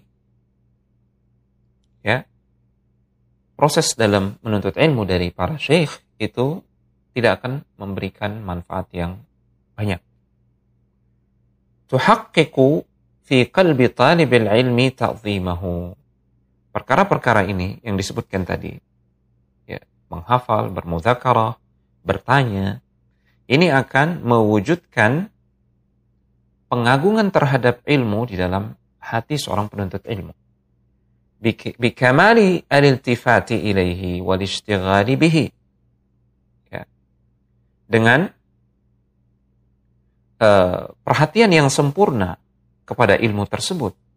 Sehingga dia sibuk dengan ilmu. Falhifdhu Khalwatun bin nafsi. Menghafal itu pada hakikatnya adalah proses berkhalwat. Menyendiri dengan jiwa, dengan diri kita. Wal mudhakaratu julusun ilal qarini. Dan proses mudhakarah itu pada hakikatnya adalah duduk-duduk yang bermanfaat bersama teman-teman sesama penuntut ilmu. Wassu'alu iqbalun 'alal 'alim dan bertanya tentang ilmu tersebut menjadikan seseorang itu mendekat kepada ulama atau ahli ilmu. Sungguh manfaat yang sangat besar sekali dari ketiga hal ini. Yazalil ulama'u al-a'lam yahudduna ala al-hifzi wa ya'muruna bihi. Dan para ulama para tokoh-tokoh ilmu dunia senantiasa memotivasi untuk menghafal dan mereka memerintahkan proses tersebut yaitu menghafalkan ilmu. Mereka memerintahkannya kepada murid-muridnya. Sami'tu Syekhana Ibn Uthaymin rahimahullahu taala yaqul Aku pernah mendengar guru kami Eh, Muhammad bin Salih al-Uthaymin rahimahullah ta'ala beliau pernah mengatakan hafidna qalilan wa qara'na kathiran. Kami sedikit menghafal dan banyak membaca fantafa'na bima hafidna namun kami banyak mengambil manfaat dari apa yang sudah kami hafalkan fantafa'na bima hafidna akthar namun kami lebih banyak mengambil manfaat dari apa yang kami sudah hafal min min intifa'ina bima qara'na. Lebih banyak daripada manfaat yang kami bisa raih dari apa yang kami baca. Intinya adalah menghafal di sini penting sekali. Wabil mudzakarati tadumu hayatul ilmi fin nafsi. Dengan bermudzakarah, membahas ilmu bersama teman-teman sejawat sesama penuntut ilmu, itu akan menjadikan ilmu itu tetap hidup di dalam jiwa. Wa yaqwa ta'alluquhu biha. Ya. Dan ilmu itu akan semakin kuat keterikatannya dengan jiwa kita, dengan hati kita.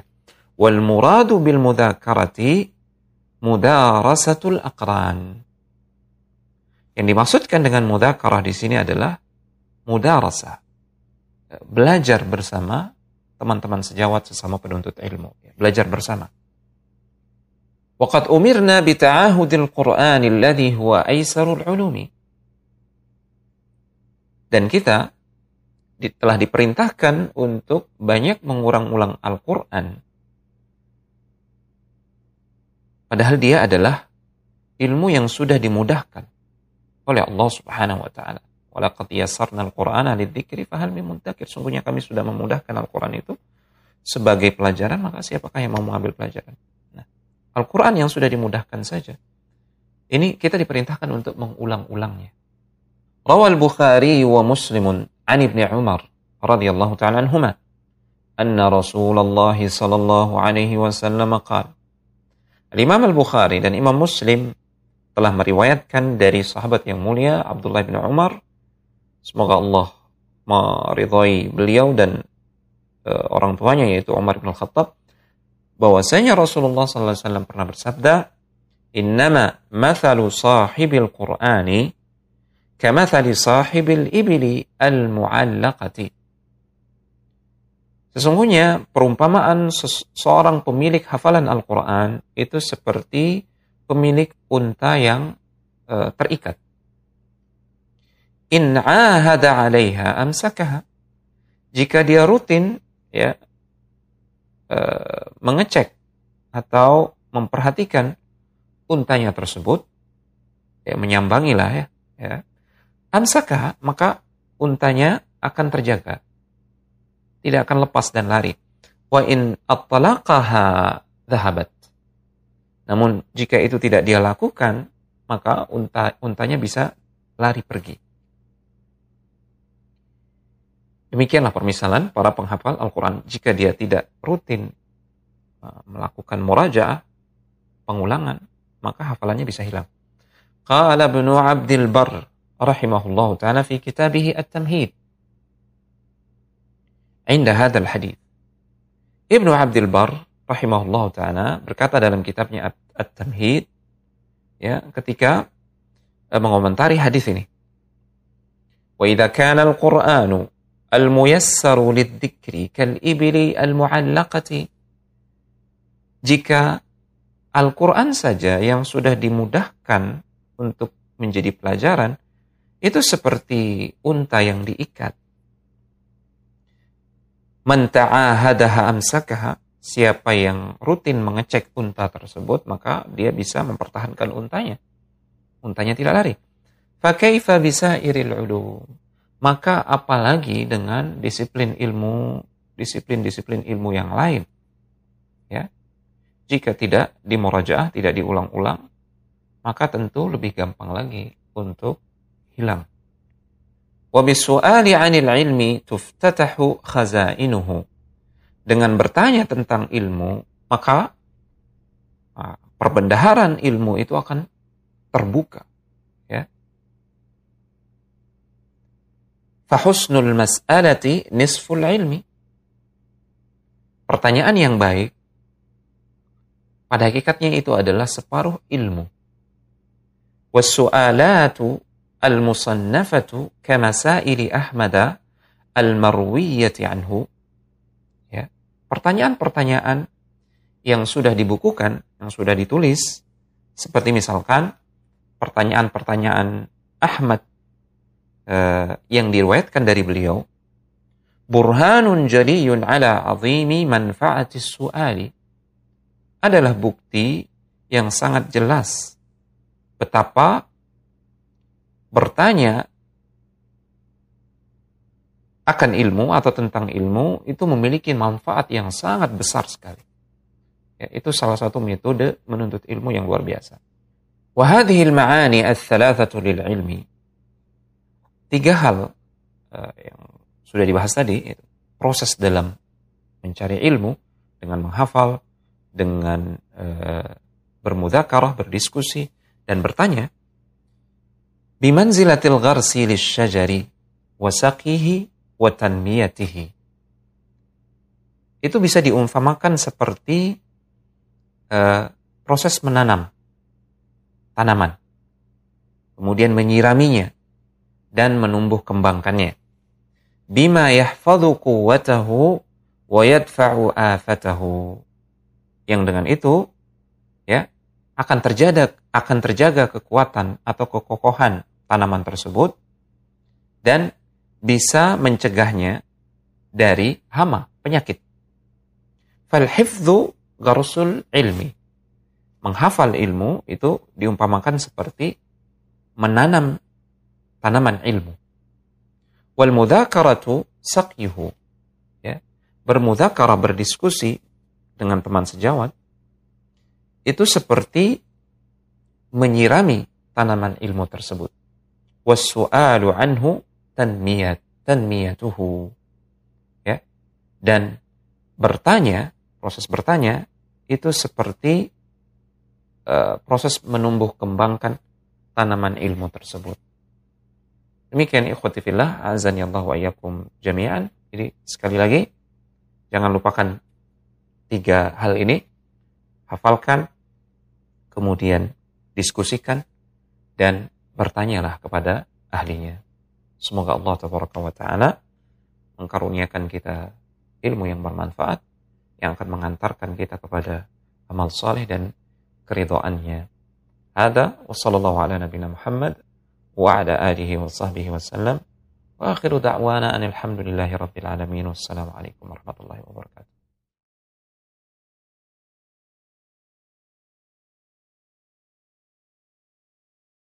إن تنصروا الله ينصركم ويثبت أقدامكم. السلام عليكم ورحمة الله وبركاته. الحمد لله والصلاة والسلام على رسول الله وعلى آله وصحبه ومن والها ما بعد. إخوة في الله أعزني الله وإياكم جميعا. Kita tidak henti-hentinya bersyukur kepada Allah Subhanahu wa taala memujinya. Karena kita diberikan rahmat dan karunia yang sangat besar. Ya. Kita diberikan kesempatan untuk mengkaji suatu kitab yang syarat akan manfaat. Khulasatu Ta'zimil Ilmi yang ditulis oleh Syekh uh, Dr. Saleh Al-Usaimi hafizahullah taala. Kita masuk ke poin yang ke-14. Beliau mengatakan, Al-Maqidur Rabi'a Asyara. Simpul pengakuan ilmu yang ke-14 ikramu ahli ilmi wa tawqiruhum. Memuliakan para ahli ilmu dan menghormati mereka.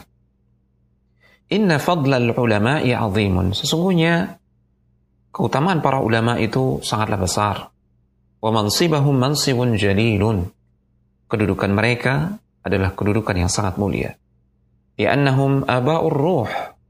Karena pada hakikatnya mereka adalah uh, ayah-ayah ruhani.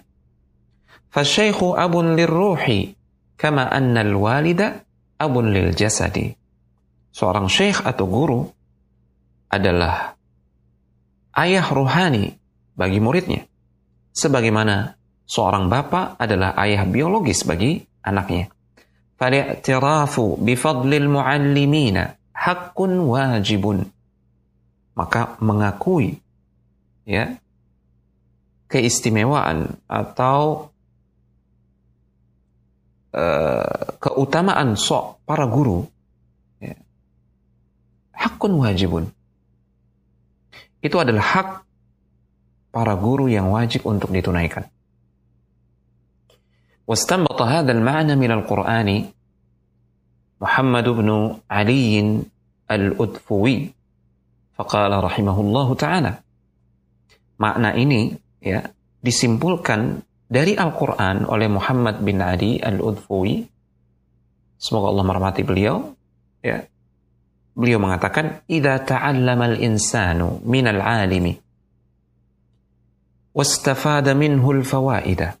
Jika seseorang belajar dari seorang guru yang alim, kemudian dia mendapatkan faidah atau manfaat ilmu.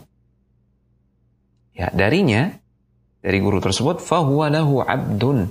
Maka pada hakikatnya dia sudah menjadi hamba sahaya bagi guru tersebut. Qala Allah Ta'ala. Allah Subhanahu wa taala berfirman Wa idh qala Musa li fatahu.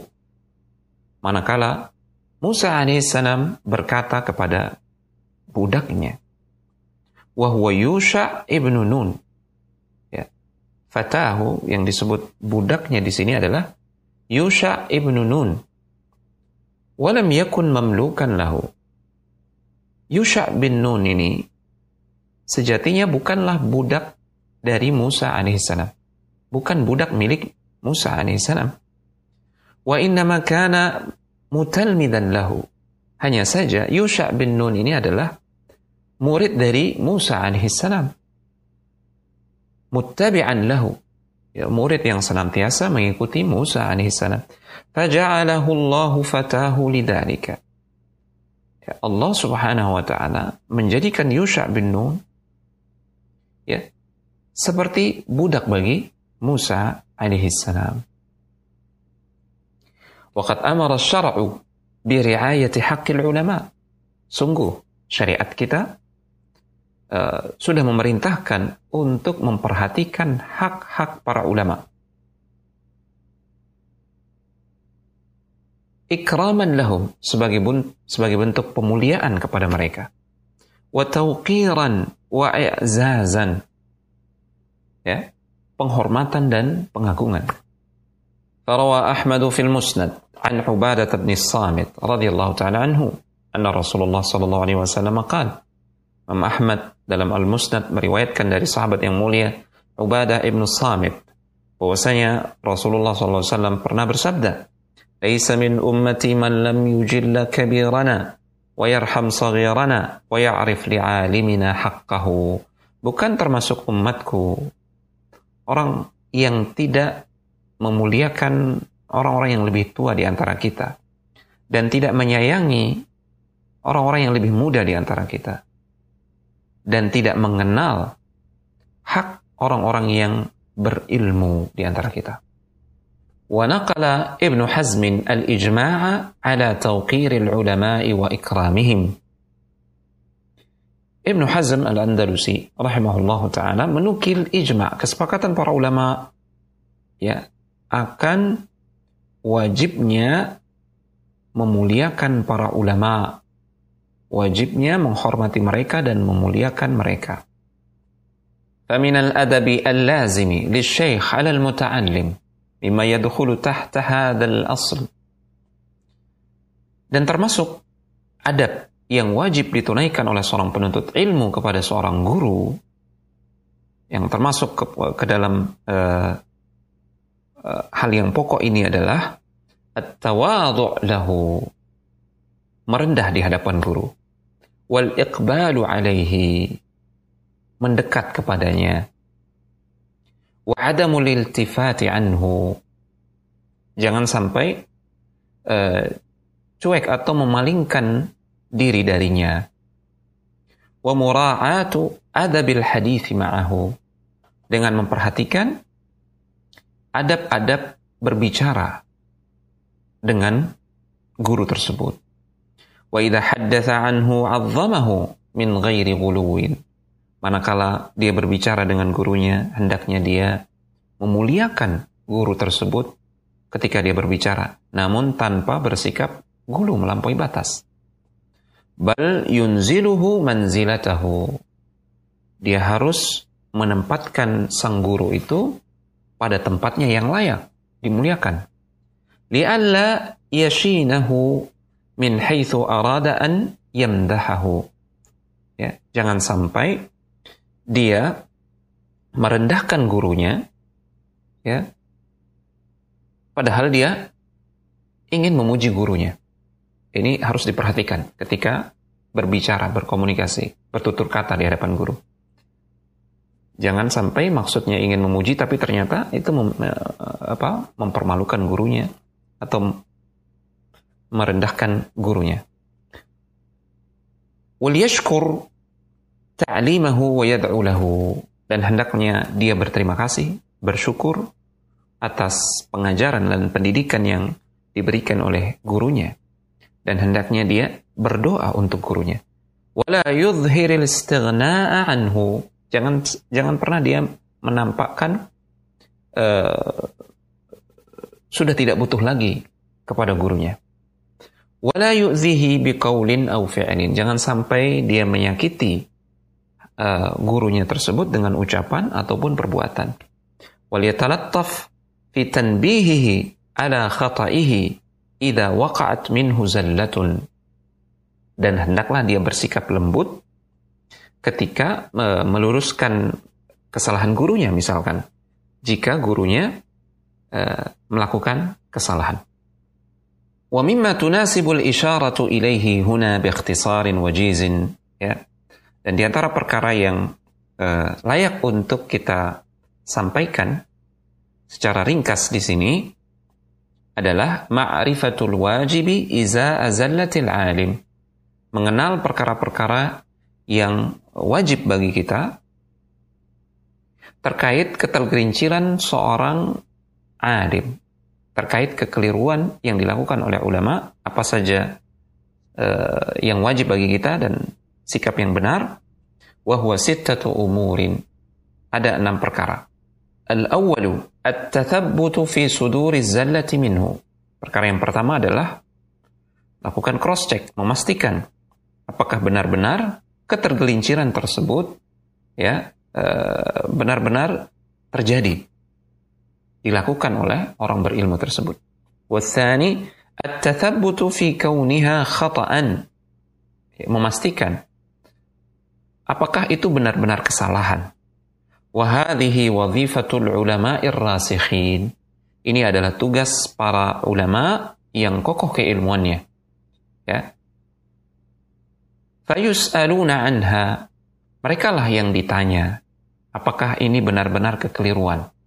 Wathalithu tarku tibaihi fiha. Dan yang ketiga adalah ya, tidak mengikuti kesalahan ulama tersebut ya, terkait kesalahannya. Warabi'u iltimasul udhri lahu bita'wilin sa'irin. Yang keempat, mencari udur atau uh, alasan yang wajar sehingga kita bisa memaklumi ulama tersebut ya kenapa dia sampai jatuh dalam kesalahan Wal khamis dan yang kelima badlun nushi lahu bilutfin wasirrin. Mengupayakan nasihat kepada ulama tersebut dengan penuh kelembutan dan secara rahasia. La bi'unfin wa ya, bukan dengan cara yang kasar, dengan celaan apalagi di depan umum ya sehingga semua orang tahu akan uh, ketergelinciran ulama tersebut. Wasadisu dan yang keenam adalah hifdhu janabihi. Ya. Yang keenam adalah menjaga kehormatan dan reputasi ulama tersebut. Fala tuhdaru karamatuhu fi qulubil muslimin. Jangan sampai kehormatannya dijatuhkan ya dari hati-hati kaum muslimin. Wa mimma yuhadzaru minhu mimma yattasilu bitawqiril ulama. Dan di antara perkara yang harus diwaspadai, dihindari yang terkait dengan penghormatan kepada para ulama adalah masuratuhu tawqiru wa ma'aluhu al-ihanatu wa tahqiru. Apa yang e, tampaknya itu adalah penghormatan kepada para ulama, namun pada hakikatnya itu adalah e, penghinaan kepadanya. Ya. Kalizdihami 'alal alim. Contoh misalkan berdesak-desakan di sekitar uh, orang yang alim, orang yang berilmu. Wattadyiqi alaihi, ya, mempersempit jalannya. Wa, wa iljaihi ila a'sari subul, sehingga menjadikan dia terpaksa menempuh jalan lain yang sulit baginya. Ya, ini secara zahir ini tampak sebagai bentuk pemuliaan kepada para ulama karena banyak yang mengerumuninya. Namun pada hakikatnya itu adalah uh, menyusahkan ulama tersebut dan termasuk menghinakannya. Waliyadzubillah semoga Allah tabaraka wa taala mengkaruniakan kepada hati kita taufik untuk bisa memuliakan para ulama sehingga dengan itu kita bisa mendapatkan keberkahan ilmu.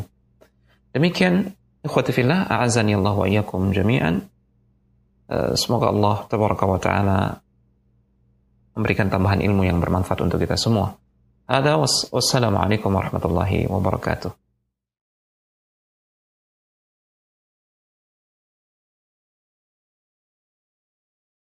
إن تنصروا الله ينصركم ويثبت أقدامكم السلام عليكم ورحمة الله وبركاته Alhamdulillahi wa kafa wa salamu ala nabina al-mustafa wa ala alihi wa sahbihi wa man sara ala nahjihi wa iktafa. Ikhwati fillah, rahimani wa rahimakumullah. Tidak henti-hentinya kita bersyukur dan memuji Allah Tabaraka wa Ta'ala karena atas karunia dan kasih sayangnya kembali kita bisa uh, bersua kembali dalam rangka menuntut ilmu syar'i. Masih kita bersama kitab Khulasatu Ta'zimil Ilmi yang ditulis oleh Syekh Dr. Saleh Al-Usaimi hafizahullahu ta'ala. Kita masuk ke poin yang ke-15. Beliau mengatakan, Al-maqidu al-khamisa ashar. Raddu mushkilihi ila ahlihi. Simpul pengagungan ilmu yang ke-15, yaitu mengembalikan permasalahan ilmu yang pelik ya, kepada ahlinya, kepada ahli ilmu. فالمعظم للعلم يعول على دهاقنته wal min ahlihi lihilli mushkilatihi. Orang yang mengagungkan ilmu akan mempercayakan per pemecahan permasalahan keilmuan yang pelik ya kepada ahlinya, kepada ulama. Wala yu'arridu nafsahu lima la tutiqu. Orang yang benar-benar memuliakan ilmu dia tidak akan menjerumuskan dirinya kepada perkara yang dia tidak mampu. Ya. Dia tidak akan menghadapkan dirinya kepada perkara yang dia tidak mampu untuk memberikan solusinya khaufan 'ala Allah bila ilmin. Karena dia khawatir, takut berbicara atas nama Allah, atas nama agama Allah tanpa ilmu. Wal iftira'i 'ala din. Dia khawatir mengada-ada dalam agama Allah Subhanahu wa taala. Ini bukan perkara yang ringan, ini perkara yang besar, perkara yang berat. Fahuwa yakhafu sakhtatar rahmani dia khawatir, dia takut kepada kemarahan Ar-Rahman, Allah Subhanahu wa taala. Qabla an yakhafa sautas sultani. Itu dia lebih takuti daripada cambuk para penguasa, ya, daripada tekanan para penguasa. Fa innal ulama bi'ilmin takallamu karena para ulama itu mereka bicara atas dasar ilmu. Wa bi basarin nafilin sakatu ketika mereka diam pun itu karena didasarkan oleh pandangan-pandangan yang dalam dan tajam. Fa in takallamu fi mushkilin fatakallam bikalamihim. Kalau mereka para ulama itu bicara ya, terkait suatu permasalahan yang pelik, maka berbicaralah, berbicaralah sebagaimana mereka berbicara. Ucapkanlah seperti ucapan mereka. Wa in sakatu anhu falyasa'ka ma wasi'ahum dan jika mereka tidak berbicara atas suatu permasalahan maka jangan coba-coba kalian bicara terkait permasalahan tersebut ya kalau mereka diam maka kita ikut diam juga wa min asyaqqil mushkilati al-fitanu dan di antara permasalahan pelik ya yang terberat adalah permasalahan menyangkut fitnah-fitnah yang terjadi. Wan. Ya, perkara-perkara kontemporer uh, yang menjadi permasalahan di tengah umat di zaman ini. Allati tatakatharu ma'amtidadi zamani. Yang mana fitnah-fitnah tersebut, ya perkara-perkara kontemporer tersebut, ya Eh, bertambah banyak, terjadi bertambah banyak seiring dengan bertambahnya uh, masa atau zaman ya. Wan najuna min naril fitan dan orang-orang yang selamat dari oh, api fitnah yang berkobar as-salimuna min wahajil mihan orang-orang yang uh, selamat dari gelombang fitnah dan cobaan hum man fazi'a ilal ulama'i wa lazima qaulahum. Mereka lah orang-orang yang bergegas kembali menuju para ulama dan berpegang teguh dengan ucapan-ucapan mereka. Wa in ishtabaha alaihi syai'un min qaulihim ahsana dhanna bihim. Dan jika ya ucapan para ulama tersebut ada di antaranya yang samar dan tidak bisa difahami, maka hendaknya dia berprasangka baik kepada para ulama tersebut ya. Bukan justru sebaliknya berprasangka buruk menganggap para ulama itu lebih membela kebatilan daripada kebenaran, takut kepada penguasa dan seterusnya ya. Kita harus berprasangka baik kepada para ulama. Fataraha qawlahu wa akhadha biqawlihim. Maka hendaknya di saat uh, itu dia lemparkan pendapat dia pribadi. Hendaknya dia berpegang teguh dengan pendapatnya para ulama. Fatajribatu wal khibratu hum kanu ahaqqa biha wa ahlaha. Kenapa? Karena dari sisi pengalaman ya, dari sisi pengalaman tentu juga dari ilmu dan pandangan mereka mereka adalah orang yang paling berhak ya wa idza ikhtalafat aqwaluhum lazima qawla jumhurihim wasawadihim. Dan apabila di antara para ulama itu memiliki perbedaan pandangan, ya, dia sebagai penuntut ilmu yang katakanlah mungkin masih awam, ya, dia berpegang kepada pendapat mayoritas ulama tersebut. Itharan lis salamati dia selayaknya seharusnya lebih mengedepankan keselamatan dirinya. Fassalamatu la ya'diluha syai'un. Karena keselamatan itu tidak ada bandingannya. Wa ma ahsana qawla bani Asim fi murtaqal wusuli. Betapa indahnya apa yang diungkapkan oleh Ibnu Asim dalam Murtaqal Wusul. Beliau mengatakan, "Wa wajibun fi mushkilatil fahmi tahsinuna dhanna bi ahli ilmi. Kewajiban kita terkait uh, kesulitan kita dalam memahami ilmu ya adalah berprasangka baik kepada ahli ilmu tersebut ya. Jangan justru menuduh ahli ilmu itu yang keliru terus seterusnya ya gara-gara kita tidak memahami Min jumlatil muskilati raddu zallatil ulama. Dan di antara perkara-perkara yang muskil, ya, eh, termasuk permasalahan besar, adalah meluruskan kesalahan para ulama. Wal maqalatil batilah li ahli bid'ah wal mukhalifin. Termasuk juga dalam hal ini adalah membantah ucapan-ucapan batil para ahli bid'ah dan para penentang para penentang kebenaran. فإنما يتكلم فيها العلماء الراسخون karena yang berhak untuk bicara dalam masalah ini terkait meluruskan kesalahan ulama lainnya atau membantah ahlul bid'ah ya yang berhak bicara di situ adalah ulama yang kokoh keilmuannya. Bayyanahu Syatibi fil Muwafaqat. Hal ini dijelaskan oleh Syatibi dalam kitabnya Al-Muwafaqat. Wa Ibnu Rajab fi Jami'il Ulum wal Hikam dan juga Ibnu Rajab Al-Hambali rahimahullah taala dalam kitabnya Jami' Al-Ulum wal Hikam. Fal jaddatu salimatu. Maka jalan yang selamat adalah arduha 'ala al-ulama'ir rasihin menyerahkan permasalahan tersebut ya terkait meluruskan kesalahan ulama lain atau membantah ahlul bidah itu diserahkan kepada ahli ilmu atau para ulama yang kokoh keilmuannya. Walistinsaki biqaulihim fiha. Ya.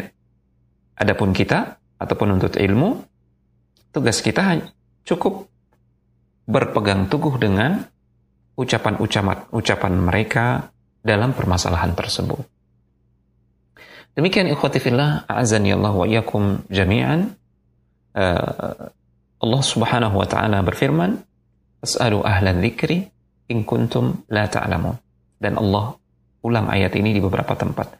Bertanyalah kalian kepada ahli ilmu, kepada ulama, kepada pakarnya, jika kalian tidak mengetahui sebagai isyarat dan perintah kepada kita untuk senantiasa kembali kepada para ulama dalam setiap permasalahan yang pelik. Uh, semoga Allah Taala memberikan kita taufik ke jalan yang lurus. Wassalamualaikum warahmatullahi wabarakatuh.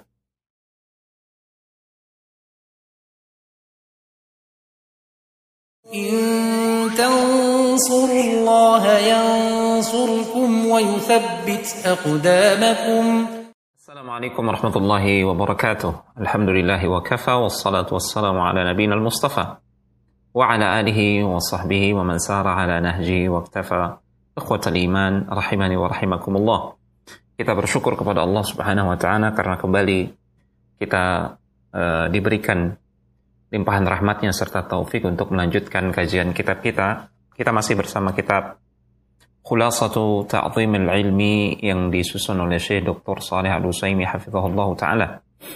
Pada kesempatan kali ini kita masuk ke poin yang ke-16. Beliau hafizahullah taala mengatakan Al-Maqidus Sadis Ashar. Simpul pengagungan ilmu yang ke-16. Tawqiru majalisil ilmi wa ijlalu aw'iyatihi memuliakan majelis-majelis ilmu dan menghormati tempat penyimpanan ilmu. Famajalisul ulama'i kamajalisil anbiya. Majelis-majelis para ulama itu seperti majelis-majelis para nabi. Qala Sahlu Ibnu Abdullah. Sahal bin Abdullah rahimahullahu taala beliau pernah mengatakan, "Man arada an yanzura ila majalisil anbiya" Orang siapa ingin melihat majelis-majelisnya para nabi, falyanzur ila majalisil ulama, maka hendaklah dia melihat kepada majelis-majelisnya para ulama. Yaji'ur rajulu fayaqul. Seorang laki-laki uh, datang berkata, "Ya fulan, ayu syai'in taqulu fi rajulin halafa 'ala imra'atihi bikadha wa kadha?" Wahai fulan, bagaimana pendapatmu tentang seorang laki-laki yang bersumpah begini dan begitu uh, kepada istrinya. Fayaqul, lantas yang ditanya ini menjawab, Talaqat imra'atuhu. Ya. Sungguh telah jatuh talak kepada istrinya. Ini adalah fatwa. Wa yaji'u akhar fayaqul. Datang orang lain, lantas bertanya, Mata qulu fi rajulin halafa ala imra'atihi bikada wa kada.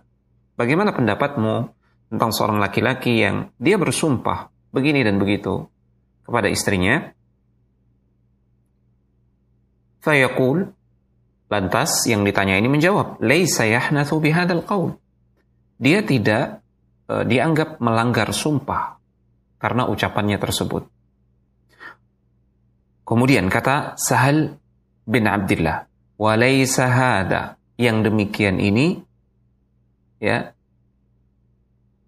walaysa hadha illa linabiyyin aw li'alimin yang berhak berfatwa seperti ini hanyalah para nabi atau para ahli ilmu. Fa'rifu lahum dhalika. Maka hendaklah engkau mengenal yang demikian itu dan memahaminya. Demikian ucapan Sahal bin Abdullah rahimahullahu taala. Kemudian Syekh Dr. Saleh Al-Usaimi hafizahullah taala mengatakan fa'ala talibil ilmi an ya'rifa li majalisil ilmi haqqaha. Maka wajib bagi seorang penuntut ilmu untuk mengenal hak-hak uh, majelis-majelis ilmu. Wajib bagi seorang penuntut ilmu untuk mengenal hak majelis-majelis ilmu. Fayajlisa fiha jilsatal adab. Dia harus uh, duduk di majelis-majelis ilmu tersebut dengan uh, duduk yang penuh adab, sopan santun dan etika. Wa yusgi ila syaikhi nadhiran ilaihi. Dia harus memperhatikan secara seksama kepada gurunya, memandang kepadanya. Fala yaltafitu anhu min ghairi daruratin. Jangan dia berpaling dari gurunya kecuali jika dalam kondisi darurat. dan jangan dia kehilangan konsentrasi memperhatikan gurunya gara-gara suara gaduh yang dia dengar. Jangan juga dia melakukan hal yang sia-sia.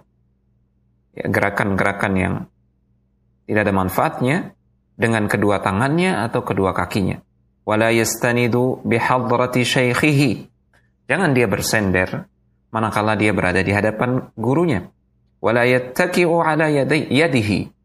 Jangan juga dia bertelekan dengan tangannya. Wala yukthiru tanahnuha wal harakata. Jangan dia memperbanyak ya berdehem atau memperbanyak gerakan-gerakan. Wala yatakallamu. Jangan dia berbicara dengan orang yang berada di dekatnya atau di sampingnya. Wa idza. Dan jika dia bersin, maka hendaklah dia merendahkan suaranya. Wa idza tatha'aba satara famahu ba'da raddihi.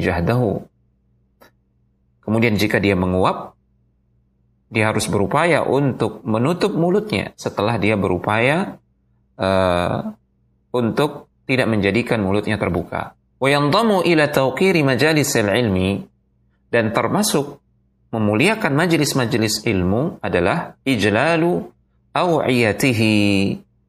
Memuliakan adalah dengan memuliakan tempat menampung ilmu tersebut. Ya, wadah daripada ilmu. Allati yahfadhu fiha. Yang mana dia menjaga ilmu di wadah tersebut tempat penyimpanan ilmu tersebut. Wa imaduha al-kutub. Dan wadah ilmu yang paling utama, yang paling pokok adalah kitab-kitab, buku. Fallaiku bi talibil ilmi. Saunu kitabihi. Maka uh, yang seharusnya bagi penuntut ilmu untuk diwujudkan dilakukan adalah menjaga bukunya wa hifdhuhu wa ijlaluhu. Merawatnya, memuliakannya, wali'tina'u bihi, memberikan perhatian kepadanya. Fala yaj'aluhu sunduqan yahashuhu biwada'ihi. Jangan sampai dia menjadikan ya e, bukunya itu seperti tempat penyimpanan atau tempat penitipan Tempat dia menyelipkan uh, uang misalkan ya, itu tempat penitipan barang. Tidak layak. Wala yaj'aluhu buqan dan jangan dia menjadikan uh, kitabnya atau bukunya itu seperti trompet yang digulung. Wa idza wada'ahu wada'ahu bilutfin wa inayatin dan manakala dia meletakkan bukunya hendaknya dia meletakkannya dengan penuh kelembutan dan penuh perhatian. Rama Ishaq bin Rahawai yauman bi kitabin kana fi yadihi. Suatu hari Ishaq ibn Rahawai ya, melempar kitab yang ada di tangannya. Dia lempar begitu. Fara'ahu Abu Abdullah Ahmad bin Hanbal. Hal tersebut dilihat oleh Abu Abdullah Ahmad ibn Hanbal rahimahullah taala. Faghadiba. Dan beliau pun marah melihat hal tersebut. Waqala. Kemudian beliau mengatakan, "Ahakadha yuf'alu bi kalamil abrar?" Apakah begini cara uh, uh, apakah begini ucapan orang-orang istimewa, orang-orang yang terpilih diperlakukan. Ya. Wala yattaqiu 'alal kitab. Jangan dia e, bertelekan di atas kitab. Au yadha'uhu 'inda qadamaihi. Apalagi jika dia meletakkan kitab tersebut di bawah kakinya. Tidak boleh, tidak layak. Wa idza kana yaqra'u fihi 'ala syaikhin dan jika dia membaca kitab tersebut di hadapan syekh, di hadapan guru, rafa'ahu 'anil ardi. Hendaknya dia mengangkat kitab tersebut eh, dari lantai, ya, jangan dia letakkan di lantai. Wa hamalahu biyadaihi, kemudian dia pegang dengan kedua tangannya. Ikhwati a'azani Allah wa iyyakum jami'an. Demikianlah uh, beberapa adab dan etika seorang penuntut ilmu yang dicontohkan oleh Syekh kepada kita ya etika yang harus kita junjung tinggi di majelis ilmu dan juga etika terhadap wadah tempat kita menyimpan ilmu yaitu kitab. Dengan demikian semoga Allah Subhanahu wa taala memuliakan kita dengan ilmu karena kita memuliakannya dan karena kita memuliakan majelis ilmu serta kitab yang kita jadikan sebagai tempat menyimpan ilmu. Hada wa sallallahu ala nabina Muhammad wa ala alihi wa sahbihi wa sallam. Wa akhiru da'wana anil hamdulillahi rabbil alamin. Wassalamualaikum warahmatullahi wabarakatuh.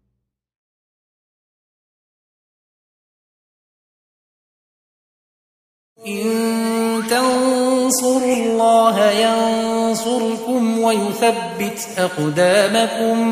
السلام عليكم ورحمة الله وبركاته. الحمد لله رب العالمين والصلاة والسلام على رسولنا الأمين وعلى آله وصحبه ومن اتبعهم بإحسان إلى يوم الدين. أما بعد إخوة الإيمان رحمني ورحمكم الله. Kembali kita bersyukur dan memuji Allah Tabaraka wa Ta'ala dengan sebesar-besar rasa syukur dan pujian. Karena dengan taufik serta rahmatnya kembali kita bisa mengkaji uh, kitab yang syarat akan faidah ini. Kitab Khulasatu Ta'zimil Ilmi yang ditulis oleh Syekh Dr. Salih Al-Usaimi Hafizahullah Ta'ala. Pada kesempatan yang berbahagia ini kita masuk kepada poin yang ke-17. Beliau Hafizahullah Ta'ala mengatakan Al-Maqidus Sabi'a Asyara Simpul pengagungan ilmu yang ke-17. Adzabu 'anil ilmi wadzaudu 'an hiyadhihi membela ilmu dan mempertahankan eh, kolam-kolam uh, ilmu atau sumber-sumber ilmu tersebut. Beliau hafizahullah mengatakan, Inna lil ilmi hurmatan wafiratan. Sesungguhnya ilmu itu memiliki uh, kehormatan yang tinggi. Tujibul intisara lahu. Ida tu'urrida li janabihi bima la yasluhu. Sehingga kedudukan ilmu yang tinggi tersebut mengharuskan bagi kita untuk memproteknya, ya, menjaganya. Ketika ada upaya untuk merusaknya. Waqad dhahara hadha al-intisaru 'inda ahli al-'ilmi fi madahira minha. Dan telah nampak upaya-upaya pembelaan tersebut di kalangan ahlul ilmi para ulama fi mazahir ya dalam uh, beberapa uh, bentuk di antaranya Ar-raddu 'alal mukhalifi. Membantah orang-orang yang menyelisihi. Menyelisihi al-haq, kebenaran. Faman istabanat mukhalafatuhu lisyari'ati rudda 'alaihi. Maka barang siapa yang telah jelas penyelisihannya terhadap syariat, maka dia dibantah. Kainan mengkana, siapa pun dia hamiyatan lid-dini wa nasihatan lil muslimin sebagai bentuk penjagaan kepada agama dan sebagai wujud nasihat bagi kaum muslimin. Wa minha ya, dan di antara bentuk pembelaan terhadap ilmu adalah hajarul atau hajarul mubtadi' menghajar, memboikot para ahli bid'ah Dzakarahu Abu Ya'la Al-Farra'u ijma'an. Dan hal tersebut telah disebutkan oleh Abu Ya'la Al-Farra' sebagai sesuatu yang sudah disepakati, ijma'. Fala yu'khadhul ilmu an ahli bid'ah. Tidak boleh. Ilmu itu diambil dari ahli bid'ah. Lakin idza turra ilaihi fala ba'sa. Namun jika terpaksa mengambil ilmu dari mereka, maka tidak mengapa. Tidak ada jalan lain. Kama fir riwayati anhum ladal muhaddithin. Sebagaimana ya sebagian ahli hadis terpaksa meriwayatkan hadis dari mereka, dari e, beberapa ahli bid'ah. Namun tentu saja dengan syarat e, ahli bid'ah yang dimaksud tidak berdusta, ya, dikenal tidak berdusta. Wa minha zajrul muta'allimi idza ta'adda fi bahthihi. Dan termasuk bentuk pembelaan terhadap ilmu adalah menegur keras seorang pelajar atau penuntut ilmu jika dia melampaui batas dalam pembahasan ilmu. Au dhahara minhu ladadun au su'u adabin. Atau jika penuntut ilmu tersebut ya katakanlah uh, bebal uh, ngeyel dan tampak darinya adab yang buruk. Wa in ihtajal muallimu ila ikhrajil muta'allimi min majlisihi zajran lahu falyaf'al. Dan jika dibutuhkan bagi seorang guru untuk mengeluarkan seorang murid dari majelisnya, dari majelisnya sebagai bentuk peringatan, maka dia bisa melakukannya. Kama fa'ala Sufyan, sebagaimana yang pernah dilakukan oleh Sufyan. Wa kama kana yaf'aluhu Syu'bah ma'a Haffan bin Muslimin fi darsihi. Dan sebagaimana hal tersebut juga pernah dilakukan oleh Syu'bah kepada salah seorang muridnya yang bernama Affan ibni Muslim. Ya. Dan e, ketika itu di, di, di tengah-tengah pelajaran yang diberikan oleh Syu'bah. Waqad yuzjarul muta'allimu bi'adamil iqbali alaihi. Dan terkadang seorang uh, pelajar, seorang penuntut ilmu, seorang murid, ya, perlu diberikan teguran atau peringatan uh, dengan cara uh, diabaikan tidak dihirau tidak dihiraukan ya. Watarki ijabatihi. Atau dengan cara pertanyaannya tidak dijawab ya. Fasukutu jawabun. Dan terkadang sikap diam seorang guru itu adalah jawaban ya. Dalam rangka mendidik adab kepada murid muridnya. Qalahul a'mash. Demikianlah yang e, dijelaskan oleh al-a'mash rahimahullahu taala. Kemudian Syekh Dr. Saleh Al-Usaimi mengatakan, "Wara'aina hadha kathiran min jama'ati min asyuyukh." Sikap yang demikian ini sering kami lihat dari sebagian guru, sebagian syekh. Minhumul 'Allamah Ibnu Baz. Di antara mereka adalah Al-'Allamah Ibnu Baz rahimahullah taala. Syekh bin Baz ya. Farubbama sa'alahu sa'ilun 'amma la yanfa'uhu. Ya, terkadang beliau ditanya oleh seorang penanya yang bertanya tentang sesuatu yang tidak bermanfaat bagi dirinya. Fataraka syekhu ijabatahu. Maka syekh tidak memperdulikan, syekh tidak menjawabnya. Wa amara al-qari'a an yuwasila qira'atahu. Dan beliau, Syekh bin Bas, memerintahkan mukri ya, yang bertugas untuk membaca kitab untuk melanjutkan bacaannya. Au ajabahu bi khilafi qasdihi. Atau terkadang Syekh menjawab pertanyaan tersebut dengan uh, apa uh, jawaban sebaliknya dari apa yang dia uh, niatkan, apa yang dia inginkan. Ini sekali lagi sebagai bentuk pelajaran peringatan dari seorang guru untuk menanamkan adab uh, kepada murid-muridnya. demikian ikhwati fillah azan Allah wa iyyakum jami'an semoga Allah tabaraka wa taala merahmati kita semua dan memberkahi ilmu yang kita kita tuntut. هذا وصلى الله على نبينا محمد وعلى آله وصحبه وسلم. وآخر دعوانا أن الحمد لله رب العالمين. والسلام عليكم ورحمة الله وبركاته.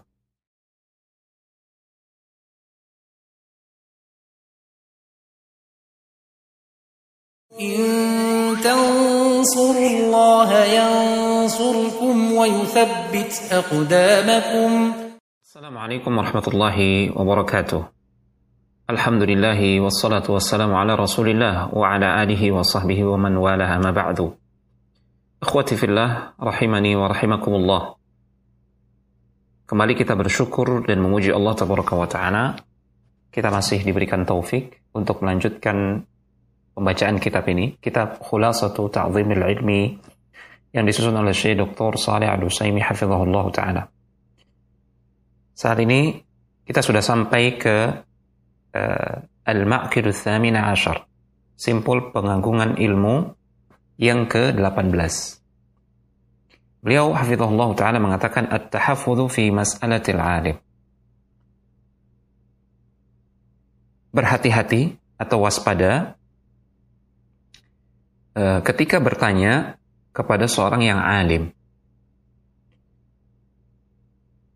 Firaran min masail syaghbi Kenapa harus berhati-hati? Demi menghindari eh, pertanyaan-pertanyaan yang bisa memunculkan uh, kegaduhan. Wahifdhan lihaibatil alim. Juga dalam rangka menjaga wibawa seorang yang berilmu. Fa inna minas su'ali ma yuradu bihi at-tashghibu wa iqadul fitnati wa isya'atu su'i. Karena di antara e, pertanyaan yang diajukan, terkadang pertanyaan tersebut sengaja e, dilontarkan untuk menimbulkan kegaduhan dan untuk membangunkan fitnah serta menyebarluaskan keburukan. ومن آنس منه العلماء هذه المسائل ya siapa di antara para ulama yang merasakan uh, munculnya uh, sikap yang seperti ini dari seorang penuntut ilmu yang bertanya untuk tujuan menimbulkan kegaduhan laqiya minhum ma la yu'jibuhu Maka eh, seorang alim ini akan mendapati dari mereka apa-apa yang tidak dia sukai. Kama marra ma'aka fi zajril muta'allimi. Sebagaimana yang telah lalu penjelasannya terkait pembahasan tentang memberikan pelajaran dan peringatan kepada murid. فلا بد من التحفظ في مسألة العالم. Maka harus berhati-hati ketika bertanya kepada ahli ilmu, para ulama. ولا يفلح في تحفظه فيها Dan tidak akan beruntung, tidak akan sukses orang-orang yang menjaga, yang berhati-hati dalam urusan ini, illa man a'mala arba'ata usulin. Kecuali orang-orang yang merealisasikan atau mengamalkan empat buah prinsip mendasar. Awaluha, prinsip yang pertama adalah al-fikru fi su'alihi limada yas'alu. Berfikir terlebih dahulu terkait soal yang atau pertanyaan yang akan dilontarkan. Kenapa dia bertanya? Apa tujuan dia bertanya? Fayakunu qasduhu minas su'ali at-tafaqquhu wat-ta'allum. Ya. Dia harus uh, memaksudkan atau meniatkan dari soalnya atau pertanyaannya tersebut uh, murni untuk tafaqquh, memahami dan belajar. La wat-tahakkum bukan untuk mencari-cari kesalahan atau bukan untuk uh, menyombongkan diri. Fa inna man fi su'alihi. Karena barang siapa yang niatnya rusak dalam bertanya, yang menginginkan keburukan dari pertanyaannya tersebut, yuhramu barakatal ilmi, maka dia akan tercegah atau terhalangi atau diharamkan dari keberkahan ilmu wa yumna'u manfa'atahu dan dia akan terhalang dari manfaat ilmu. Al-aslu tsani, adapun prinsip yang kedua dalam hal ini adalah fattafattunu ila ma yas'alu anhu. Ya, memahami apa yang hendak ditanyakan. Fala tas'al amma la naf'a fihi. Jangan pernah engkau bertanya apa-apa yang tidak ada manfaatnya. Imma bin nazari ila halika. Ya. Baik itu pertanyaan yang uh, tidak ada manfaatnya terkait dengan kondisimu. Au bin nazari ila mas'alati nafsiha. Atau uh, pertanyaan yang uh, secara konteks pertanyaan pertanyaan tersebut tidak ada manfaatnya. Benar-benar tidak ada manfaatnya. Sehingga untuk apa ditanyakan? Ya. Wa mithluhu su'alu amma lam yaqa.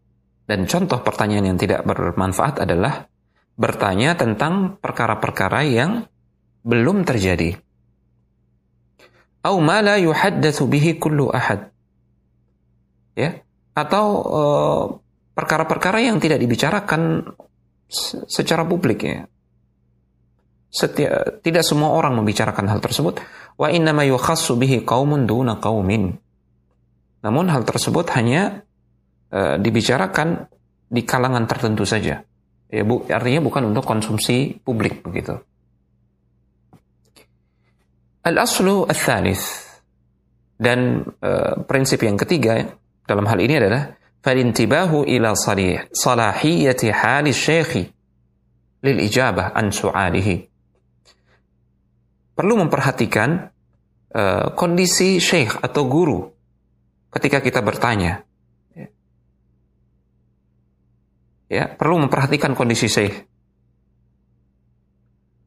Fala yas'aluhu fi halin tamna'uhu. Jangan pernah bertanya kepada syekh atau guru ketika uh, Syekh berada dalam suatu kondisi yang tidak memungkinkan bagi, bagi dia untuk uh, menjawab pertanyaan tersebut. Kekaunihi mahmuman. Seperti misalkan Syekh dalam keadaan uh, susah begitu ya. Au mutafakkiran au atau sedang memikirkan sesuatu, sedang berat pikirannya.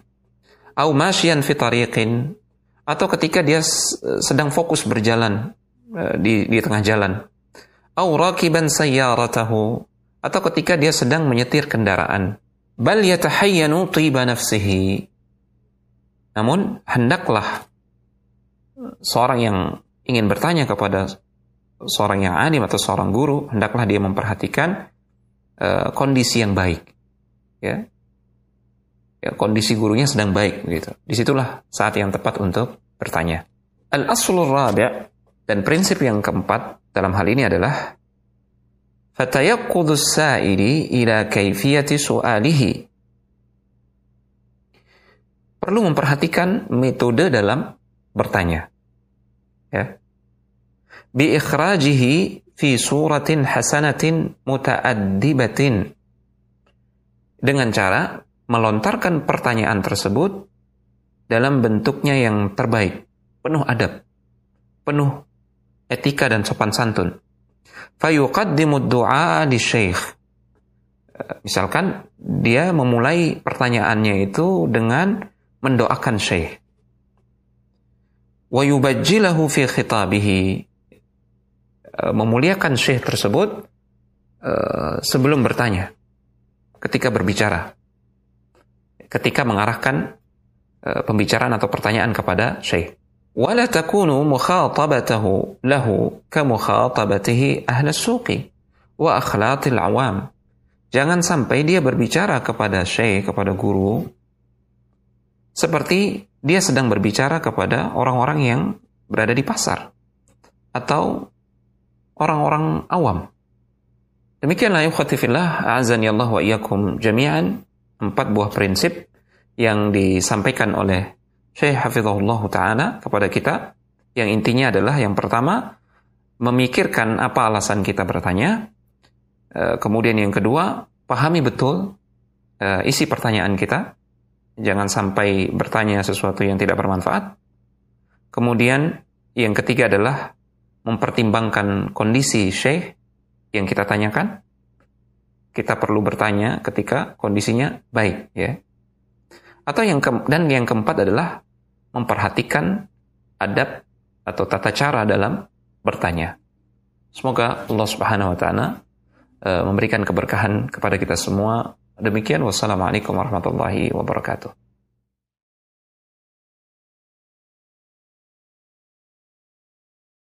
إن تنصروا الله ينصركم ويثبت أقدامكم السلام عليكم ورحمة الله وبركاته Alhamdulillah wassalatu wassalamu ala rasulillah wa ala alihi wa sahbihi wa man wala amma ba'du ikhwati fillah rahimani wa rahimakumullah kita bersyukur kepada Allah kita memujinya dengan sebesar-besar pujian karena atas limpahan taufik serta rahmatnya kembali kita bisa mengkaji kitab ini Khulasatu Ta'zimil Ilmi yang ditulis oleh Syekh Dr. Saleh Al-Usaimi hafizahullah taala.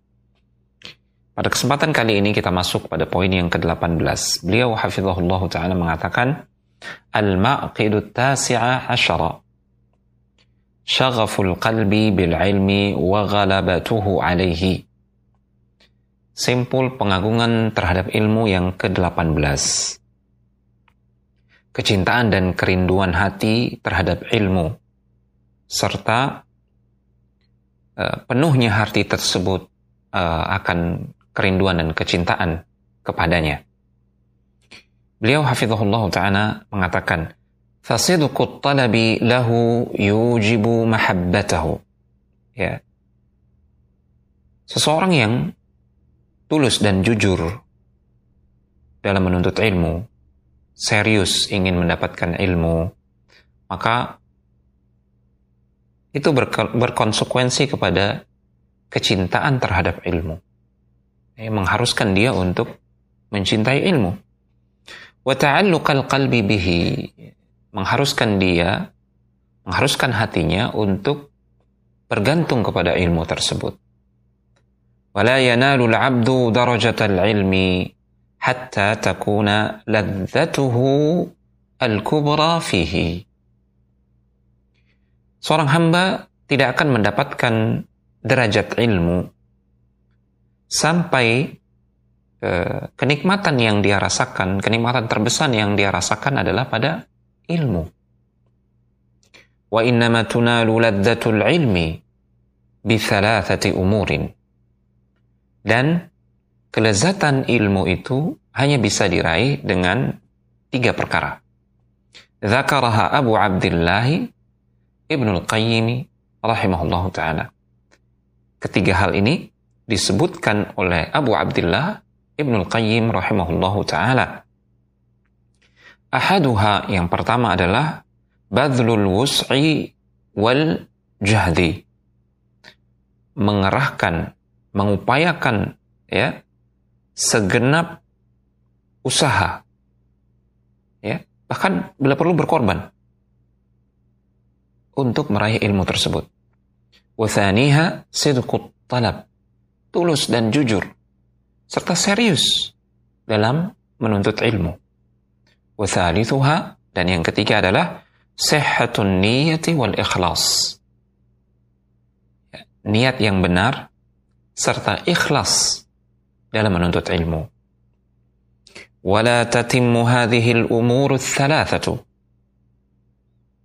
Ketiga perkara ini tidak akan sempurna illa ma'a daf'i kulli ma yushghilu 'anil qalbi kecuali dengan menghalau segala sesuatu yang bisa menyibukkan hati ya dari meraih ilmu.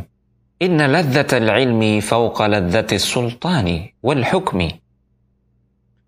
Sesungguhnya kelezatan ilmu itu melebihi kelezatan Eh, kursi kekuasaan. Allati tatatalla'u ilaiha nufusun kathiratun. Yang mana ya, banyak jiwa manusia mencari eh, nikmat kekuasaan tersebut. Wa tubdhalu li ajliha amwalun wafirah bahkan demi meraih nikmat kursi kekuasaan tersebut orang rela mengorbankan harta yang sangat banyak sekali. watus fakudima un gaziratun.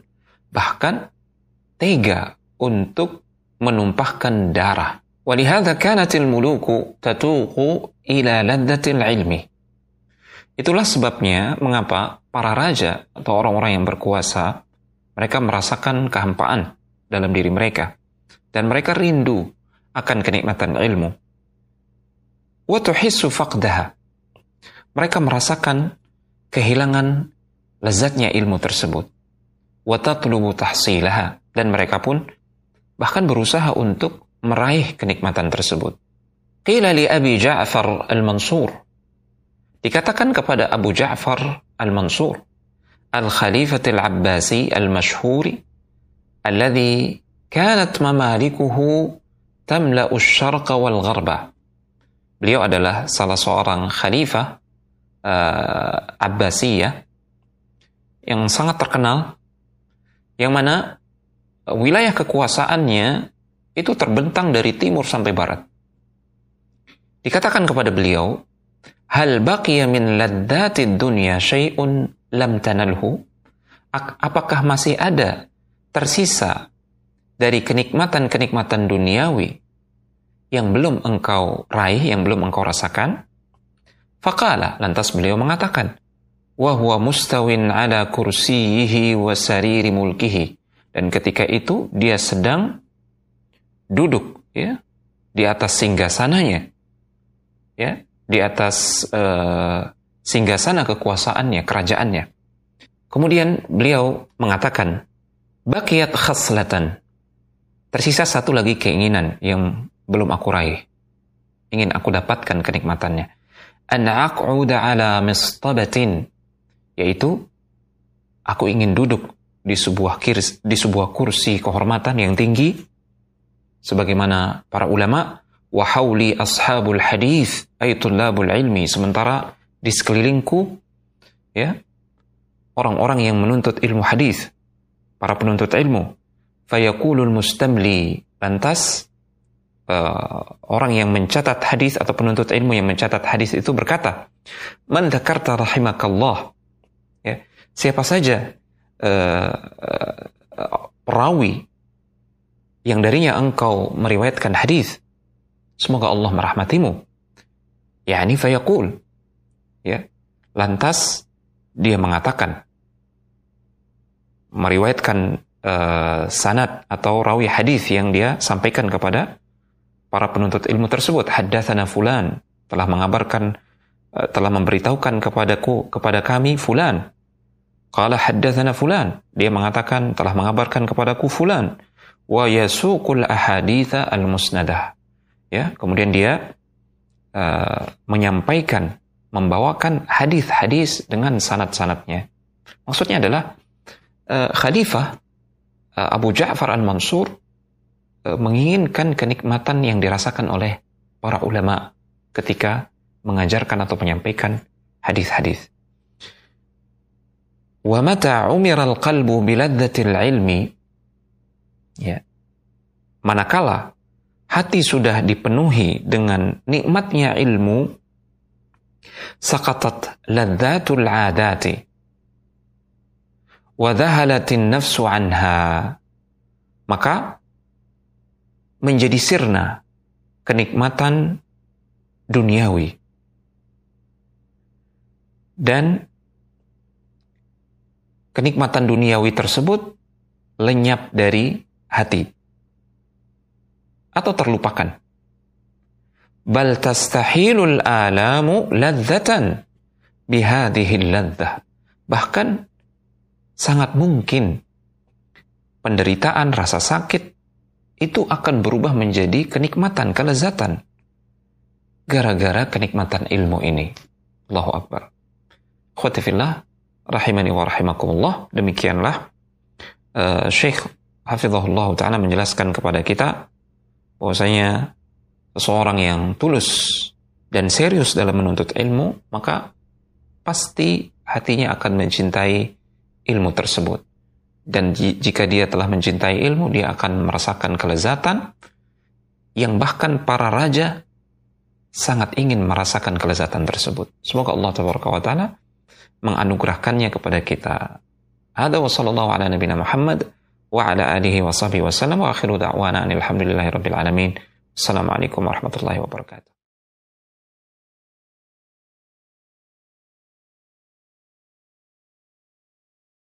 إن ويثبت أقدامكم السلام عليكم ورحمة الله وبركاته الحمد لله والصلاة والسلام على نبينا الكريم وعلى آله وصحبه ومن اتبعهم بإحسان إلى يوم الدين إخوتي في الله rahimani wa rahimakumullah. Kita bersyukur kepada Allah Subhanahu wa taala karena dengan inayahnya dengan pertolongannya akhirnya kita sampai pula di majelis yang terakhir. Uh, dari kitab Khulasatu Ta'zim al-Ilmi yang ditulis oleh Syekh Dr. Saleh Al-Usaimi hafizahullah taala. Beliau mengatakan al-maqidu al-ishrun. Simpul pengagungan ilmu yang ke-20. Hifdzul waqti fil ilmi. Menjaga waktu demi ilmu. Qala Ibnul Jauzi fi saydi khatirihi. Imam Ibnul Jauzi rahimahullahu taala berkata dalam kitabnya Sayyidul Khatir. Yanbaghi lil insan an ya'rifa syarafa zamanih Seseorang harus mengenal betapa berharganya waktu yang dia miliki. Wa qadra waqtihi. Dia harus tahu ya betapa berharga dan mulianya umur yang dia miliki. Fala yudayyi'u minhu lahdatan fi ghairi qurbatin. Maka tidak layak, tidak pantas bagi dia untuk menyia-nyiakan waktunya, sekalipun hanya sesaat,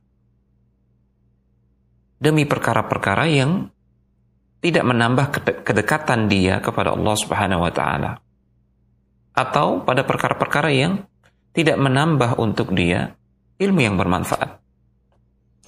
Fihi al-afdala fal-afdala min al-qawli wal amal. Dan seseorang harus mengutamakan yang lebih utama, yang paling utama, kemudian yang utama berupa ucapan dan perbuatan. Wa min huna 'azumat ri'ayatul ulama'i lil waqti. Dari sini kita bisa mengetahui betapa agung perhatian para ulama terkait waktu. Mereka sangat-sangat menghargai waktu. Hatta qala Muhammad bin Abdul Baqi Al-Bazzaz. Sampai-sampai Muhammad Ibnu Abdul Baqi Al-Bazzaz beliau mengatakan Ma dhayya'tu sa'atan min umri fi lahwin aw la'ibin.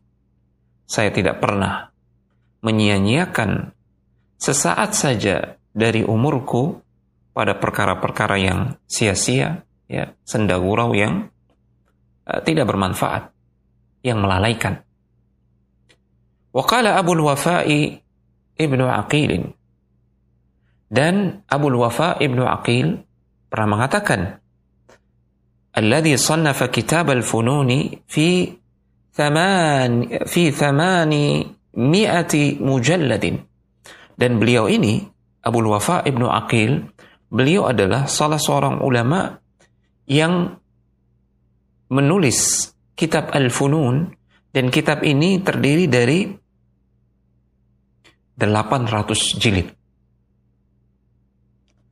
Inni la yahillu li an udayyi'a sa'atan min umri.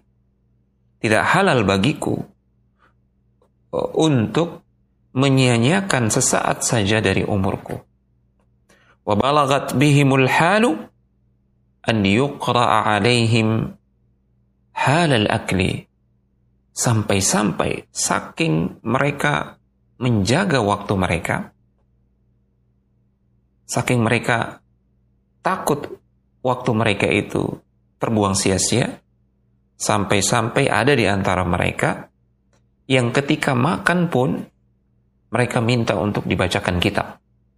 Balkana yukra'u alaihim wahum fi daril khala' Bahkan ada di antara mereka, para ulama itu, saking mereka tidak ingin ada waktu mereka yang terbuang sia-sia, karena yukra'u alaihim wahum fidaril khala.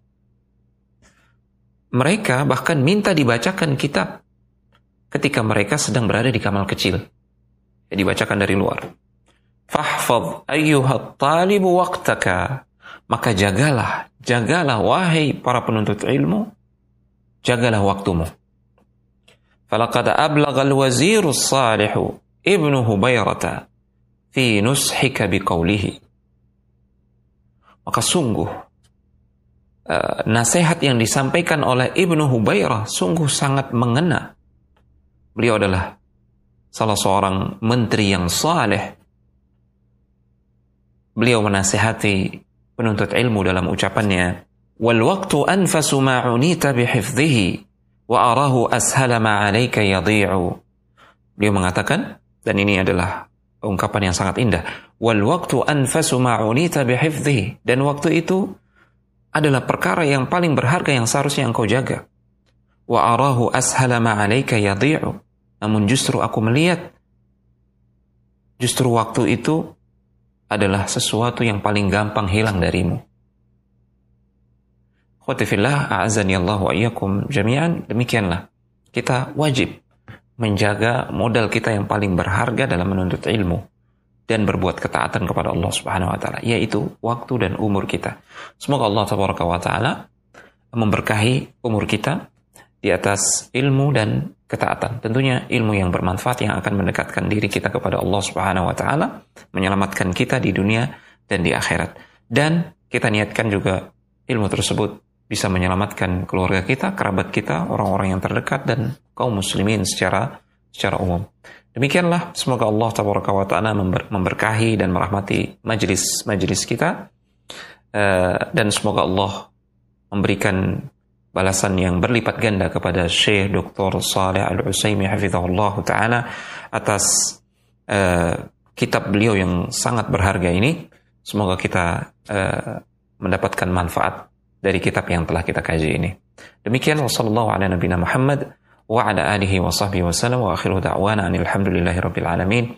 Wassalamualaikum warahmatullahi wabarakatuh.